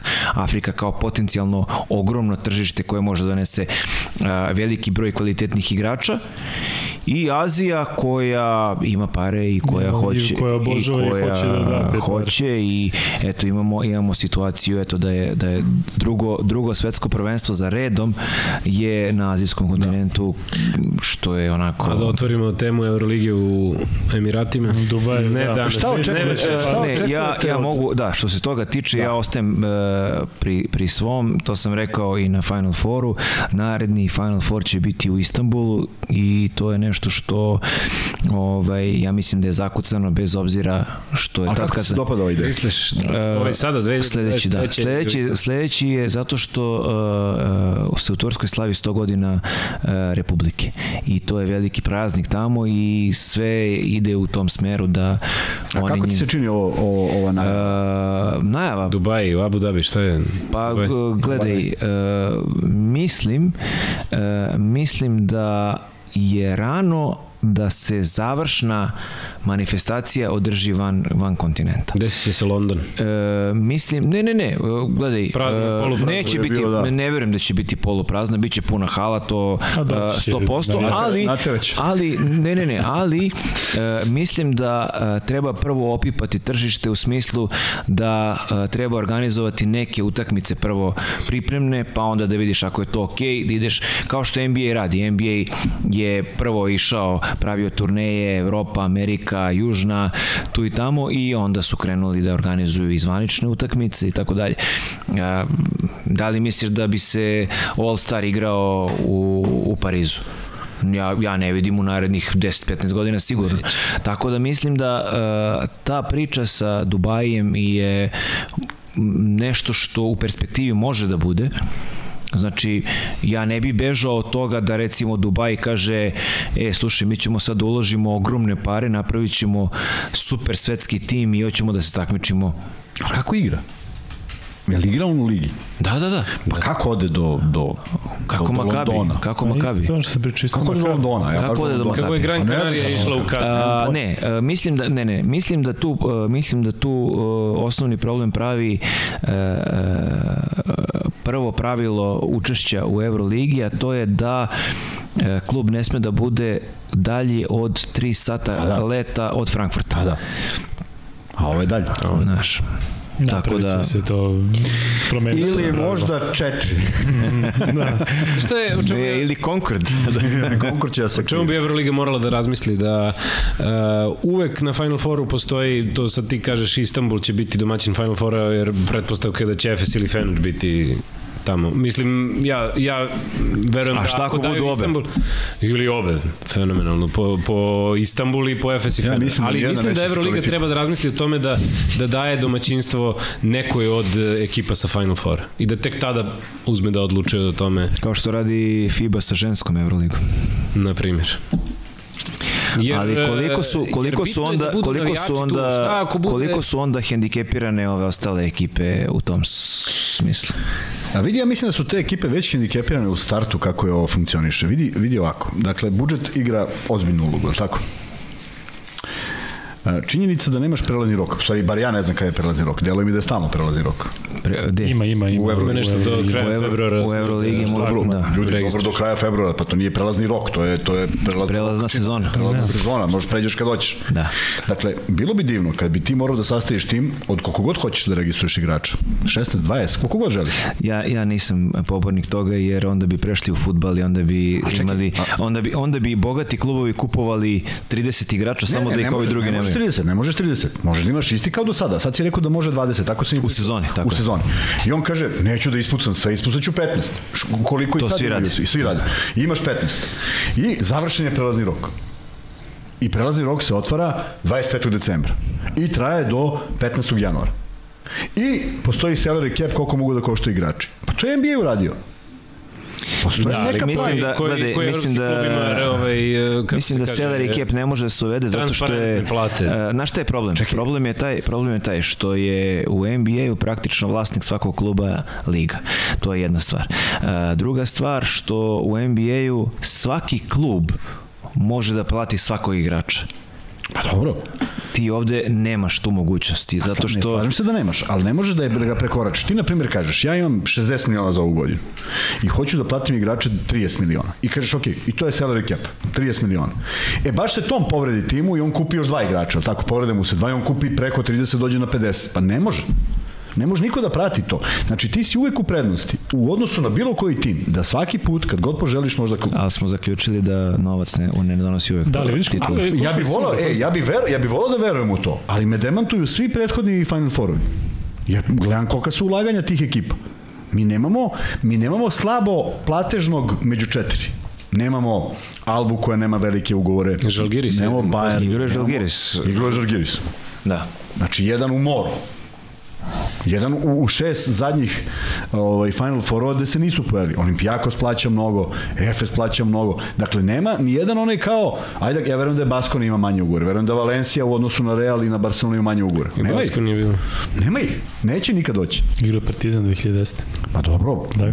to je potpuno, ja govorim o ligaškom, govorim o ligaškom delu koji polako, vidi, kad je ustanovljen ligaški deo, ja sam uživao što su svi do jednog jurili što bolji skor u Euroligi. Sve ekipe. Pa seti se da je prvi imao, na primjer, 25-6, na 25-7, ili 16 ekipa, jeste, 25-7.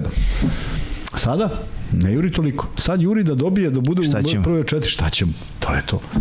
To je to. Vra- Dolazimo na onaj NBA razmišljanje, moram pobedim 25, 22 utakmice, gde ću da ih pobedim? Boli me dupe, kad sam ih pobedio, ostalo ne moram ništa da jurim. Svi kako psujem danas. Vidio sam, da. Dva put ne znam jebote, jednom dupe. tamo, moram ja da zamenimo čaše. Pa kad imaš glupu Ovaj. čašu s vodom. ne.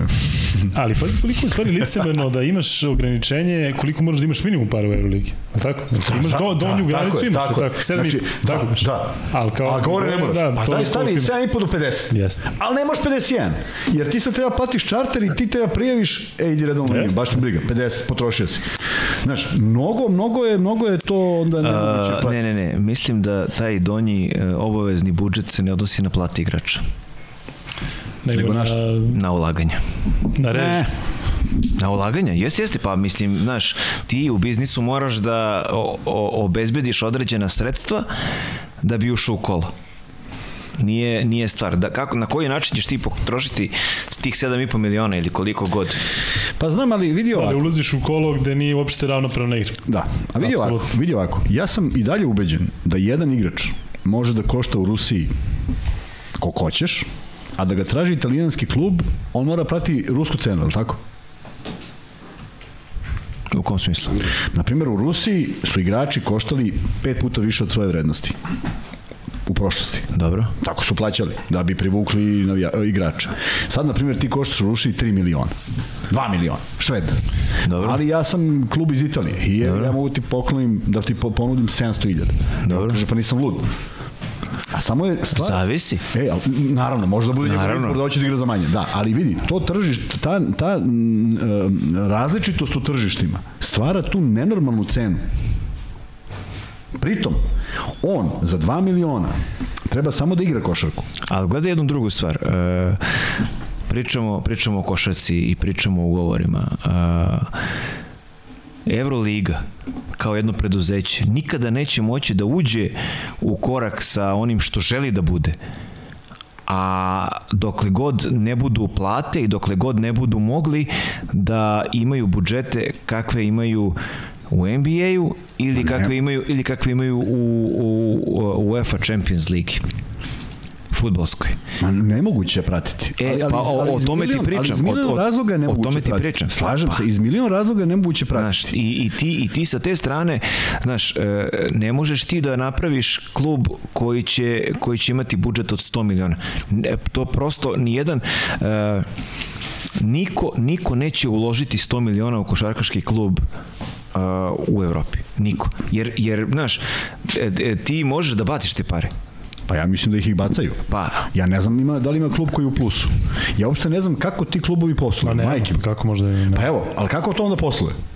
Kako, ja sam klub i sad ja pokažem i ja sam stalno, neko, neko je na koji si klub? To je, to je jako bitno. Koji god? E, ne, ne, ne, ajde, ajde, pričamo baš koji si klub. Nisam Real, nisam Barcelona, nisam Bayern. Finansiraju Dobro. iz futbolskih klubova. Ja sam, na primjer, nisam Maccabi, finansira ga sve, pošto je to pomoć Izraela. nisi ja Armani sam, jer je... Da, nisam Armani, ja sam Asfel. Jel to... To je Tony Parker. Jel onda je? Parker. Pa onda je on na gubitku para, okej, onda je on na gubitku para. Ne, I Armani ali, je na gubitku para. Ali gledaj. Ne može e, da Ne, ne, ne, Ali čekaj, čekaj, čekaj. Čekam. E, Asvel je uzeo Tony Parker. Dobro, Sa željom da nemam pojem. napra, napravi, da pravi igrače. Dobro.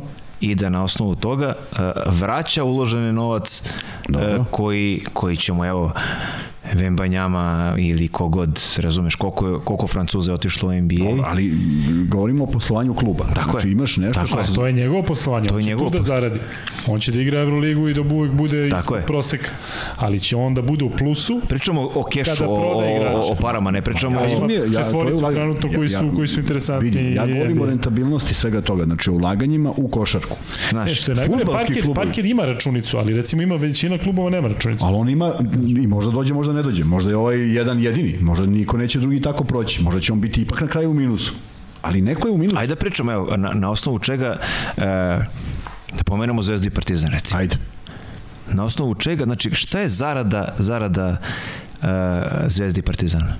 Karte, dresovi, Koliko? koliko malo. Pa, ko je, ko je to? Znači, e, Zato i kažem. TV prava, Zato i kažem, a imaju najmanje budžete.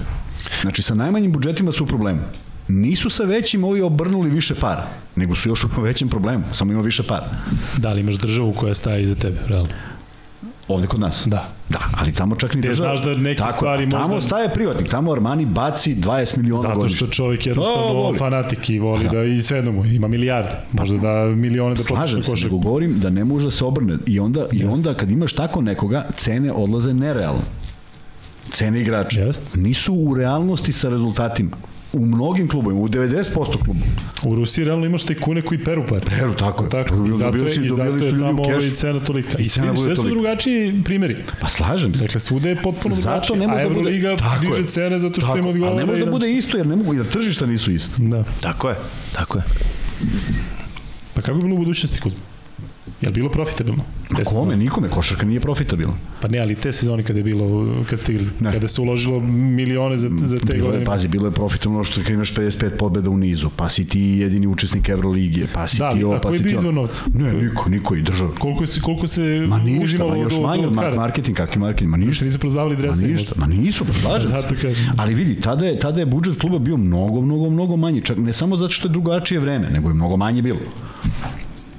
E, ugovor, Pričamo, pričamo o cenama karata, znaš, e, recimo u NBA-u ti je e, prihod od karata jedan ozbiljan deo budžeta. Zato što tamo imaš Naravno, pa. imaš uh, VIP boksove Tako koji tako. koštaju, uh, imaš uh, prve prve redove koji koštaju koliko koštaju i sa te strane zaista Obrne se veliki tako novac, je. jeste. Ti ovde ne možeš da da prodaješ prvi red za 1000 evra koliko je bila karta za Final Four recimo. za možeš Final Four je bila 1000 evra courtside. I još jedna stvar, svi dresovi su sa NBA logom. Jeste. Svakog kluba. A ti ovdje, ako, ti ovdje ne možeš da ali je Nike, ali je Nike platio Nike je platio da bude njegov znak. Znači, to je zarada. No, slažem se, I to je- kažem, to je zarada. to je jedinstveno tržište. Evro, ne mogu da kopiraju nešto što ne može da se iskopira. Naravno. Nije moguće iskopirati. I u krajnjem slučaju... TV prava, koliko su TV slučaju, prava? Ti nemaš samo navijače Denvera da kupuju dresove. Kupit će neki, neko ko navija za Denver iz bilo kog razloga, je. Jokića. Ovde niko neće kupiti dres Algiris. Sumnjam. Neće. To kažem. Na limundu, na Pa limundu, ako kažem, ima ono na... Neće niko baš da kaže "U, sad baš bi ja želeo taj. Možda nekog igrača Nije koji ti se ne. dopao, ali timski teško. I oni pokušavaju da preslikaju nešto, da nećeš verovati, oni su, kad sam, kad sam ja po jednom prilikom bio u ovome, u Euroligi, potpuno desetom osnovu, 90 miliona navijača je procenjeno u Evropi. Košarkaški. Da, to su oni procenjeni. I ovaj moj što, prijatelj što je bio kaže, znači treba nam samo 1 evro Po navijaču. jedan evro po navijaču. Ne možeš ni to. Jer, ne, e, znaš da su najveća, najveći kontakt navijača i uopšte svega? E, to se zove penetracija po, ne znam, navijaču. Kao u mobilnoj telefoni, telefoniji, koliko ima telefona. Ovo opet psuje, ne Da, da, ovo penetracije. ovaj, kod nas je 91% Partizan Zvezda a u Grčkoj je 93%, a u Nemačkoj je 32%. I sad je u Nemačkoj mnogo lakše doći do 60% nego što ćeš u Srbiji ili, ili uh, Grčkoj pomeriti za taj 1%. 1%. Ali prosto ljudi nisu zainteresovani, jer kaže u Nemačkoj dolaziš, to je sve spektakl, ali kaže porodica dođe, tu sednu na svoje mesto i kaže otac ovako pogleda i vidi tamo Iliju i oni ustanu i dogovaraju posao u, u restoranu Jeste. i tamo se dogovaraju poslovi, tamo se viđeni ljudi sreću, nije, nije sama po sebi bitnost e, utakmice i onda nema taj odnos tog čoveka na utakmici kao na primjer ovde i ne mogu da dopru do tih ljudi. Takav je sistem. Mnogo drugačije. Druga, sva, sve, svaka zemlja ima za nešto svoje. Ilijakis, da se vratimo na Ili, ili ja reprezentaciju. pozovi sad da imamo. Koliko sad ima? Da ima. Lajkova? Da. 553. 125 je dobio Marko. Ajmo da vidimo sada. Ilija, pozovi tamo i kamera. E, koji je rekord? Koliko vam je najduže trajala emisija? Pet i po sati. Ne hoćeš da oborim? Nećemo oboriti, Nećemo. da sigurno. E, ljudi, dajte te lajkove da, da završavamo što pre. Da idemo Molim Da, vas. zato, zato i trajimo ovoliko, dakle, ni zbog čega drugog. Da. Koliko ljudi live?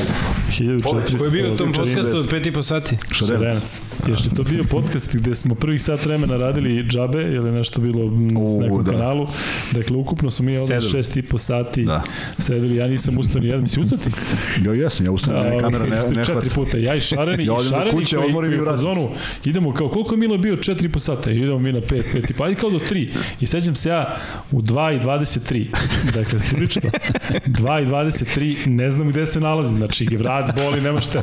I 2 23 i rekao, ajde nemoj da gledaš na sat, pusti, uživaju čovjek priča. Priča Šareni, moka, ovo, ono, ono sve. Ja sad razmišljam, rekao, je se prikrije sve, pogledaj, 2 i 24. znači, ne možeš da veruješ, stoji sve. Šta je prošlo? A Srki koji je radio tada umestovanje, čovjek, Srki koji je bio sada ovde, pričali smo to, čovjek koji je negde na petom satu promenio boju. I sad gledam u njega, da ne vidim ja dobro? Čovjek, ne može da veriš, neka zelena boja Možda i crne oči ovako. Kaže ti ide ovo cele. Rekao, Srki, rekao, si, si dobro? Kaže, Srki, jesam, jesam dobro. Rekao, dobro. Možda se meni pričinilo. Elem, Ilijakis, uh, kakav je, uh, koliko dugo radiš reprezentaciju? Prenosiš reprezentaciju uh, Srbije?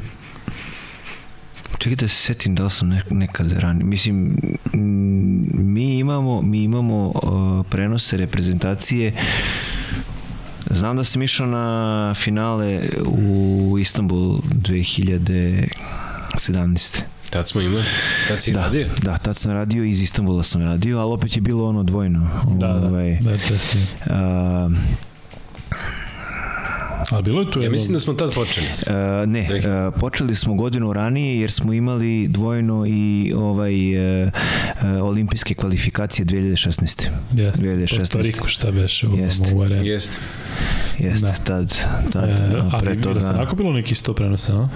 Reprezentacije? Da. Ne, ne, Nije. nije, nije ni blizu. A ali imaš sada isti taj žar i pod ove, ajde da kažem, e, komentatorski dane koji su toliko... Znaš kad, znaš kad, kad pevač kaže da su mu pesme kao deca i da sve voli, ovaj, ja zaista imam takav odnos prema svojim prenosima i dan danas e, sa istim žarom idem i na prenos e, Bujog Čekmeđe Afjon, to Bakče tako Šehir recimo ili i ne znam Srbija protiv nekog To mnogo dece imali, neki se... da Koliko ovaj, imaš im otprilike predstavu koliko si prenos odradio? Nema otprilike.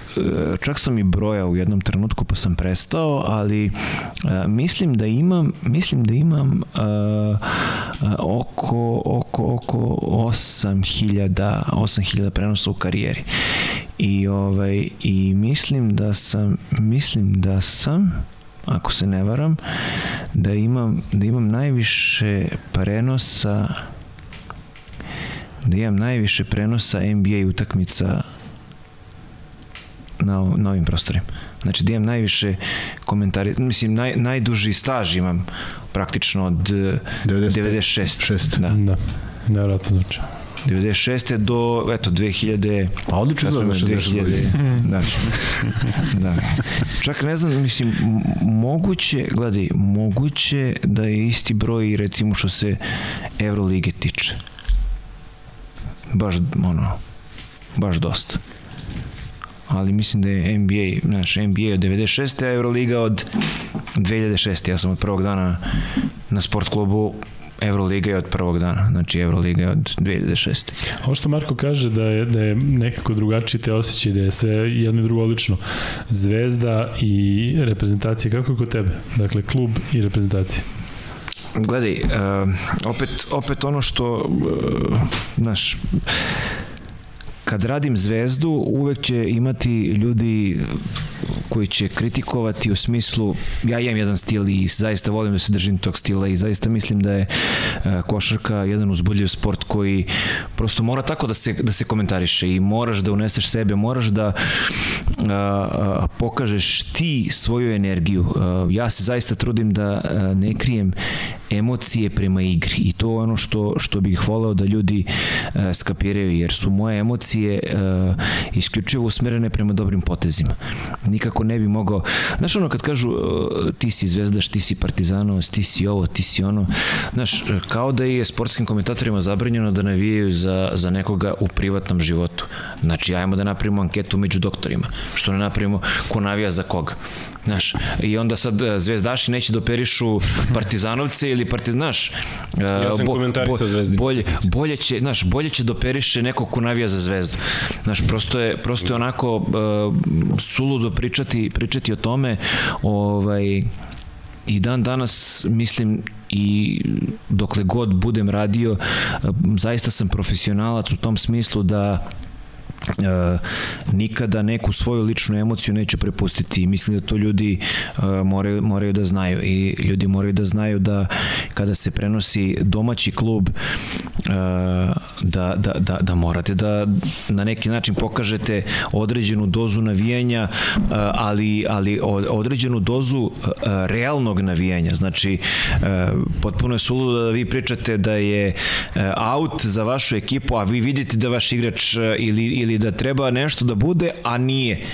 Znači to su neke stvari gde zaista onako potrudiš se da daš, da daš na značaj u određenim bitnim segmentima u, u samoj igri. Ali kažem uh, uvek se trudim da uh, tu svoju ljubav prema košarci i ljubav prema dobrom potezu prenesem na ljude da oni osete to da, da, da zaista mogu da uživaju. Jer kažem volim košarku, uh, zaljubljen sam u košarku jer je to onako uh, igra koja, koja mene oplemenjuje i, i, i volim, da, volim da je gledam.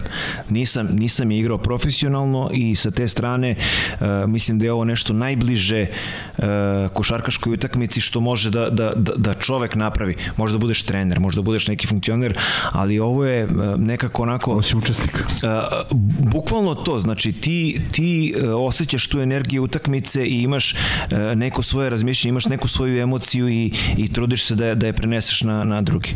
Da i oni skapiraju to. E, mnogo lepih želja, komentara, poruka imate obojica, ali evo sada jedna dok priča o Ilija za njega. Nekad je bilo uživanje gledati tvoje nekada je bilo uživanje gledati tvoje NBA prenose Ilija, obeležio si mi detinjstvo. Sećam se da i Džikić znao da komentariše sa tobom, veliko hvala majstore. I ti si, Marko, dobio zaista mnogo, mnogo poruka, čak verovo Ja ili se ne. slažem sa ovom porukom za Iliju sam. Jeste. Zato- ali, inače, During the war. da, da, da. Pošto su meni ovde, e, bilo je dosta pitanja za meni, za Kuzmu, ali e, ima prilike za nas u četvrtak, znate koliko ovaj... Radimo u e, četvrtak.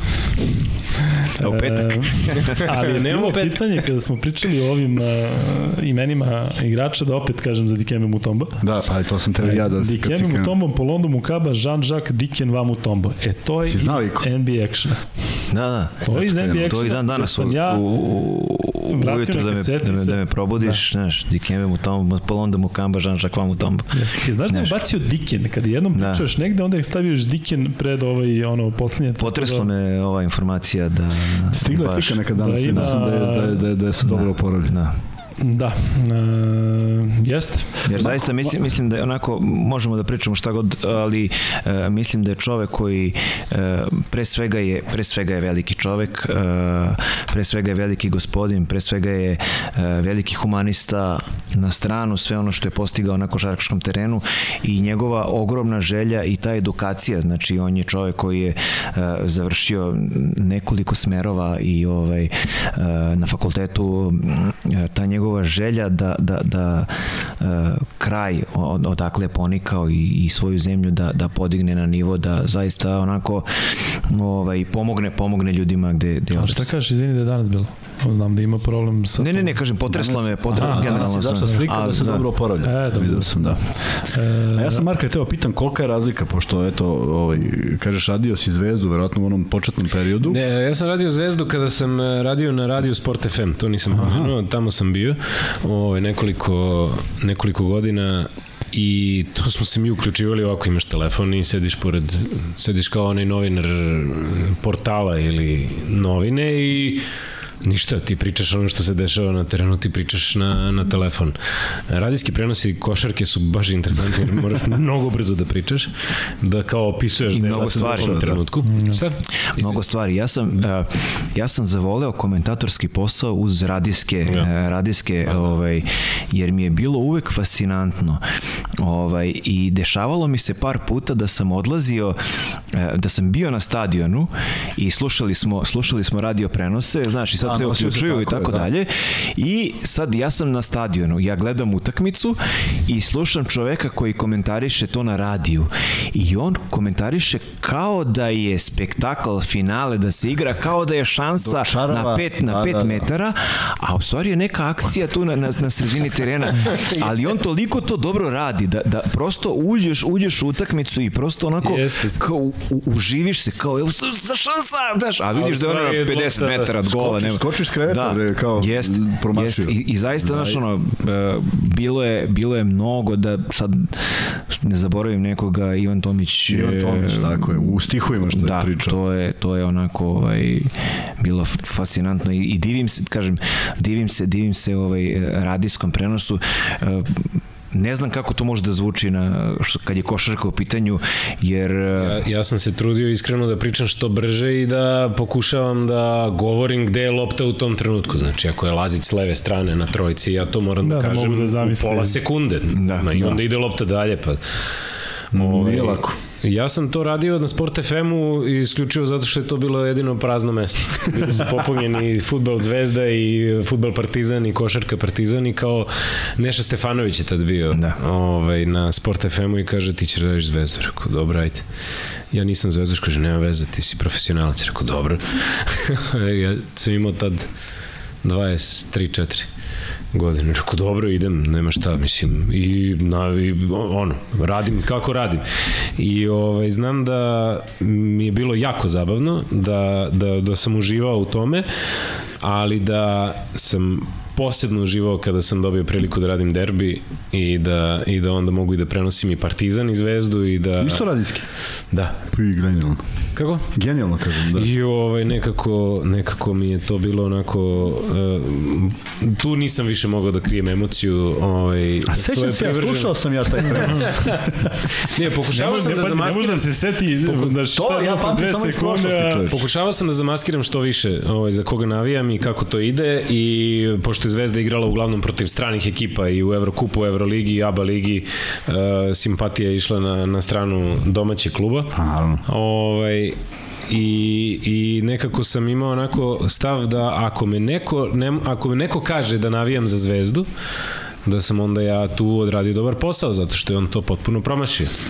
Da, meni je to najveći kompliment Znaš, kada ne znam da. za koga navijam. Da, to je, da. to je u stvari Ovaj, onako, ja, da ja mogu, Ja, ja, ja, mogu ne da- krijem, i nikad nisam krio za koga navijam. Ne, gledaj, to su stvari, to su stvari koje su privatne, kako ti Da. kažem. Znači, prosto ne treba da ne treba da mešamo, ali kada je posao u pitanju, uh, mogu da vam kažem iz iz stručnog dela, radio sam uh, sedam godina kao port parol Crvene sa košarkaškog kluba, radio sam u fudbalskom klubu jedan kraći period uh, kao port parol ovaj uh, komunikaciju sa sa novinarima uh, Najbolje su pratili Crvenu zvezdu novinari koji su bili navijači Partizana. Je. Uh, zašto? I od, odmah da, da, da objasnim. Uh, navijači Crvene zvezde su konstantno ili u euforiji ili u kontraeuforiji, tako da uh, najobičnija pobeda se uh, veliča kao da je osvojena šampionska titula, svaki poraz je katastrofa, skandal. Ne. Navijači Partizana kada pišu o pobedi uh, istaći će realne stvari, jer će uvek imati tu zadršku, neko će meni da zameri da, da sam ja i da sam ja to hteo, a sa druge strane i imaće ono kao hoću da budem najrealniji mogući to i kada se izgubi iste priče. I sa te strane uvek ja mislim da možda čak bi trebalo da se uvek gleda na to da recimo Zvezdu uh, prate Partizanovci, a da Partizan prate Zvezdaši i da i da da i da to onda dobiješ onda dobiješ pravu sliku. Da se zamenimo jednom, a? Može, nije. Ja sam radio, ja, pri, ja sam radio. Ali pazi pitanje na koje mi nemamo odgovor, verovatno nemate ni vi. E, ko će prenositi derbi u Euroligi? E, to sam danas Domaći. razmišljao. To sam danas Domaći. razmišljao. Svi ćemo biti u studiju, svi u Domaći. jednoj kabini. Dom, domać. Četiri ne znam, mikrofona. Ko je prvi domaćin uopšte, vi? Partizan. Partizan? Da, bit će zanimljivo da se vidi šta. Mislim, mislim ne, da mislim to- da mislim da je to ovaj najmanji najmanji problem o kome o kome treba o kome treba da da razmišljaju To je pričamo. gledaoci. Pa o tome da. smo se okupili da pričamo. Da, Zato smo se izvar. E, ljudi, možete sada da krenete, pošto ulazimo u završnu fazu da Pitaju, podcasta. sada pitaju, a? Ono sve što ste pitali sada, evo ima, uh, još sada minut. počete ponovo. Imamo još jedan smisli free bet uh, za taj minut. Ali evo Ilija, za tebe milijardu puta pominju kviz pitanje za šampiona. E, to mi je fascinantno. Znači, Drago ti da ne možeš da veruješ ne, ne, šta se slušaj, slušaj, slušaj ovu priču. Slušaj ovu priču. Ja a, sam dao neki intervju za ne znam za, za neki portal je bila priča i baš je bila priča isključivo sportska o Zvezdi ili ne znam o Euroligi i tako dalje i ide prvi komentar sramota je da voditelj kviza priča o košarci. znaš, znaš, Žele to i ovde. isti- ovaj, isti taj- isti ovaj, taj- i sad, znaš, ono, kao, radio sam kviz tri godine, a, znaš, radim, ovaj posao 20 radim 30 godina, razumeš, znaš, i kao, nema kao sramota je da, da voditelj kviza priča o košarci. Jaki se sećaš da sam ja bio u finalu kviza jedne se dan? Sećam se. E, ali nevjerovatna priča. Luka, da, Da, da, da. Slušaj, finale... On dobro izgleda za kviza, 60 godina. To te trebalo da 5-6, 5-6 da bi došli do finala. Jeste, jeste. 5-6 pobednik kvizova i dobijem jedno 17 litara Litara fruvite. sokova. Ovaj, I sledeći, sledeće sezone dele lovo, tako? Sezone dele kao lovo, a ja sokova koliko hoćeš. I slušaj, ja, jedan matori genijalac na, koji je osvajao sve kvizove i slagalice sve, neki profesor iz Užica i neki malo je stariji od mene, ali klinac koji isto sve zna. Naša četvorica. I dolazi neko njih, mislim da je čak ovaj e, čovjek stari, milion dinara je bila nagrada. Jeste, jeste. Milion dinara nagrada. Dolazi najstariji ovaj i kaže, ili ne znam ko je, rekao kao, momci, ajde hoćemo mi da ovo da bude sve revijalno, a da mi nagradu sad do, dogovorimo da delimo. Kogod da pobedi, delimo na četiri dela. 250.000 tada, evro bio 80, ne možda veruješ, znači, znaš koji je ono ovaj, za budžet. I mi se složimo, ja rekao da nema problema. Vidio tu sam bio outsider, realno. I, ovaj, I šta se dešava, mi već da se raziđemo, kad kaže ovaj profesor iz, iz Užica, ali ja sam mislio da dam 10% u humanitarne svrhe, pa možemo to od svih zajedno početi da komplikuje. I od jedan trut koji ide da kaže, Ne. ma ne, ne, ništa. Tako, čekajte, stari, daću ja od mog dela humanitarne svrhe. 10%. I ja mislim da je da je osvojio taj taj uh, stari tako da ovaj uh, Što eto, oterao. ništa, ništa od četvrt milje. Jel tu bio, jel tu bio Abu Džaba da bila... Nije, nije, nije. Nije, Amigo, šta je nije. Amigo? Amigo, što si pitao Amigo? Amigo, Amigo, da, e, pravili smo, znači, to, to što se vrti na, na YouTube-u, znači, to je bila, mislim, neka treća sezona i uh, želeli smo kao uvod u sezonu da napravimo uh, kviz, znači jedan ciklus u kome ćemo pozvati takmičare koji su onako bili najupečatljiviji. Ali zaista uh, i dan danas, znači, uh, kad pričamo o Amigu, kad pričamo o Dejanu, Dejanu Dimitrijeviću, mislim da se Dimitrijević prezio. Ovaj, Čekaj, Amigo je ko? To je Amigo je, Amigo, e, Amigo je čovek koji ima toliko znanje, ali je čovek koji, eto, nije nikada ono što se kaže na ivici. Znaš, na ivici genijalnosti. I uh, prosto je uh, bio prepun duha u, u svakom svom nastupu i ovaj i njegovi odgovori u, u tom znači sve, sve je bilo toliko spontano e, takmičenje je bilo oni su se takmičili e, trudili su se eto s jedne strane onako da da pobede, a sa druge strane eto da znaš ono jer je već sve bilo onako dosta zabavnog karaktera i na kraju se ispostavilo da eto taj serijal je imao toliko bisera uh, fantastičnih bisera znaš od ovaj gde se obično stavlja dezodorans Evo, pita, znaš, pita ga zašto miš- Dezodorans. Evo. ispod miške i on kaže Evo, kaže- nemoj, nemoj da se lažemo prska se i dole znaš i to je ovaj E, mnogo To je- pitanja, to je ali bilo fantastično. Moramo da budemo sa kraćim odgovorima. Ilija, kakvi su planovi za uh, Instagram stranicu Zanimljiva košarka? Da li da praviš I- podcast ili nešto više? E, ni, nisam za podcast e, zato što je stranica zamišljena e, kao e, upravo stranica sa postovima, zanimljivim pričama i zanimljivim cakama gde e, onako se, se trudim da e, objašnjavam ljudima neke stvari e, koje se tiču košarke jer e, svi pratimo košarku, a nismo svesni koliko ne znamo o njoj. I koliko postoje neka sitna pravila koje se dešavaju, neke neobične situacije u, toku same utakmice da je potrebno objašnjenje. I u toku prethodne godine imao sam, ja mislim, nekih 200 i nešto postova, ni sam ne, ne, nisam bio svestan da ima toliko onako nekih sitnih stvarčica koje, eto, de, desi se e, na jednoj, jednoj od 100 utakmica se dogodi ta situacija i, i to je to. Da. E, pitanje za obojicu da ispriču neki gaf u prenosu. Ma koliko hoćeš. uf. Pa neki specifičan. Ja uvek kažem ima ih mnogo, ima ih previše da bi zapamtio neki, ne znam, mislim, ali ima, sad ni- nikako ne mogu da se setim. Ja sam Ne, skoro, ja sam skoro bilo 9 za Partizan, ja sam rekao pola 9. Pole. Ja znam jedan Ilin. Koji? Evo nas u hali. A, Aleksandar Mitrović. Aleksandar Mitrović. Da, Aleksandar. Ali on je to veče nešto, da, On je dao tad, tad je bilo... golove, da. Kako da ne kažeš to? A, da vidiš moj prvi prenos Euroliga koja je to bilo 2013. 14. i sad Ilija je radio pored mene ja sam- e, utakmica Olimpijakos Barcelona, mislim da je bila. I izlazim ja nešto sam pogrešio, tipa rekao sam umesto, ne znam, a ovaj.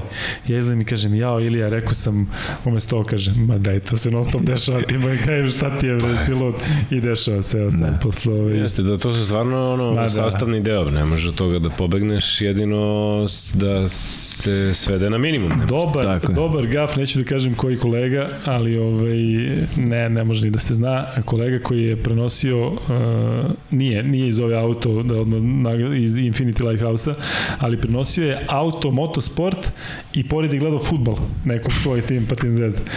I sad prenosi, prenosi, ne znam, kaže, kaže 1-0. I, sad ne znam šta radi, kaže 1-0 u preticanjima. ovaj, ovaj, ali vrhunski. Ja sam to, ja sam to provalio da, da ne valja, da nije dobro, jer ovaj, Da gledaš da, neku da drugu gledaš, da, jer ti imaš, Posebno imaš mogućnost da... košarka. Da, Katastrofa. znači, jer, jer ti ono, ako ti, ako ti skrene pažnja, znaš, kreneš ovamo i onda krećeš da pričaš ovamo šta se dešava, potpuno je... Ali ja sam, na primjer, gledao, radio neku utakmicu i bila je nešto bitna utakmica, nemam pojma, ali je pored bilo Partizan Burs. I uopšte se nisam toliko iznervirao za Partizan Burs. Da, koja je bila najstresnija utakmica da. ovog veka. ovaj, tako da, eto, to je bila ovaj, dobra stvar. Da. Sam gledao to. Moj najveći stres u kabini je prosto ne, ne može da se poredi ni sa čim i ne može niko to da ponovi, ali moj mačak Šeki je ušao u pubertet i ja vidim dolazi nešto kod mene i sad pusti onaj miris, onaj mači, pusti mi na šorc u trenutku kada je trebalo da krene na posao. Ja sad, znaš, ostim, tad sam provalio i ulazim u kabinu i u tom trenutku to dobija na značaju toliko da kabina kreće da gori. Znači, od tog mačijeg, mačijeg mirisa. Ja šta radim? Skidam šorc, i stavljam ga napolje na terasu tamo on. U gaćama radi prenos.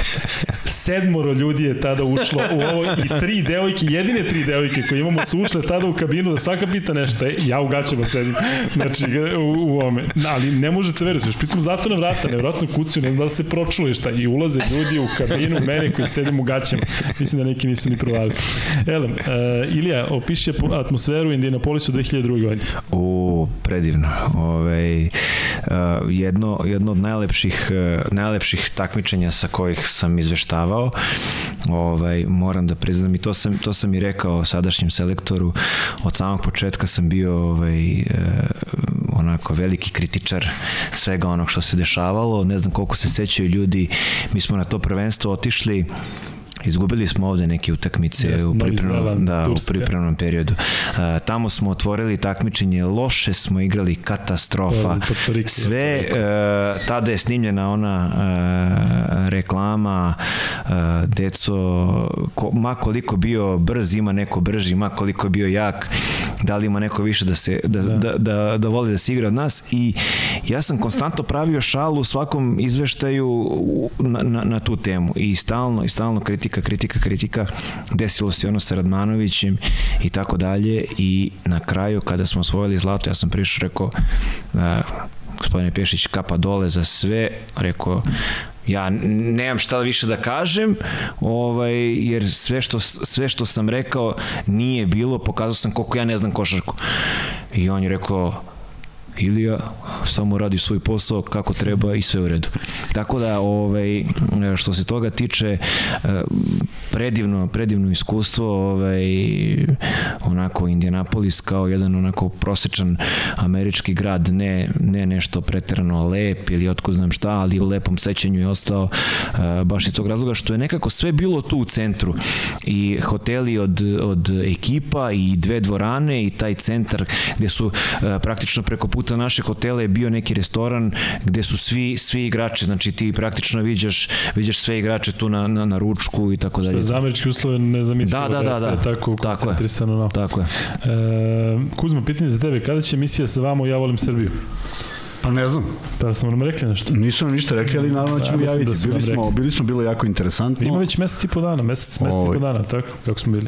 Uh, jel ima? Pa ima sigurno. bili Su predstavljeni ili... Da, smo. nažalost. Ne znam si ko je pobedio. Nevjerojatno, u svemu je pobedio. Ne smijem da kažem. Ne smiješ da kažeš. Seci, Vanček, vraćaj. Ove, e, Ne moraš ništa govoriš. da, da. Zaboravite ovaj deo.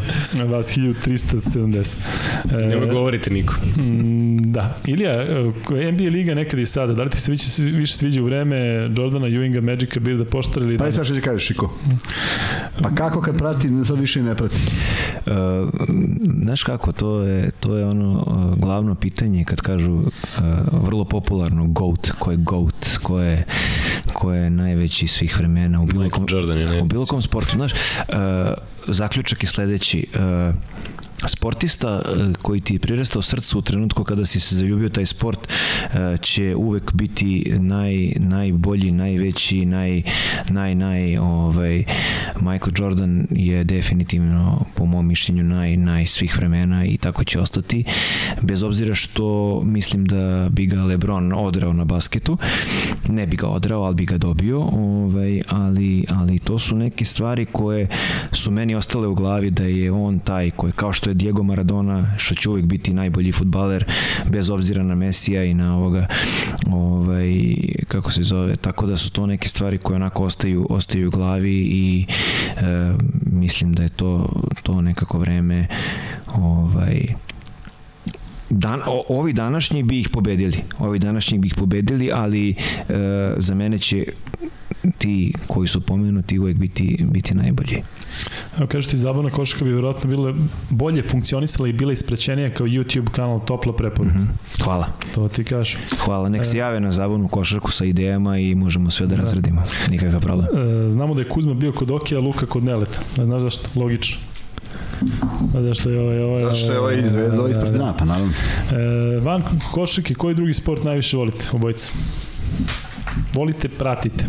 Dakle. Mm, futbol naravno, ali ja sam inače iz odbojke. Ja sam trenirao odbojku jako dugo, prema tome odbojka je ono, moj sport. Ne mogu da kažem broj 1, ali mnogo volim odbojku. Marko, ja smo inače iz istog kraja, manje više istog mm. kraja, to smo saznali nedavno. E, Ilija? Košarka. Kako ti bilo kad prenosiš tenis? Loše. Jesu to isto tvoje dece? Jesu i ti prenosi tvoje nisu, dece? Nisu. Ovaj, gledaj, ja potičem iz porodice u kojoj je futbal bio broj 1 i moj dede je bio veliki zaljubljenik u futbal, moj otac takođe bio je futbaler.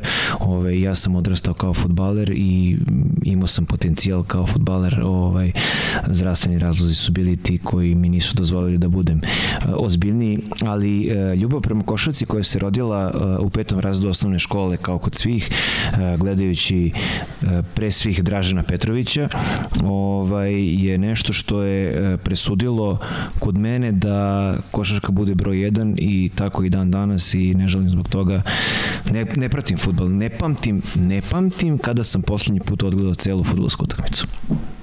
Teško je gledati futbol, čoveče, to je posebno ako, Evo, iskreno. ako ne sediš sa društvom i ne pamtim. I piješ pivo i, i onako, da. i ako je bitna utakmica. Da. Stvarno je teško. E, da je one, ne, da je one negativne. Ima ne, mislim, sve nam pri, pri, pričaš nam kako nas hvali i tako dalje.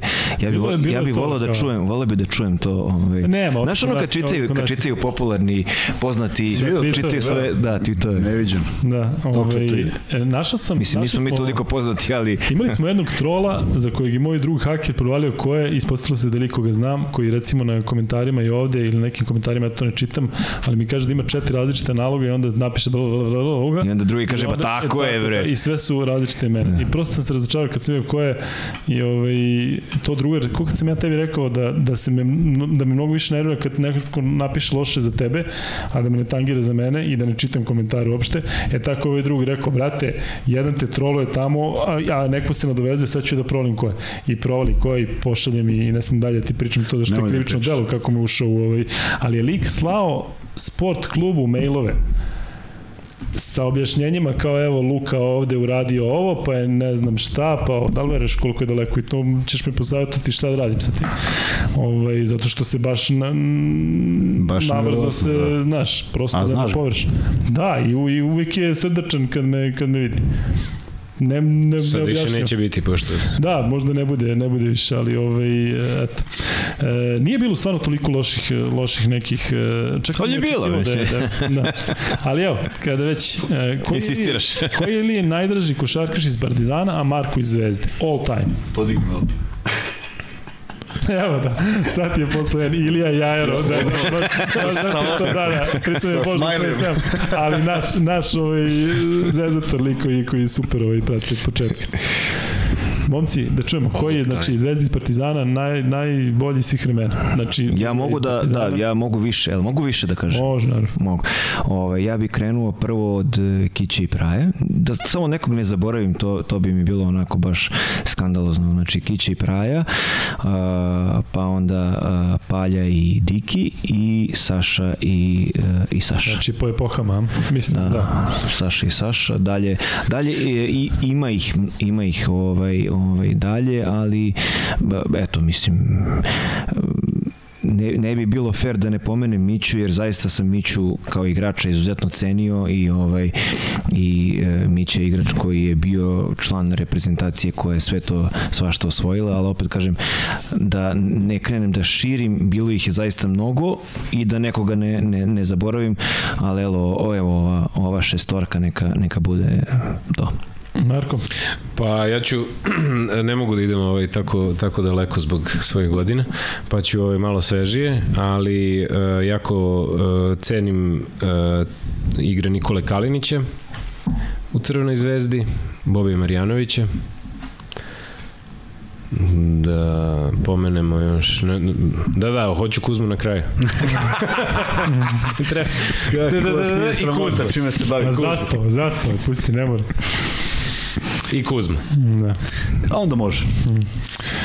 Zašto Luka brat Grober preskače uporno moje komentare, a ja ga obožavam. Milane, stvarno ne preskačem, nego ne vidim, da vidiš koliko brzo ide. Ivane, hvala na donaciji. Um, Marko, koliko ti pratiš NBA? Uh, ja NBA pratim uh, sad uh, intenzivnije zato što radim na sajtu sport kluba i onda svaki put kada radiš na sajtu sport kluba moraš da napišeš neku vest o NBA-u, ne zato što je to neka obaveza, nego prosto uvek se nešto u NBA-u Da. dešava. Tako da ovaj, NBA pratim isključivo zbog toga. O, sigurno da ne, da ne pišem za sajt sport kluba, onda bih ovaj, pratio Jokića i šta radi. Kako stižeš se, Marko? Ne vidim da, da si uključen bre Kako u ovo i izjave. Da ideš sve, posle ovog dakle. podcasta. Da. Ne, ozbiljno, E, zato što, znaš, malo, malo pa vidim, ajde, znam da je priprema za prenos Partizana posebna Da. i da ceo dan se izgubi, ali i ideš i uzimaš izjave, pa, pa sve... Izjave, izjave ovaj, su neki novitet koji je inače radila, mislim kod mene novitet, izjave je radila koleginica Lukić, ali ona ovaj, rekla ajde ti da ideš pošto ja idem na putovanje sa Partizanom pa da ne budem ja svuda pa da ti malo odeš. Ja sam to obe ručke prihvatio, ali malo trebalo i da uđem u kontakt malo sa i sa drugim novinarima i sa igračima i sa trenerima i tako sa klubom. Ovaj, tako da je to... Ivča tu negde- potpuno olakšava posao, tako da. Da, da, da. dobar Ivča. O, pozdrav za Ivču. Ivča, da, veliki pozdrav i za Ivču i za... Te će sad da ide, I za Igora, i za Igora, i za da Igora. Još se Ivča, pretvorila emisija, pozdravljaju tamo. jel će Ivča da ide u Newcastle ili u Pirej? numeru. Ne Ili će znam. da stigne oba? Verovatno će u Newcastle nestati. Uglavnom, ovaj, tako da, to nije problem stići, tako da, jer to je onako jedan lepši deo ovaj, posla, što nisam ni očekivao da će biti lepši deo posla, da ideš i da uzimaš izjave, ali onako, ja se trudim uvek da malo ovaj, probam da ta pitanja ne budu, ovaj, kada pitam igrače, da ne budu kako se osjećate i, i, i, i je li teško i na, naravno da je teško i naravno da, da im je muka putovanja i svega, ali da moraju da igraju i da pobeđuju. A kakav je odnos sad Onda- prema tebi, izvini, kada, kada si već pozicioniran kao komentator Partizana i kada si sada prema njima tamo, te pozdravljaju onako Nisam srdečno siguran. kao nekoga... Ni, ne, ne, ni, Ne. mislim da nisu baš ni sigurni. Pa oni ne znam da li baš gledaju. Pa moraju da gledaju valjda scouting sami sebe radi. Misliš da im puštaju komentatora Da, tada? ali mislim Nisam da, siguran. da bolji odnos imaju prema koleginicama. a? A, sigurno, Verovatno, da. sigurno. Sigurno, pa da.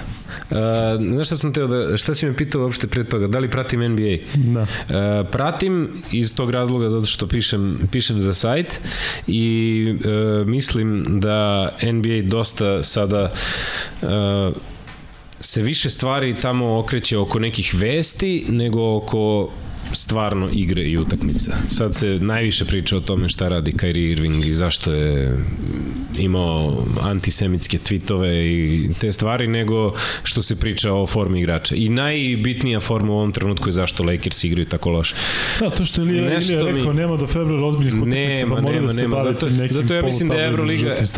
Kad je počela Euroliga, sad to je stvarno najbolji košarkaški proizvod koji postoji u ovom trenutku na planeti. Jer Jes? je svaka utakmica bitna. Gori. Ja mislim E, da Kairi nije znao šta znači antisemitski taj. Znaš šta je, Šali se, šali se, šali se. Jesi vidio, na trenutak sam, ja sam e, teo da, pomislio ja sam da, teo da dam još jedan komentar. E, da, jel pratite NFL i ako da, za koga navijate? Ja Ne za Atlanta Falcons. Postoje Falcons? Postoje. Da. Falcon, Atlanta Falcons. Da, Atlanta Falcons. Dalje su tu. Ja za ovaj iz Miami. Kako li je to Dolphins. navijanje ili jaki se ako ne znaš da li postoje. a? To je ovo. Pa ja ne skaters. Za MA Skaters. Ja sam za Packerse, ali ovaj, e, ne stižem, ne, ne mogu, taj sport sam izbacio, sajt- jako sam pratio. Kroz sajt isto mora malo da se, da Vrlo se malo, ali vrlo malo. E, Ja, gledaj ovo, pratio sad- sam sad- jako i prestao sam zato što nije bilo vremena više. Sad da, da, da proverim moje znanje. Ja, ja kad sam pratio, bili su, uh, Ridersi su bili u Los Angelesu. Ništa više, a? Dobro. Bili su u Oaklandu. A Chargersi su bili u Los Angelesu. A reci mi, ovaj, a Houston Oilersi, to više ne postoji? Nema, dobro. Dobro. A Washington Redskinsi? Sad su. Moram da prekinem ovo da, da se ne, ne bude u više. pet i pet ovo, a pozdravi sve odakle se javljaju. Svih časa. da. Um, imamo, evo ti, sad, pošto si tražio negativno, evo ti, kad već tražiš negativno pitanje, onda da iskoristim. Je li moguće da navijaš za crvenu zvezdu? Kaže Novica Veličković. Sa Novica velika. da, da. E, pitaju te Ilija, ovo si već prošao, ali koliko zvezda može do kraja sezona u Euroligi i da li može da ugrizi Partizan u ABA ligi? Uh, koliko može, može, sve može se okrene u dve, tri uh, utakmice i sve može da krene na bolje. Ovaj, da li mogu da ugroze Partizan? Da. Pa mislim da je još uvek rano, mislim ko je ovo, ovo je šesto kola, tako u ABA ligi? Ima da se igra 20 i koliko? Koliko ih ima? 14? Da, Ima, ima kola. da. A? Ima Ima još onda play-off od... 14, tako 26 kola. Da. 26. E, a mogu ja Vanju da zamolim, o čemu si pričao sad o, o Euroligi? Da zamolim Vanju za, da, da pustiš Fantasy, ovaj a? fantasy, da. Da. E, Koji fantasy? Euroliga? Da, i mi imamo neki, nekakvu našu ligu, ja ne znam Stvarno? kako, da, da. Ali igra- igrate ovaj zvanični, Naš, da. ha? Pa da, bre. Ne zvanični ovaj, zvanični sa Eurolige. Je li tako, Anički, da igramo za Jel taj? Da, Da, naša. Pa daj mogu ja dođem A, u naša ligu. liga. A Naša mogu ja liga dođem kod vas u... Može, može da budeš Luka i Kuzma, ako ćeš da uređuje. A ne, nego da li mogu da, da li mogu da uđem kod vas u ligu? ovako loši. Možeš. A Kuzma, Kuzma, Koliko ste imali sad? Kuriđu u Euroligi. Koliko ste imali u prošlom kolu poena? Uh, hiljadu. A ne, može, bre. Sto, vidiš, pa liko, evo Šta? nas. Evo Luka i Kuzma, sto. U prošlom kolu. Ste imali 100 Pa poena. šta, profesionalac je čovjek, profesionalac ima 198. Što mi da nemamo stoji? Ček, E, sad ću vidiš ti nekog ja levo, imam. levo gledaj. To je, koje kola? 600. 600. 600. Ja sam imao 118,85. Pa eto, e, ajmo da pozdravimo RSB tim. O, bio bi ispred vas. 7 u top 10 u ligi, Ryan Key 976, Peaky Blinders 23 Goat, B Potok, Čestitke. KK Podina, Fragola 1616 Ste napravili ekipu za sedmo kolo? Pa nisam, nisam, ne stižem. A? I, Ne i. Duška Hoćete baš čujete moju ekipu? Ajde. Nemoj sad da otkriješ. Što? Da, Ma ne, neće da- niko, radi, ko će da menja. e. Znači, jedan toliko, toliko ovaj, uh, lud tim da Ajde, ovako, uh, igram, igram 3-1-1. ajde. Znači, Micić, James, Howard, Oh, a? ne Gde je igra, Micić, ne igra Micić je play. Ne, ne igra dvojica. Kako ne igra? Imam Vezenkova i Fala. Pa kako se sve to kupio? Kog fal? Mustafa ha, Da, da, ha, haker. Nema celebrity Ali nema, nema, Ne, nema, ne, nema, nema, nema rezerve, nema rezerve. A, a slušaj, Rezerve nas trojica i je- manja. Ovaj, rezerve su ovako, Lazarević je šesti igrač, Sorkin, Bohoridis, Nađi Pauli. Da, to si, to si. Dobro ulaganje, dobro A? ulaganje. Da, Pa čekaj, šta treba da idem na, na rezerve? Dobijaš po pola. Dobijaš, ali dobijaš. Pa šta, dobijaš Neko pola, dobro evo. odigra. Da, nađi je neverovatan. Ja ne, i dalje ne mogu da verujem da on ima 18 godina, zaista. Ne, ne, dobro Ne verujem u njegovu krštenicu. A? Dobro si izabrao to. E, i sad sam stavio Izraela Gonzalesa. O, Ognjen Radivojević pita da prokomentarišemo svi lošu slo, formu Dobrića. baš je loše. Pa nema šta se prokomentariše. Znači, bio je krenulo dobro, mislim na pripremama. Može samo da se konstatuje, eto, Da, to je to. da se konceptuje, krenulo dobro, I da, i da kažemo da se, na, da se nadamo da će se vratiti. vrati. Ali ovo što je danas promašio. Da je, da je leto bilo za njega potpuno srce jeste, parujući, jeste, ušao u otpao, reprezentaciju pazi, spremao se, bio spreman, otpao, i povredio se. nastavio i povredio se. Tako Da, da, ovaj, treba stvarno imati razumevanja, jer ovo što je danas promašivao, apsolutno nije nešto na što smo navikli. Uh, Vanja, daj drugu ovu, Na NBA, jel? pa ne znam šta je sledeće. Daj šta god. E, to ne igra. Ne znam. Šta je ovo? NBA. Pa tu nema ti poene, brate. Pa nismo Zašto to nismo nije stigli. sastavio, da? Zašto A, nije. Kuzma? Zašto samo Kuzma ovde i radi nešto? Bubanj Niš, 1586, Pčelice 1573, F- Fear the Beer 13 1533, KK Podina 1528, Rock and Roll, Togo. Kako si rekao da je Žigu Togi. Bugule? Žigu Bigule. Žigu Bigule. Žigu Bigule. Ne znaš ko je Žigu Bigule? Pa objasni mi Vanja. Objasni mi Vanja, objasni mi Luka. Pošto Kuzma toliko radi da možda mu objasniš ko je Žigu Bigule. Ali najbolji u ovom 281 poen rock and roll koji je time skočio na peto mesto. Pčelice 254 i ozbiljno drugo. A vidiš Bubanj Nis je nešto podbacio u ovom kolu. Nema ih među prvih 10. To je vrlo interesantno. Ražanj Warriors ove, ove, sa ovih 245 bodova idu na deseto mesto. Crveni Delija se pojavio sa 237, Burgi 231, Red Bulls 229 i Playboy kojeg nema na ovoj listi nema sa 225. Dobro su znači odigrali. Idemo na ABA ligu. Kokje nosilje, ja mislim da oni ubedljivo vode već određeno vreme, tu su Imp armature, Kupus, Polimka, Iron Wolf, a gde je onaj, gde je onaj Džiglo, nema ga? Ko? Nestao.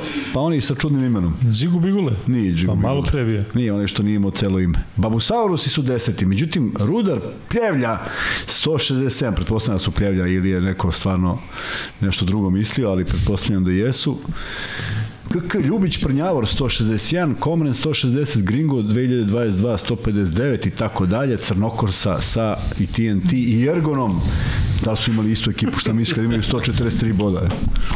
Pitanje, za, pitanje za free bet, odakle Kuzmi ovoliko snage posle 4 sata? Pa zašto me ovo interesuje? E, a pitanje za mene je ko je odigrao juče utakmicu u Zagrebu i još ako da rezultat Znači pitanje za tebe. za free bet. E, to sam ja hteo, ali sam mislio da staviš datum, da se ljudi, ko je zapamtio datum, kada će da bude Beograd. Hoćeš to? Ajde. Pa za nije bolje ovo? Nije. Ovo ti je prošlost ovako. Hm? Kad će da bude utakmica, turnir košarkaša u kolicima u Beogradu? Kog datuma? Kog datuma, dakle to je treći free bet i ko odgovori tačno dobija tu Ajde, treću sad. iljadarku trećeg Vajferta. Hoćeš sliku Kuzma da... Da, daj sliku. Daj sliku. Koliko čovjek ima energije, nevjerojatno. Ma, pusti me sada kad sam se probudio. Može. Evo je slika. E, da vas upoznam sa košarkaškim klubom Cr Kisingunu Crvena zvezda. Dakle, on je tamo što stoji.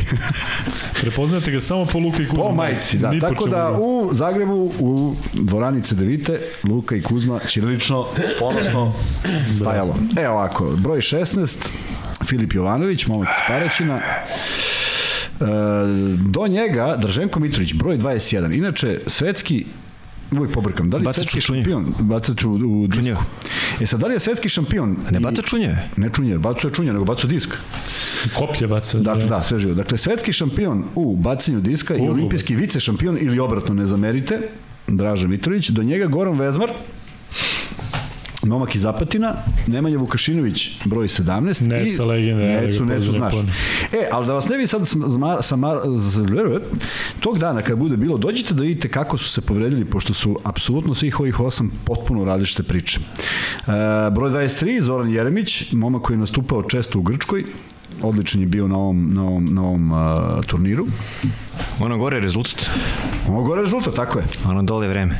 Ono dole je kraj, tako je. E, Željko Ćirković, kapitan, alfa i omega košake u kolicima u suštini, 48 godina igra kao mladić. E, broj 8, Bojan Cijanović, danas mu je rođendan, proslavlja ga negde u Beču i Jovan Jovanović. E, za Jovana Jovanovića je još jedna interesantna priča, pošto je bila lutrija i šest imena je bilo u bubnju, a dva, dvoja kolica se dobijala po meri od sponzora i Jovan Jovanović je izvučen kao drugi, tako da smo osim pobede u Zagrebu dobili još jedna kolica. E, izvini, Kuzma, Petko Mladenović je odgovorio 4. decembar, to je Kuzma tačno, tako? Tako je, tačno. 4. Bravo, decembra, dakle Petko šalješ e, u šalješ na Instagram Luka i Kuzma Max Betov ID nalog i dobiješ 1000 dinara. E, još malo pitanja, momci, e, da Evo, konkretno, koji bi košarkašku ligu najradije prenosili izvan NBA i Euroligije? Koja mi je u stvari omiljena uh, liga? Australijska. I meni je, moram priznati, posebne. Meni je, Odlična verzija. meni je italijanska, ali bih najradije špansku. To je, mislim, najbolja košarka koja postoji van, da je ono nacionalna, nacionalna liga, da ne, Da. ne računamo tu NBA. Ja gotivim australijsku. Odlično, Baš australijska je sam dobro i ona- organizovana i da. dobar kvalitet Jeste. i dobri termini za nas. Da. Ovaj, ali moram priznati da mi nedostaju Turci iz nekog razloga. Za Turke sam se vezao posebno za te neke tako manje timove. Bojog čekmeče. Boju Afija. čekmeče da je između ovog Ja, ja za Karšijaku. Da. Dobro, Kašijaka nije manji tim, Kašijaka Nije, je ozbiljna. Čak i ove sezone. E, da. Piše kaže, ušli smo u peti sat podcasta Šarenac na aparatima. Dobro, nećemo, nećemo ga ugroziti. Nećemo. E, I mislim da je vreme da lagano privodimo kraju. Šta Nećemo, mislite? pozdravljamo Šarenog, ovaj, Šareni osteš rekordere. Da, da, da. Jedino, jedino on može sebi da, da, da ovaj, ako dođe opet da on E, Šareni mi, Šareni mi postao poruku. Sećaš kad smo radili uh, Panathinaikos zvezda, zvezda Panathinaikos da. Iz pionira. I neko je pustio neki leptirići u...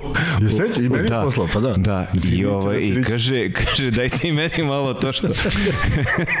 ja rekao, dobro, dok nisu rušičisti slonovi i jeste. zmajevi. A jel Kaže, šta ste uzeli ako vidite leptirići? Ja kažem, pa rekli nam da uzimamo povremeno, ali mi uzeli sve odjedno. A jel nisi ovaj gledao taj podcast kad je bio kod nas? Nisi? Nisam, nisam, Pominjao gledao sam, gledao sam da, delove. Pominjao delove. te je i rekao je da se vi zovete, kako ti zoveš njega? I Mislim, najbolji. Najbolji zbog maila? Da, jest, jest. A on tebe Elijah. i Elijah, da, da, da, si najbolji, da si Elijah. A znaš zašto je najbolji? Da, zbog maila, da. Znači, ne, neviđena priča, a ispričao je, stvarno, ovaj, to je ono baš početak, početak i on je na tadašnjem Eunetu otvorio Nalog. nalog najbolji. Ne prokomentariši ovo. Je li ovo Vanja realno ili je neki, neka fora, a? Nije pa realno. Dobili smo od Mine Pavlović najveću donaciju ikada. 50 dolara. Da. Hvala Mina, šta da ti kažem. Priđi slobodno još ako hoćeš da vidiš, da se uveriš. Ne, da, stvarno ne. Da, nisam znao da moguće da, da, da, da, da donacije do toliko, a? Ko, ko hoćeš, bre. Ništa Mira, Daj onda ti. ljudi, dajte koliko hoćete. Mira, daj neko pitanje, da odgovarat ćemo samo Mira, na tvoje odgovorit ćemo pitanje. na pitanje, Ne, ostajemo šta. Private, private podcast za tebe u ovaj radnih sat vremena, tako da ovaj Hvala puno. ne, ali pazi kad je ovako vidiš kada je kada je ovako ogromna donacija, onda će da drži narednih ne znam koliko. To je neko ludilo. Mina, hvala u svakom slučaju puno. Momci za kraj, e, samo da kažete šta očekujete od ovog prozora sada ili, ili Jakis ti prenosiš e, oba, tako? Ne znam. Stiglo, Ko da. zna šta. Da. E, šta očekujemo? Dakle, Britanija i, i Turska, Britanija se podrazuma da ćemo dobijemo, ja i Kuzma čak smo otkazali, otkazali smo podcast, zamislim Britanija, ne da Bože, kupu nas... Pa vraćamo Ovako se. kuca. Vraćamo se brzo. E, kaži, e, Kuzma, šta ti očekuješ? Ajde, ti... Ma, šta ima da očekujem? Ja očekujem da mi idemo na svetsko prvenstvo, očekujem da smo odradili u sve A ne sad bez zezanja, nama četiri pobjede garantuju. Ne, Tako? ne. Garantuj, garantuj, garantuj. nam Četiri Četiri, nam garantuj. četiri nam garantuj. Evo, Ali mora Belgija da ih... Nema veze. Ma Sa četiri Četiri pobede, mora da nam garantuj. sa, sa sve. četiri garantuj. ovako izgleda. Ispada... Četiri do kraja. Da, da, da. Ma, četiri do kraja. Mi smo pričali od šest, četiri, pa je neko rekao da li može sa pet, pa smo konstatovali da je šest. Sa pet može. Pa to sa kažem. pet može, sa četiri... Ne, nisam te razumeo. Aha. Četiri, ja sam mislio kad su pričali sa one dve utakmice, od šest. Ne, ne, ne, ne. ne. Od šest nam je trebalo šest. Da. Ali Sa zavisimo... pet od... može, Tako sa četiri je frka. Tako je. A sa pet, pogledaj, imaš dva duela, Turska-Belgija. Turska ima 2-4. Je tako u ovom trenutku. Tursku ako mi pobedimo, mi smo korak, veliki korak. Da bi Turska ostala u igri, mora da pobedi dva puta Belgiju. Da bi došla do četiri. A mi imamo, A dva puta, a mi imamo dva puta Britaniju. A mi, mi onda idemo na treće mesto. Jer vidi, i Grci su u problemu. S kim igraju Grci?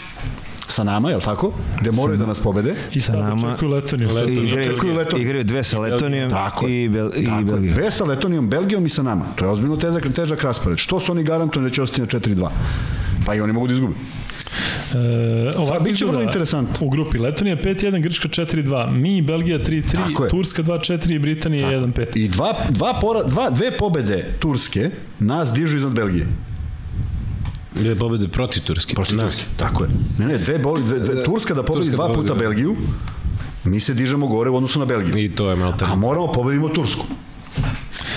Kako su se Mi ako nalazili dobijemo na- Tursku, kada- mi smo onda dve pobede, bežimo im dve pobede.